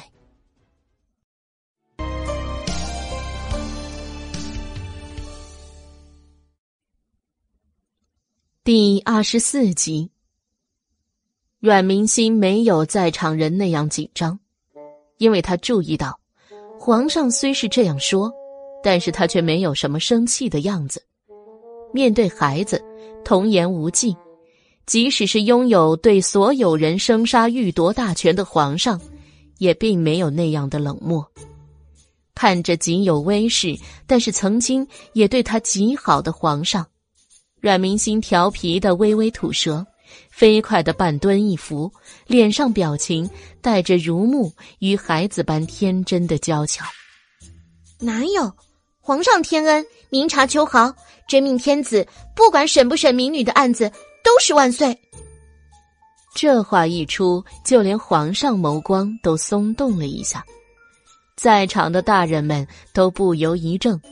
这个年幼女孩竟然不惧天威，能这样和皇上说话的人，清南晋之国也未必有一两个。很明显，皇上有些讶异，但却没有在于他多说，对着他边上的赵御史伸手一扶。赵御史的忠心，朕是知道的，只是此后切莫随动辄国家江山社稷。他说完，意有所指一般看了旁边的阮明心一眼。这种六七岁的青葱丫头，可指不上江山社稷，也更动摇不了国之根本。却没成想，在他前世的时候，阮明心确确实实是动摇了他的江山社稷，住上那个根本不可能的废质子，登上了九五之尊。改变了他的国家。阮明星听到这句话，心中突的一慌，就连刚刚所有人都在说他妖女要危害江山的时候，都没有什么感觉。这时，听到说话人变成这个他前世的公公，两世的九五之尊时，心跳蓦的一紧。阮明星忍住煞白的脸色，低下头。众人只以为他心愿达成，且刚才算是九死一生，此时终于反应过来的后怕才如此，谁也没当成一回事儿，纷纷附和皇上，夸他有胆识。之后的事情就很平常，皇上被肱骨之臣在簇拥着去吃午饭，阮兆林算是东道主。他回头狠狠瞪了一眼阮明星，来不及叮嘱他什么，就跟着左相右相去和皇上叙话。阮明星看着恢复如常的大厅，转身准备回去，却是被一个身材娉婷的女子状似无意的拦住了。你叫明星是吧？您又逢此大变，也难为你了。如果有什么难过或心酸的。可以对我说。这声音听上去如黄莺出谷，悦耳动听。阮明星心脏却是狠狠一惊，因为说话的这个人是裴玉莲，是他父亲说定不会相负的那个女人，是筹谋数年，终于将他母亲毒死的那个女人，更是在多年后把他作为家族弃子。嫁给那个落魄皇子，并且处处为难的女人。此时她年岁已大，却仍在青春，看上去自有那些小姑娘没有的气度。明明是来参加丧礼，看上去穿着素锦的衣衫，可是阮明星却注意到她的衣袖，在袖子的边缘滚了一圈的荷花边，还绣了红莲在袖口处。当外衫滑落，就可以露出里衬的红莲袖口，看上去更衬托皓婉如雪。这般优雅的长相、气度、和善的语气，恐怕要是小女孩见了，也会有些亲切之感。可是，一定不是阮明心。请问，您是哪位呢？阮明心小小的身子站得笔直，双眸天真的看向眼前的裴玉莲，话语带着亲切和周到的礼数。您是阮府明星还没认亲的堂亲，还是外家明星没有认亲的表亲？明星年幼离京，没能把亲人记全，真是十分抱歉。虽然说话彬彬有礼，但是他故意声音用了几分内力，所以传得很远。立刻有好奇的目光看了过来，裴玉莲的表情一僵，没有想到自己竟然得到这样的回应，他有些尴尬的笑笑：“ 我不是阮家。”也不是凤家人。那姑娘，您缘何这样亲切的喊明星的闺名呢？我们以前没有见过吧？阮明星看上去一脸的好奇，无辜而又认真的问道：“听桂嬷嬷在被押走之前说过，很快就要给明星找一个继母，难道就是您吗？”他这话说的貌似天真，但是用心却也很利。这么多人为证，刚才他已经状告桂嬷嬷害主，此时说出这样的话，目的就是要裴玉莲无法下台。果真，这番话说完，裴玉莲果真脸色红一阵白一阵，难看至极。那么多双眼眸注视着。他知道，自己该赶快从这样的境地解脱出来，不能让自己陷入舆论的漩涡。可是这个六岁的孩子，那双黑漆漆的眼瞳，竟像是可以看清楚他内心在想些什么。他竟像是已经知道他的目的与所作所为。怎么可能？反驳的话不由自主的脱口而出。可是说完，裴玉莲就毁了。因为，她本就是为了成为阮兆林的妻子，才等了这么多年。现在说了这样的话，以后要是嫁了，那简直就是自己打脸。姐姐，那边母亲唤你。一个娇柔的声音传来，打破了裴玉莲此时的窘境。只见又一个娴雅娉婷的少女款款而来。没有理会阮明星，像是只为专程叫裴玉莲回去。借着这个机会，裴玉莲有些仓皇的对着阮明星笑笑，跟着那个少女离去。阮明星看着他们的背影，看上去满脸的好奇，但是心里却在飞速的盘算着：刚才那个女子是裴玉莲的嫡妹，叫什么他不记得了。但是多年后，她却是相府孩子名正言顺要喊的姨母。此时，他帮着裴玉莲解困，也就代表着很可能他也知情。那么，是不是整个裴家都在谋算着他的母亲呢？书弟，一个身影出现在他的面前，如山一般的伟岸，看上去高大而可靠。五官硬朗而威势十足，外公。阮明星看着面前这个宝刀未老的外公，鼻子突然一酸，眼圈顿时红了。明星，走，外公有话问你。外公说话间一脸严肃，这种表情他记忆中只在外公脸上见到过一次，那是他求外公帮龙逸轩的时候。外公沉着严肃的问他：“明星，你真的想好了吗？”那个时候，他很坚定的点了点头。所以外公倾其所有帮助了他的夫君。因为彼时凤家男丁凋零，嫡系之中也就仅剩他一个牵绊。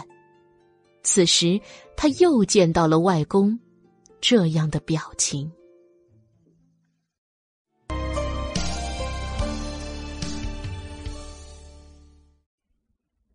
第二十五章，穿过大厅，走到长廊，外公扫了一眼来往的仆佣。他对阮家地形也很熟悉，直接带着阮明星来到南院的小花园，这才停了下来。阮明星亦步亦趋的跟着。虽然长者不需为后辈披麻戴孝，但是外公今天穿的却是一身素服，素净的让人心沉。凤家来人穿的全是素服，停身之后。外公锋利的眸光看向这个外孙女，他们凤家的掌上明珠。凤家男丁旺盛，明星的母亲是几代来唯一的女孩，因此从来就是凤家的小公主，而明星更是凤家明珠手中的明珠。但是几乎是一夕之间，女儿没了。这个本来天真无邪的外孙女，偏偏在今天这样的时刻，做出了大人也未必做得到的事情。阮明星没有说话，见到外公在审视他，他表情沉静的凝视着外公，眸子湿漉漉的。外公从来没有拒绝过他的要求，但是就连最无辜的外公，都被牵连灭族。灭三族。一想到这个下场，他心口就像是破了一个大洞，疼得难以遏制。星儿，刚才你说的话是有人教你的吗？外公凤追终于开口，问的却是这个。他也怕女儿心死，有不安好心的奴婢教唆主子说些不靠谱的话。没人教。阮明星的心绪波浪般起伏，要不是他自己死死压着，说不定会直接抱着外公大哭出来。可即使这样，他的眼圈也红得厉害。星儿，看你这样子，所以宁香真是被害的。凤追紧紧握住双拳，他眸中的怒气却终于无法掩藏。是。阮明星很肯定的点头。明星在假山被人推下去，是恶人有意谋杀的。若不是命大，可能现在就见不到外公了。小小的女孩嘴唇有些颤抖，说话的时候直接伸手抓住了外公的手。外公，心儿好怕，好怕差一点就没办法见到外公了。是那个桂嬷嬷。凤追眉头一皱，手中的小手冰凉的可怕，可见心内的忧虑。是，阮明星点点头。母亲死后，一夜之间，所有的器物都不见了，可见对方早有预谋。心儿这些天在别院不敢歇眼，很怕只要闭眼睡着，就再也没办法睁眼。心儿死掉不足惜。但是就怕母亲沉冤未雪，怕恶人踩着我们母女的尸骨笑得畅快。他说着，眼泪一滴一滴的掉了下来。恶奴，外公咬牙切齿的说道。但是想到那个女儿信任的嬷嬷，妻子曾经说过，女儿一定要人可信，才可以留在身边。彼时女儿说过。桂嬷嬷可信，现在却是让人觉得可恨。星儿，不对，这事难道只有一个桂嬷嬷就敢这样作恶？凤追感到事情似乎有些不太对劲。一个奴才，深得主人信任，已经给他无数的荣光了，怎么可能会做出这样大逆不道的事情呢？外公。新儿也只是听到墙角才知道这件事。现在首先要确认的是，母亲身上是否中毒。阮明心眼泪掉着，但是脑子却没有荒废，直接对外公分析着：“你并不知道是否中毒，就敢这样说？”外公不由有些急了，那可是在皇上面前这样说的。心儿有九成的把握。阮明心垂下眼眸，他亲耳听到桂嬷嬷和父亲的合谋，所以母亲中毒是肯定的。你真是胡闹！这种事情应该先给外公说了，我们再好好商量。凤追担心的看着这个外孙女。如果先说了的话，现在就不会这样被动，至少他会好好筹谋，而不是像现在这样，在外孙女跪下的那一刻才知道发生了什么事情。外公，心儿没有机会给外公说。阮明心抬眸，那双小鹿一般的眼眸中还是湿漉漉的泪水。你能让霍征送了素兰他们回来，难道还不能捎句话了？外公看着外孙女，果真还是小孩子，不知道哪件事最大。外公觉得那种话是可以随意让人去捎带的吗？阮明心苦笑了一下，看着外公，只有今天这样一闹。那些人才会真的把这件事当真呢。如果不是告御状，即使他说什么，大家也会想想是不是小孩子不懂事，以讹传讹。但是现在他已经占得了先机，母亲丧礼前跪求验毒，并且发了毒誓，所以那些人势必要想想，她一个小女孩为什么要这样做。如果这件事不是真的，她也没必要做。就算是现在，一切还在五五之数，我现在赌的是对方还没来得及处理母亲身上的毒素，赌的是天道好循环。阮明心抬眼看着外公，清晰的说出了自己的思虑。所以现在，就算是外公问心儿，心儿也不会说的。如果老天有眼，那么坏人肯定会伏诛。但如果没有查出来，那么就到此为止吧。外公也不需要再查什么，不管外公问心儿什么，现在心儿都不会说的。他已经把丑话说在了前面。心儿，你说的这是什么话呀？凤追有些急了，但是阮明心却还是一脸的坚定。凤家一向为国为民，忠肝义胆。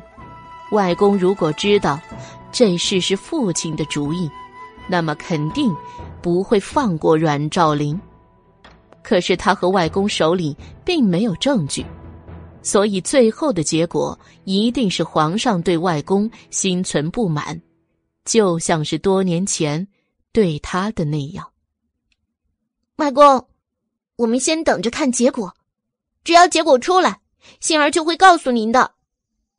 阮明心开口答道：“那要是出来的不是呢？”凤追沉着脸问道：“那就说明母亲不是被害死，到时候心儿会长伴青灯，为母亲祈福。”阮明心说的坚定，这种反应让外公的脸色变了又变。这孩子怎么会说出这种话来？就算是说错了又怎样？难道还真去剪了头发，从此做个姑子吗？谁都知道，今天阮明星这一球算是给捅了马蜂窝了。堂堂尚书府的人被家奴毒死，而且是慢性毒药，那么这个案子真要立案的话，牵连一定甚广。这事情要不是皇上最后一锤定音。肯定不会有人敢冒天下之大不韪来帮助他这个皇子。但是现在，既然已经接手了，那么那些大人会比他更希望这些事情的真相可以查个明明白白。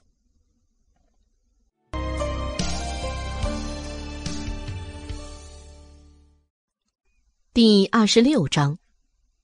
阮明星说话时一脸的坚定，年纪虽小，但是面对沙场上的常胜将军，却也毫不怯色。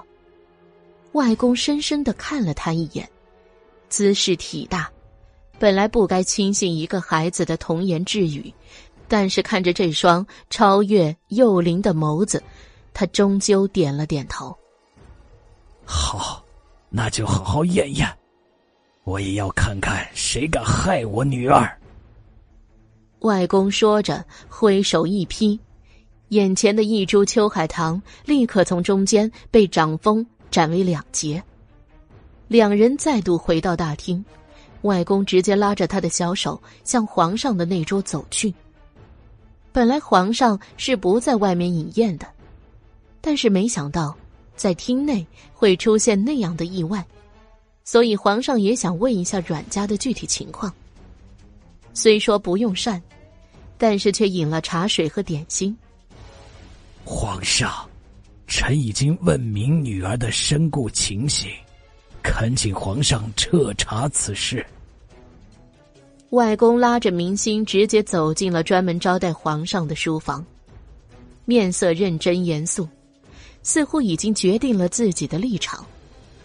书房内陪坐的还有大舅，见到外公这样说，立刻也跟着请求。阮明星鼻子一酸，想到了多年后他在后宫孤立无援，如今外公尚在，他还有人撑腰，不过是几句话，外公就决定了要力挺他。皇上此时手中正拿着茶盏，听到这句话。眸光抬了抬，淡淡扫了凤追一眼。老将军，这是何意呀？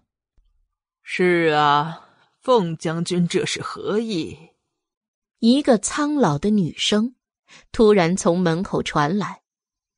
只见门口帘子一掀，身着湖蓝色绣金线一品朝服的阮家老夫人，拿着拐杖出现在了这里。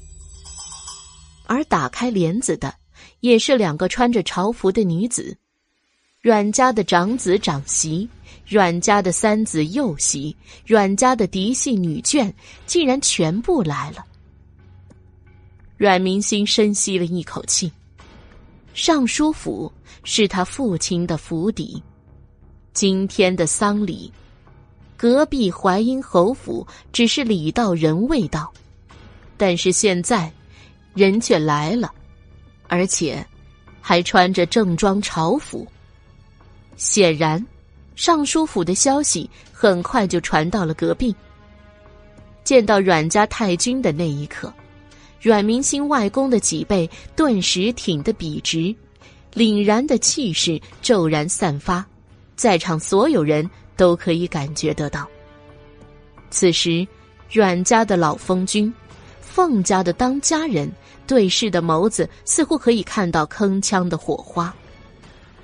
本来是亲家的两个老人，在此时，面上已经都带上了敌意。阮老夫人，凤某说话什么意思？你应该明白。我只有这么一个女儿，她嫁到阮家这些年到底怎样？虽然我没有说什么，但是你心里应该清楚啊。凤追心底陈年的积怨，在凤鸣香的丧礼之上，终于爆发出来。女儿是掌中宝，所以当初说嫁人，不管是高价还是低价，就直接嫁了。当年凤家嫁女十里红妆，铺就的是女儿的幸福之路。可是成亲十年，每每听说的消息，却都让人心堵啊。女儿不说什么，所以他也不能说什么。何况女儿家的事情，也不是他一个大男人可以插手的。封老将军，这是什么意思？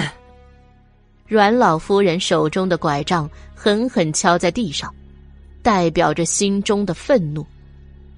书香门第，书香门第本就不该娶这样的一个媳妇儿，娶进来之后。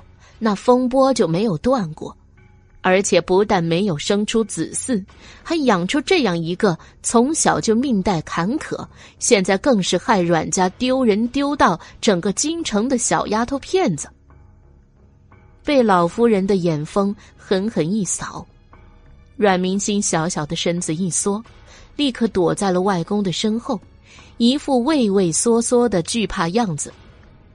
这是他的奶奶，对他和母亲。从来不亲不爱，就是用一副冷硬的样子，硬生生的磨灭了母亲的期待。若不是心冷了，怎么会带着他避居别院呢？其实阮家没有一个值得他惦念的亲人。看到他这个样子，外公更加生气，沉声的说道：“什么意思？阮家是书香世家。”但是这规矩怕是需要让人好好思量。成亲之前通房先有身孕，新娘第二天进茶之前先受了台妾的礼茶。这件事，宁香性子好忍了。可是嫡妻未孕之前，你们阮家有多少妾身子？看看有几个别家有这样规矩章程？成亲四年，我女儿就避居别院。这是为了什么？加入阮家十年，六年带着心儿在别院直到殒命。若不是恶仆欺主，那就是你们阮家打定主意谋财害命。外公的话语一句比一句犀利，句句戳进阮家老夫人的心窝。尤其是那句“谋财夺命”，更是让他差点吐出一口血来。拐杖在地上狠狠一戳，他直接看向了阮明心。小刘，你说说这是怎么回事？今天要不是你信口雌黄，怎么会有人这样无端的指责我阮家？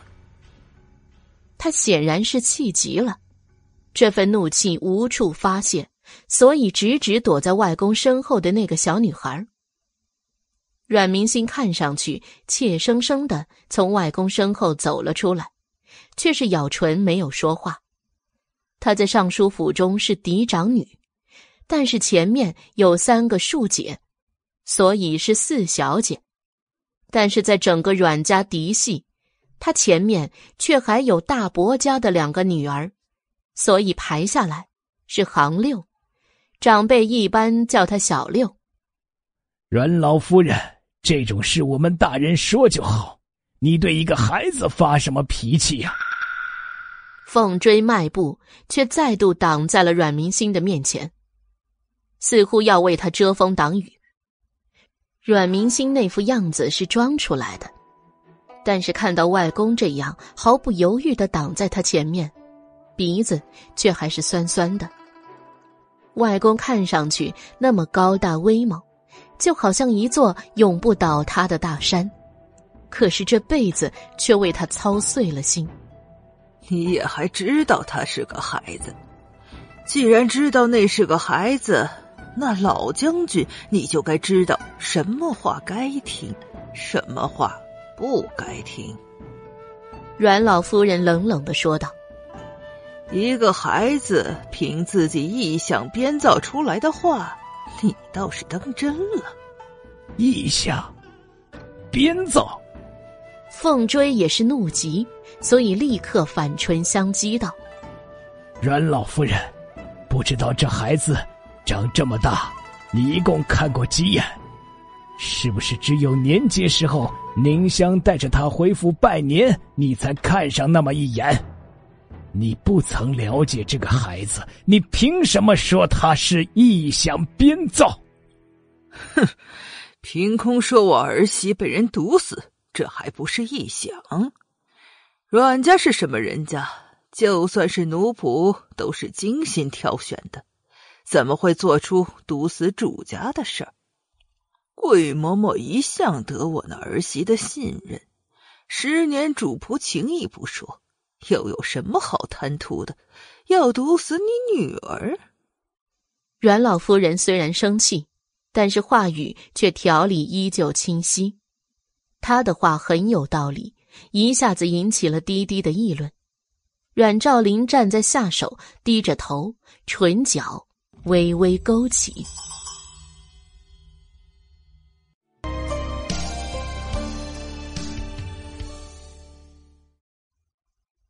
第二十七章，百年世家数代亲贵，当家老夫人岂是善娱之辈？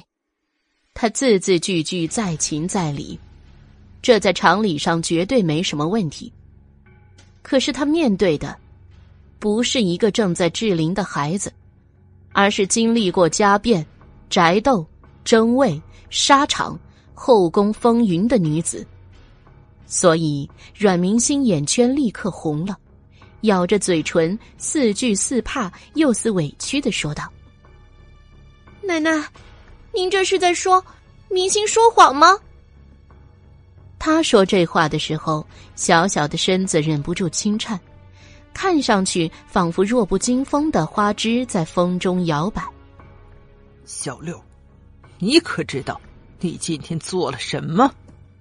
阮老夫人一脸的威严，眸光中有一丝厌恶一闪而过。明星只是做了一个女儿该做的事，奶奶，明星头上此时还带着被恶人推下假山的伤，恶人以为这样就能够害死明星，但是不知道明星在跟着师傅修习剑术之后有心经护体，所以并未摔死。阮明星脸色苍白。头上缠着的纱布还很触目惊心，在心思电转之间，他已经决定把桂嬷嬷做的恶事夸大一下。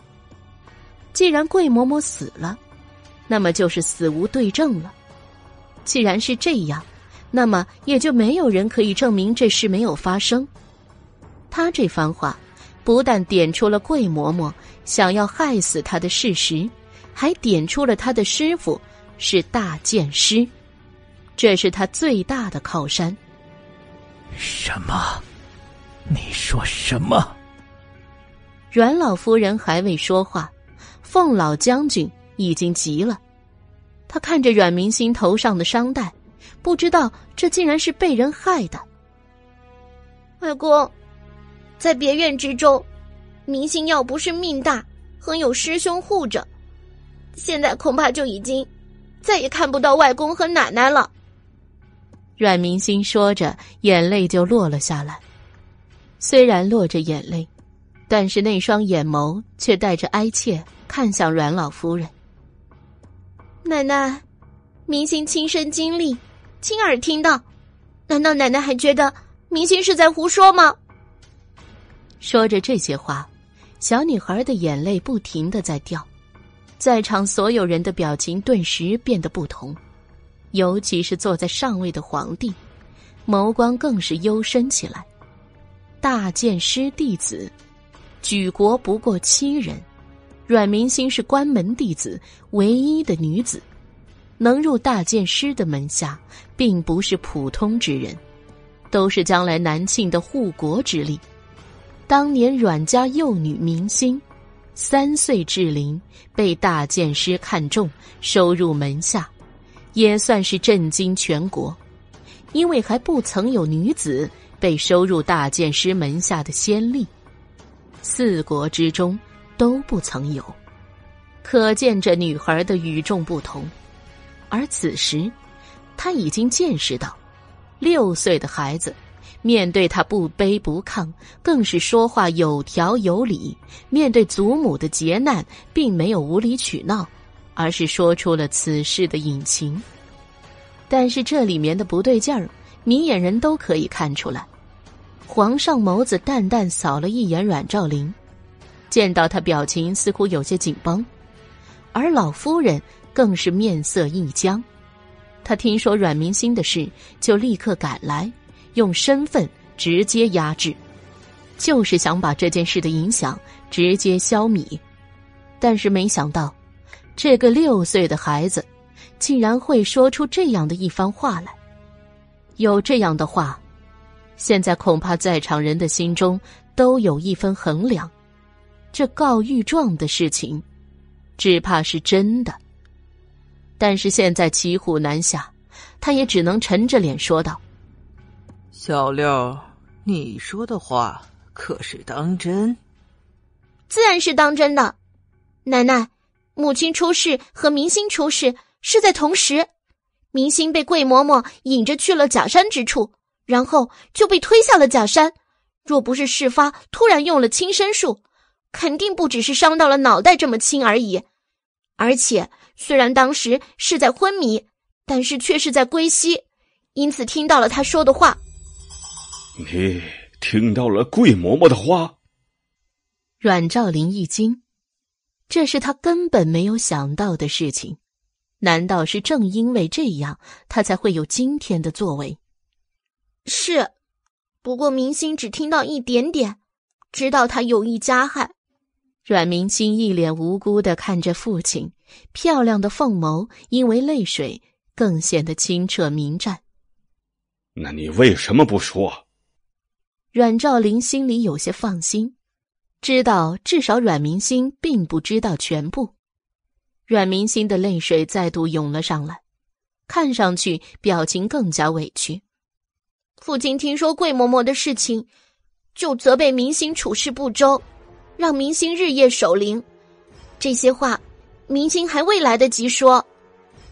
他这些话听上去带着女儿家的委屈，但是内里却十分犀利。短短几句话，点明了阮兆林未了解的真相，并且为了一个恶奴苛责嫡女守灵，而且是不分昼夜。这话一出，凤老将军立刻更怒。所以，要不是我儿过去别院，是不是你就要让一个孩子守在母亲灵前不出来了？这句话带着勃然怒气，让阮老夫人都僵立着，无话可说。赵林，这是怎么回事？阮老夫人转眼间立刻板起脸，责备的看着自己的儿子。儿子也不知道事情原委，还以为是小孩子无理取闹啊。阮兆林说着，也一脸慈祥的看向阮明星。明星，委屈你了。阮明星却擦擦眼泪，看上去十分懂事的说道：“父亲不知道，恶奴竟然如此欺主，所以那样处置明星也无可厚非。明星不觉得委屈。”只是担心母亲冤屈不能瞑目。小小孩子说话间带着一分坚毅，大有不给母亲伸冤不罢休的样子。这话一出来，阮兆林的表情就僵了僵，不由自主的看向母亲。阮老夫人眉头微微一蹙，狠狠瞪了他一眼，立刻开口安抚着阮明星：“小六。”虽说你听到了那样的话，但是开棺验尸嘛。他还想要阻止此事。如果真的让金兆尹开棺验尸，那么阮家的人也就丢大了。奶奶，如果可以不开棺，而能定恶人之罪，明星当然愿意。阮明星脸上的泪痕未干，看上去惹人怜惜。他开口，直接打断了阮老夫人的话。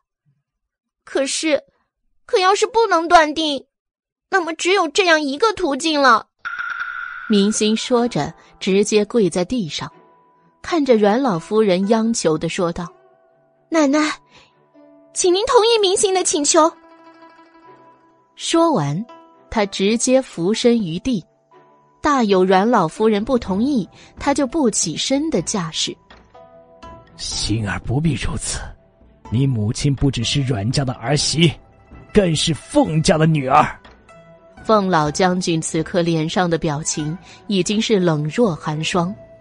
凤家的女儿这样消逝，阮家要是不给个说法，此事肯定不能善了。不能善了！阮老夫人一声冷哼，拐杖再度狠狠磕在地上。显然被这句话激怒了。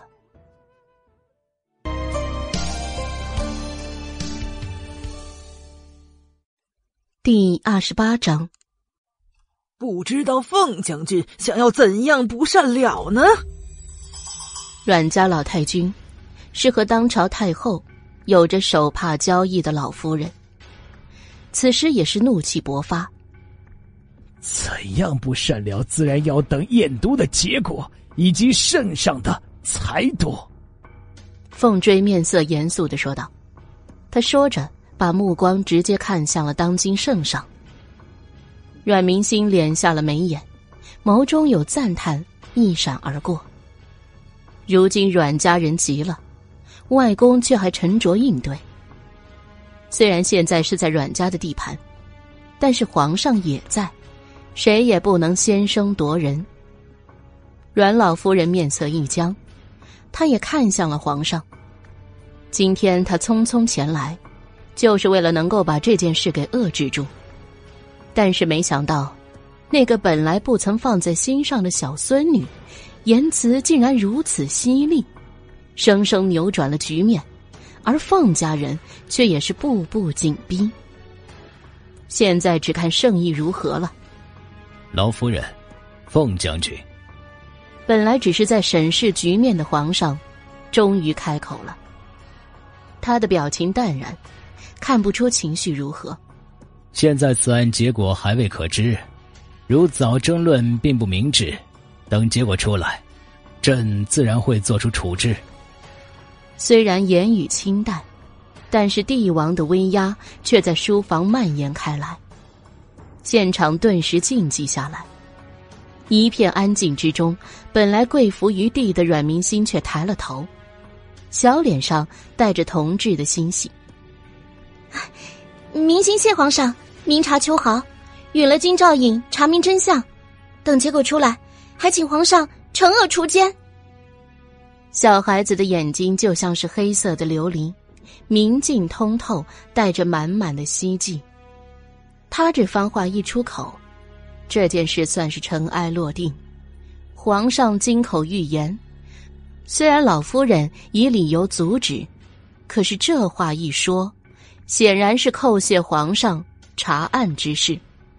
那么再反悔，已经是难了。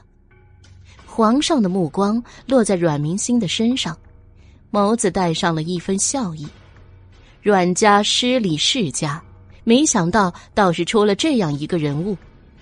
六岁而进退有据，心有筹谋，加上是大剑师的弟子，可以判断，阮明心虽然是个女孩，但也许会是百年来四国仅见的惊艳人物。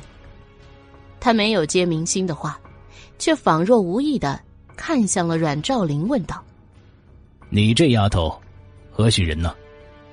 这话一出，在场人更是一惊。这惊讶比之前阮明星告御状也少不到哪儿去。一国之尊，竟然问起一个小女孩的婚配。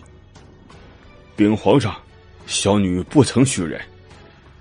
阮兆林身子一僵，难道阮明心这是入了皇上的眼了？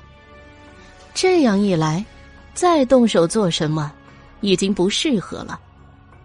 阮老夫人眸光也是微微一闪，但是不管怎样，阮明心都是阮家的儿女，能有女孩被皇上这样问询，对阮家来说也是天大的好事，所以他也是静观其变。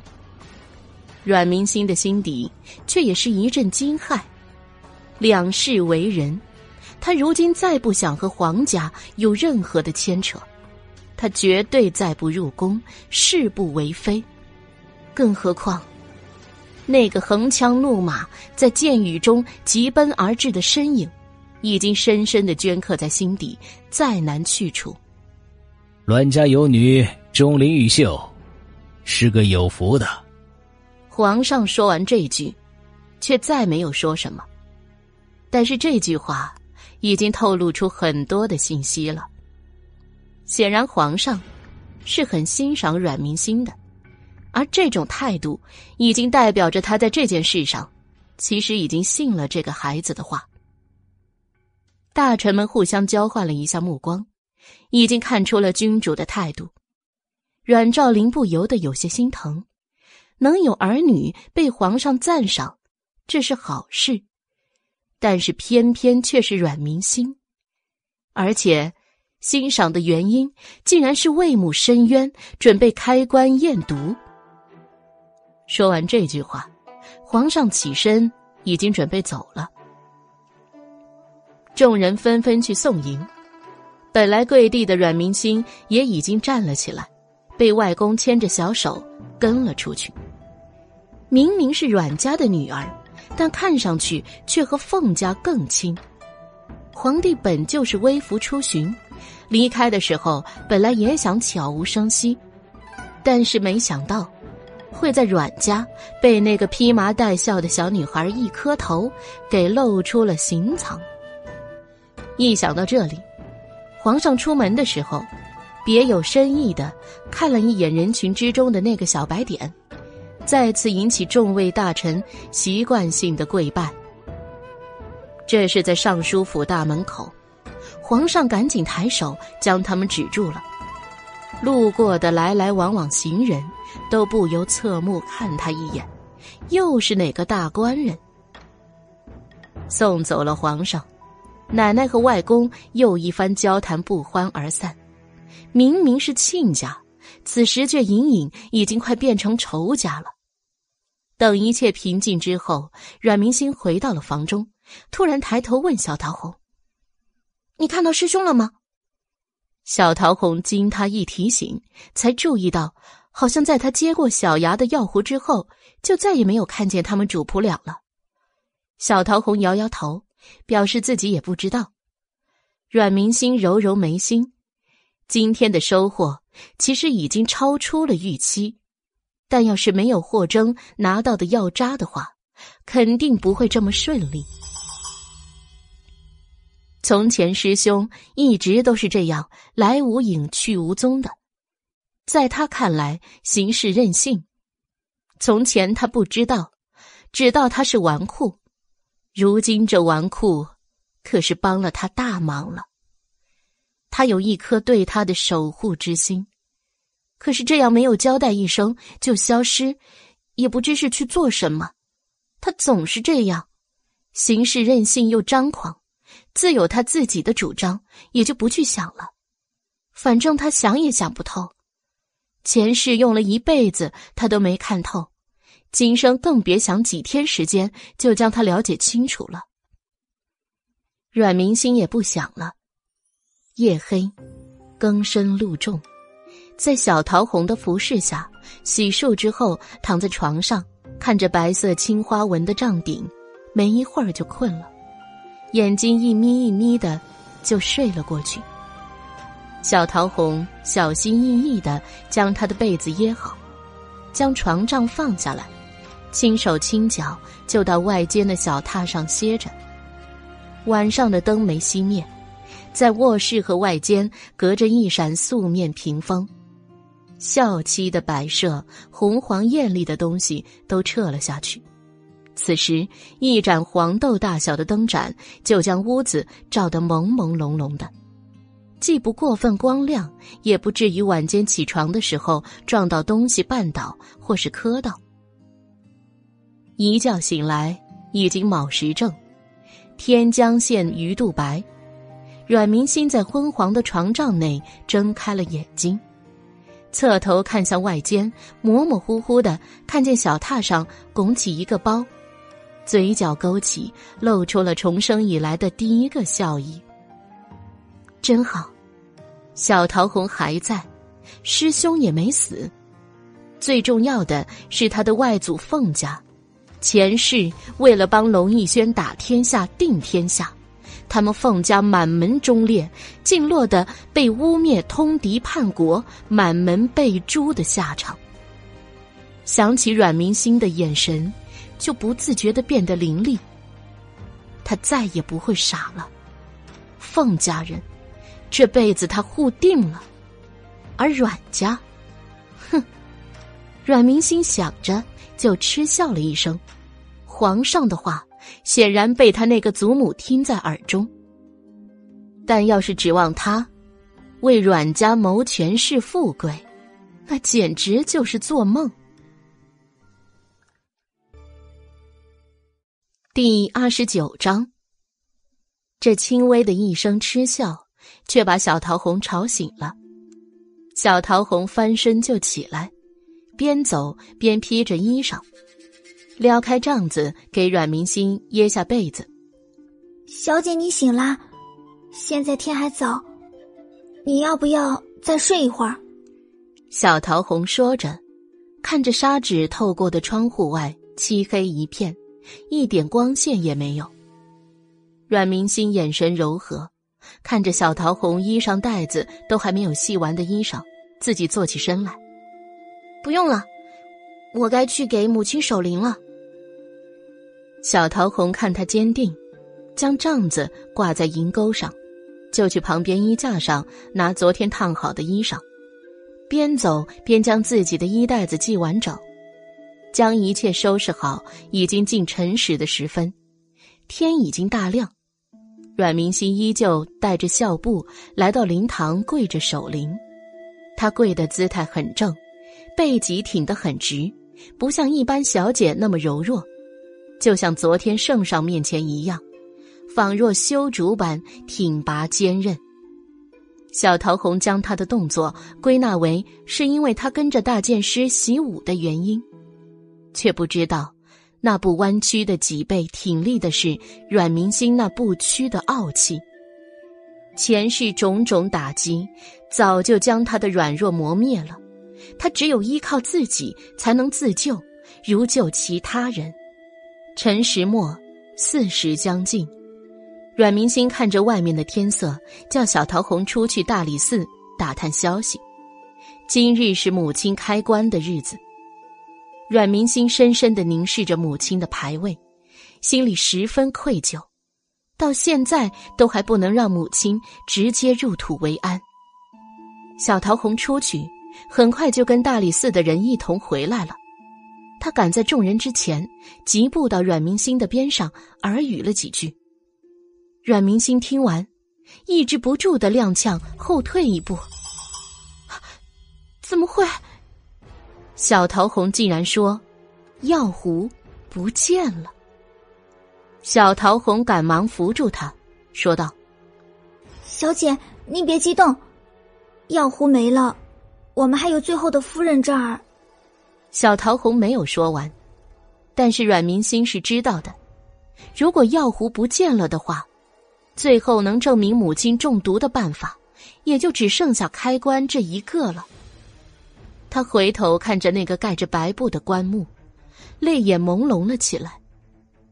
所以，终究是要走到这一步了，是吗？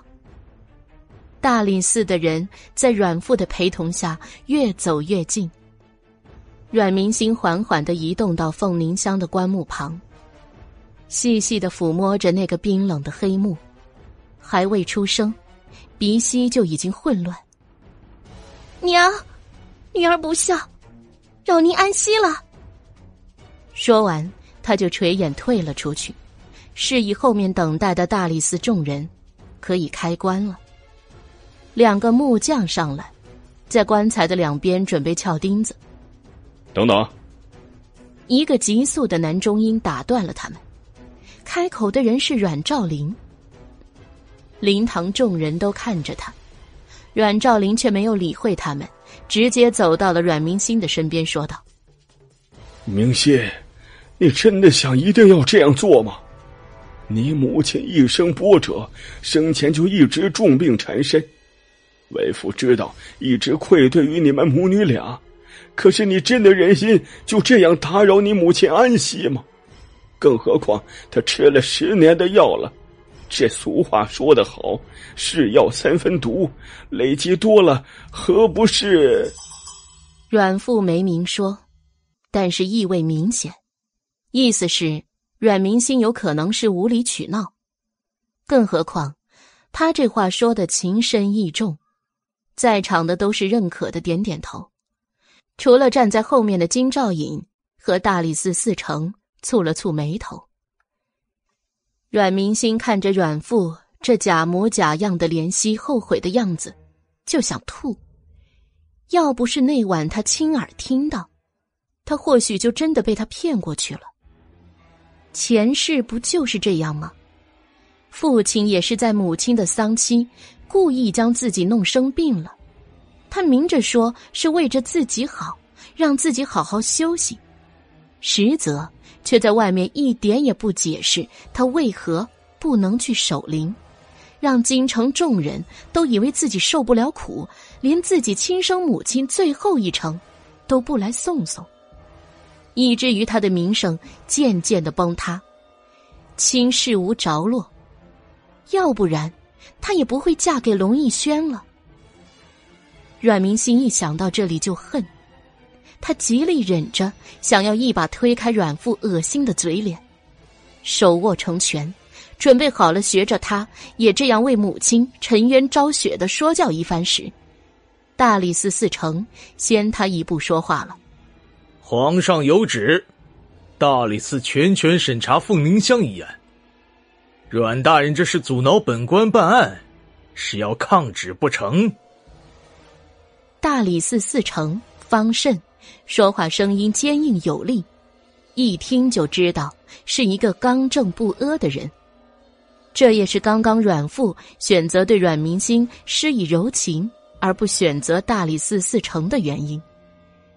此刻，阮父听到大理寺寺丞这明显暗指他阻挡他办案的话，赶忙陪笑着退开到一边。还不忘给自己解释，是不想爱妻被打扰，真心没有阻挠大理寺办案的原因。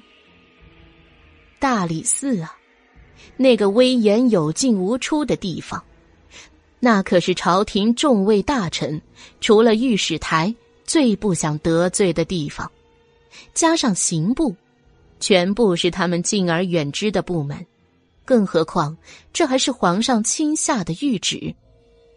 工匠不声不响的快速将棺材打开。大理寺寺丞拿着一张白帕子，捂住口鼻走上前。阮父先是后退了几步，过了一会儿，也跟在了大理寺寺丞后面，向棺木内看去。周围寂静一片，没有任何声响，也没谁的表情表现异样。阮明心更加好奇了。他是重生在凤凝香去世之后，算来他已经有近三十年都没有见过母亲了。阮明心也想要看一看棺木内的情景，奈何他人小身子短，棺木下方有四条长凳子架着，他垫高了脚也才到棺木三分之一的高度。看着他着急的模样，小桃红虽然害怕。还是不声不响的将阮明星抱了起来。阮明星搭着小桃红的肩膀，在他耳边轻轻的说：“谢谢。”然后就转向棺木内了。因为是冬天，大雪纷飞的季节，屋里屋外到处都很冷。即使已经死了四天的时间，但是棺木内的尸体依然保存完好，表面上跟刚刚过世时。没差多少。时隔两世，他终于又见到他娘了。他的娘依旧是那么美丽端庄，这十年的搓磨，早就已经将凤鸣香身上的那股天生的阴气消磨没了。阮明心看着看着，眼泪就流了下来。记忆里，他的童年都是在京郊别院。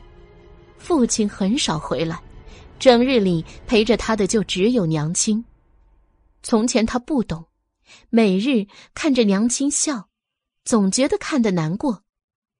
经历了一生，重新来过，他终于是懂了那种痛彻心扉，渐渐由期待变成心死的折磨。自从龙逸轩登帝之后。乾宁宫内，他也多少次点灯到天明，每天盼着、期着他能够想起自己这个几经患难的结发妻子，却每每传来他在温柔乡。阮明心的眼泪再度滑落，小桃红急了，他把他放下来，拿着帕子擦拭着他的眼泪。周围都是大人，更不敢大声的安慰，只有无声的。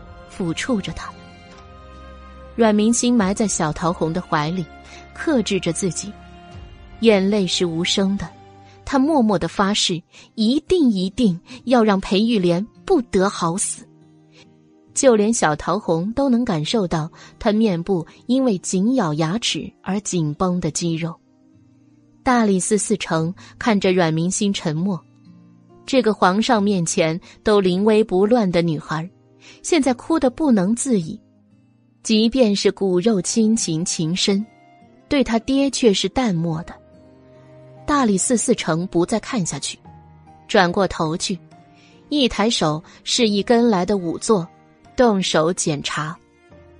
时间流逝很快，仵作先是翻动凤凝香的口鼻，又检查耳后、指甲、虎口这些容易呈现中毒症状的地方，可是，却均无所发现。到最后。仵作甚至掏出了随身背着的工具箱，取出由丝绸别着的银针，分别在凤凝香的人中、口腔、喉咙和手臂血脉处插入，最后的结果都是雪白光亮，一点泛黑的迹象都没有。阮明星眉心微蹙，这意思是，代表着无毒。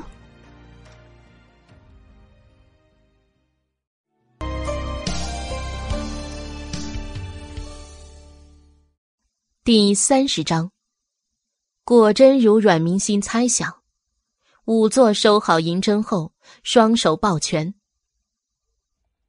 启禀大人，下官在尸体的各处检查后，均没发现任何中毒现象。”这句话说出，灵堂瞬间变得静寂。这不可能！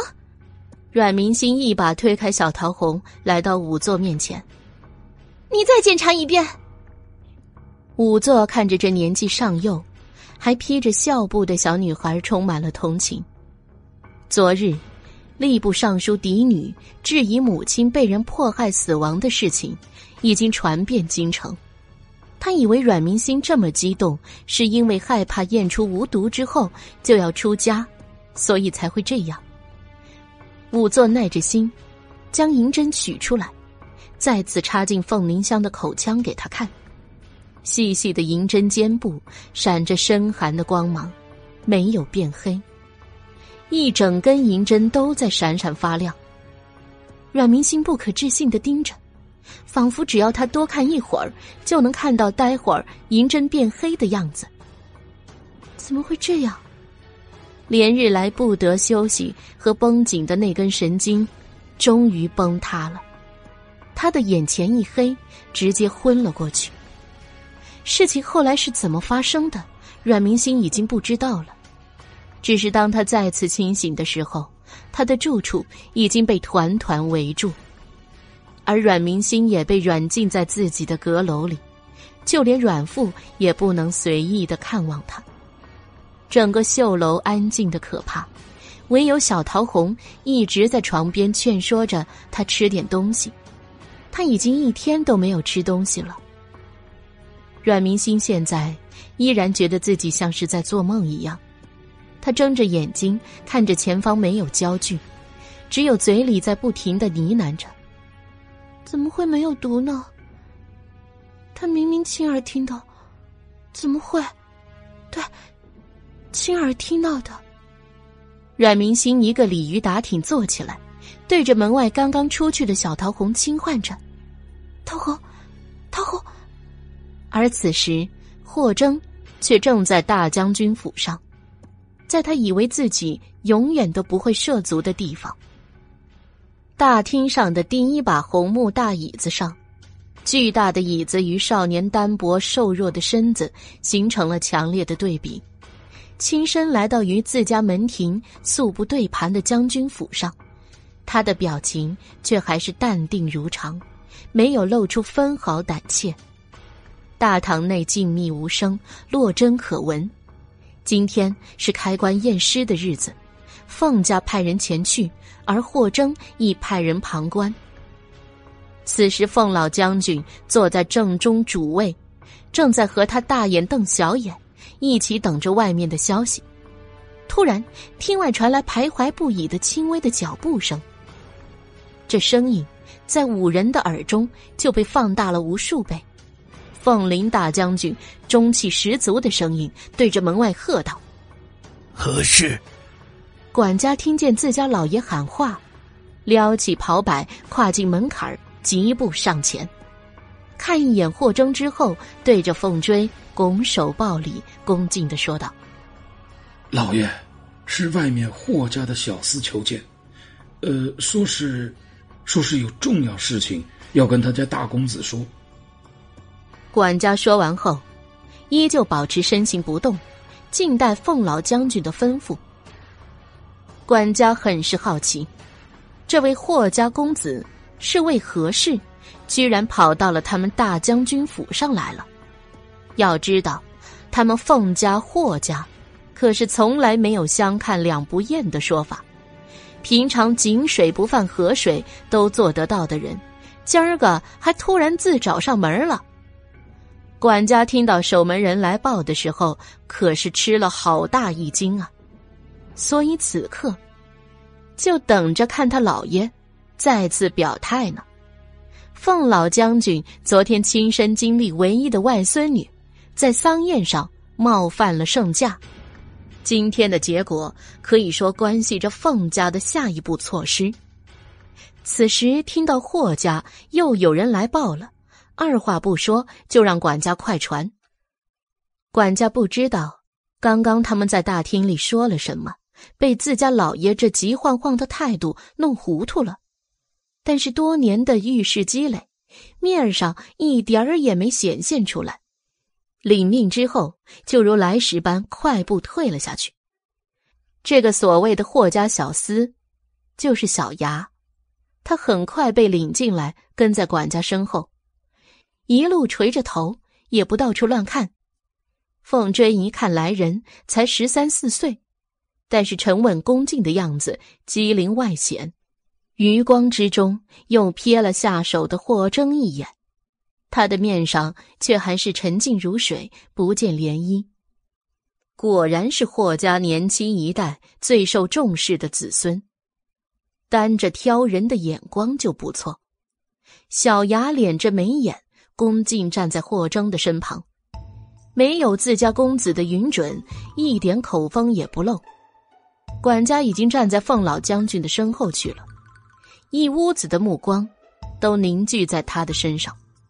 凤追知道，这必定是来送消息的人，于是看向霍征，开口说道：“霍小公子，你看。”霍征穿着一身白衫，就连衣衫上的刺绣全都是银线，不仔细看，仿若……在穿着校服，少年容颜俊逸，眉宇间蕴藏着锋芒，但是表情却淡定如常。听到凤追的话，他右手茶盖在放在桌上的茶杯上拂过茶沫，发出清脆的声音，似乎是觉得茶水已经到了可以入口的温度，将杯子端起来，看着小牙说道：“这里没有外人。”说吧，然后接着喝茶，动作行云流水间透着世家子弟的优雅。小牙得了自家公子的话后，才开口说道：“结果已经出来了，验尸无毒。”这句话之后，厅内的人还没有反应，听后却传来一个怒音：“什么？无毒？”本来在内间的凤泽天。终于忍不住了，大步流星的走了出来。是，无毒。小牙面对凤泽天的怒视，却依然不卑不亢的说道：“可是星儿不是说……”凤泽天立刻看向父亲，阮明心昨天也算是名动京城，为母申冤，开棺验尸，上达天听。可昨天他的立誓也同样言犹在耳。如果无毒，那就是说，他要常伴青灯。少爷，现在阮小姐的住处已经被围住了。小牙接着说出了又一个石破天惊的事情。这次，就连凤老将军的眉头都紧紧皱了起来。什么？凤泽天闻言一惊。难道是圣上准备让星儿兑现诺言？因为无毒，所以他的话还没说完，就被霍征直接打断。明心的母亲是中毒，没错。手中的茶盏被放在几上，少年的眼眸狭长如刀，声音清淡，说出的话却让凤老将军眸光一凛。此事你如何知晓？凤追身上骇人的气势再度迸发，看向这个本该和他们家毫无干系的少年。他怎么会知道宁香是中毒没错呢？老将军，此事我如何知晓？恕常燕无法透露。但是，我可以肯定，明心的母亲是被毒害的。霍征看着凤老将军，面色依旧如常。那晚的事情，明心没有说。他也不会先说。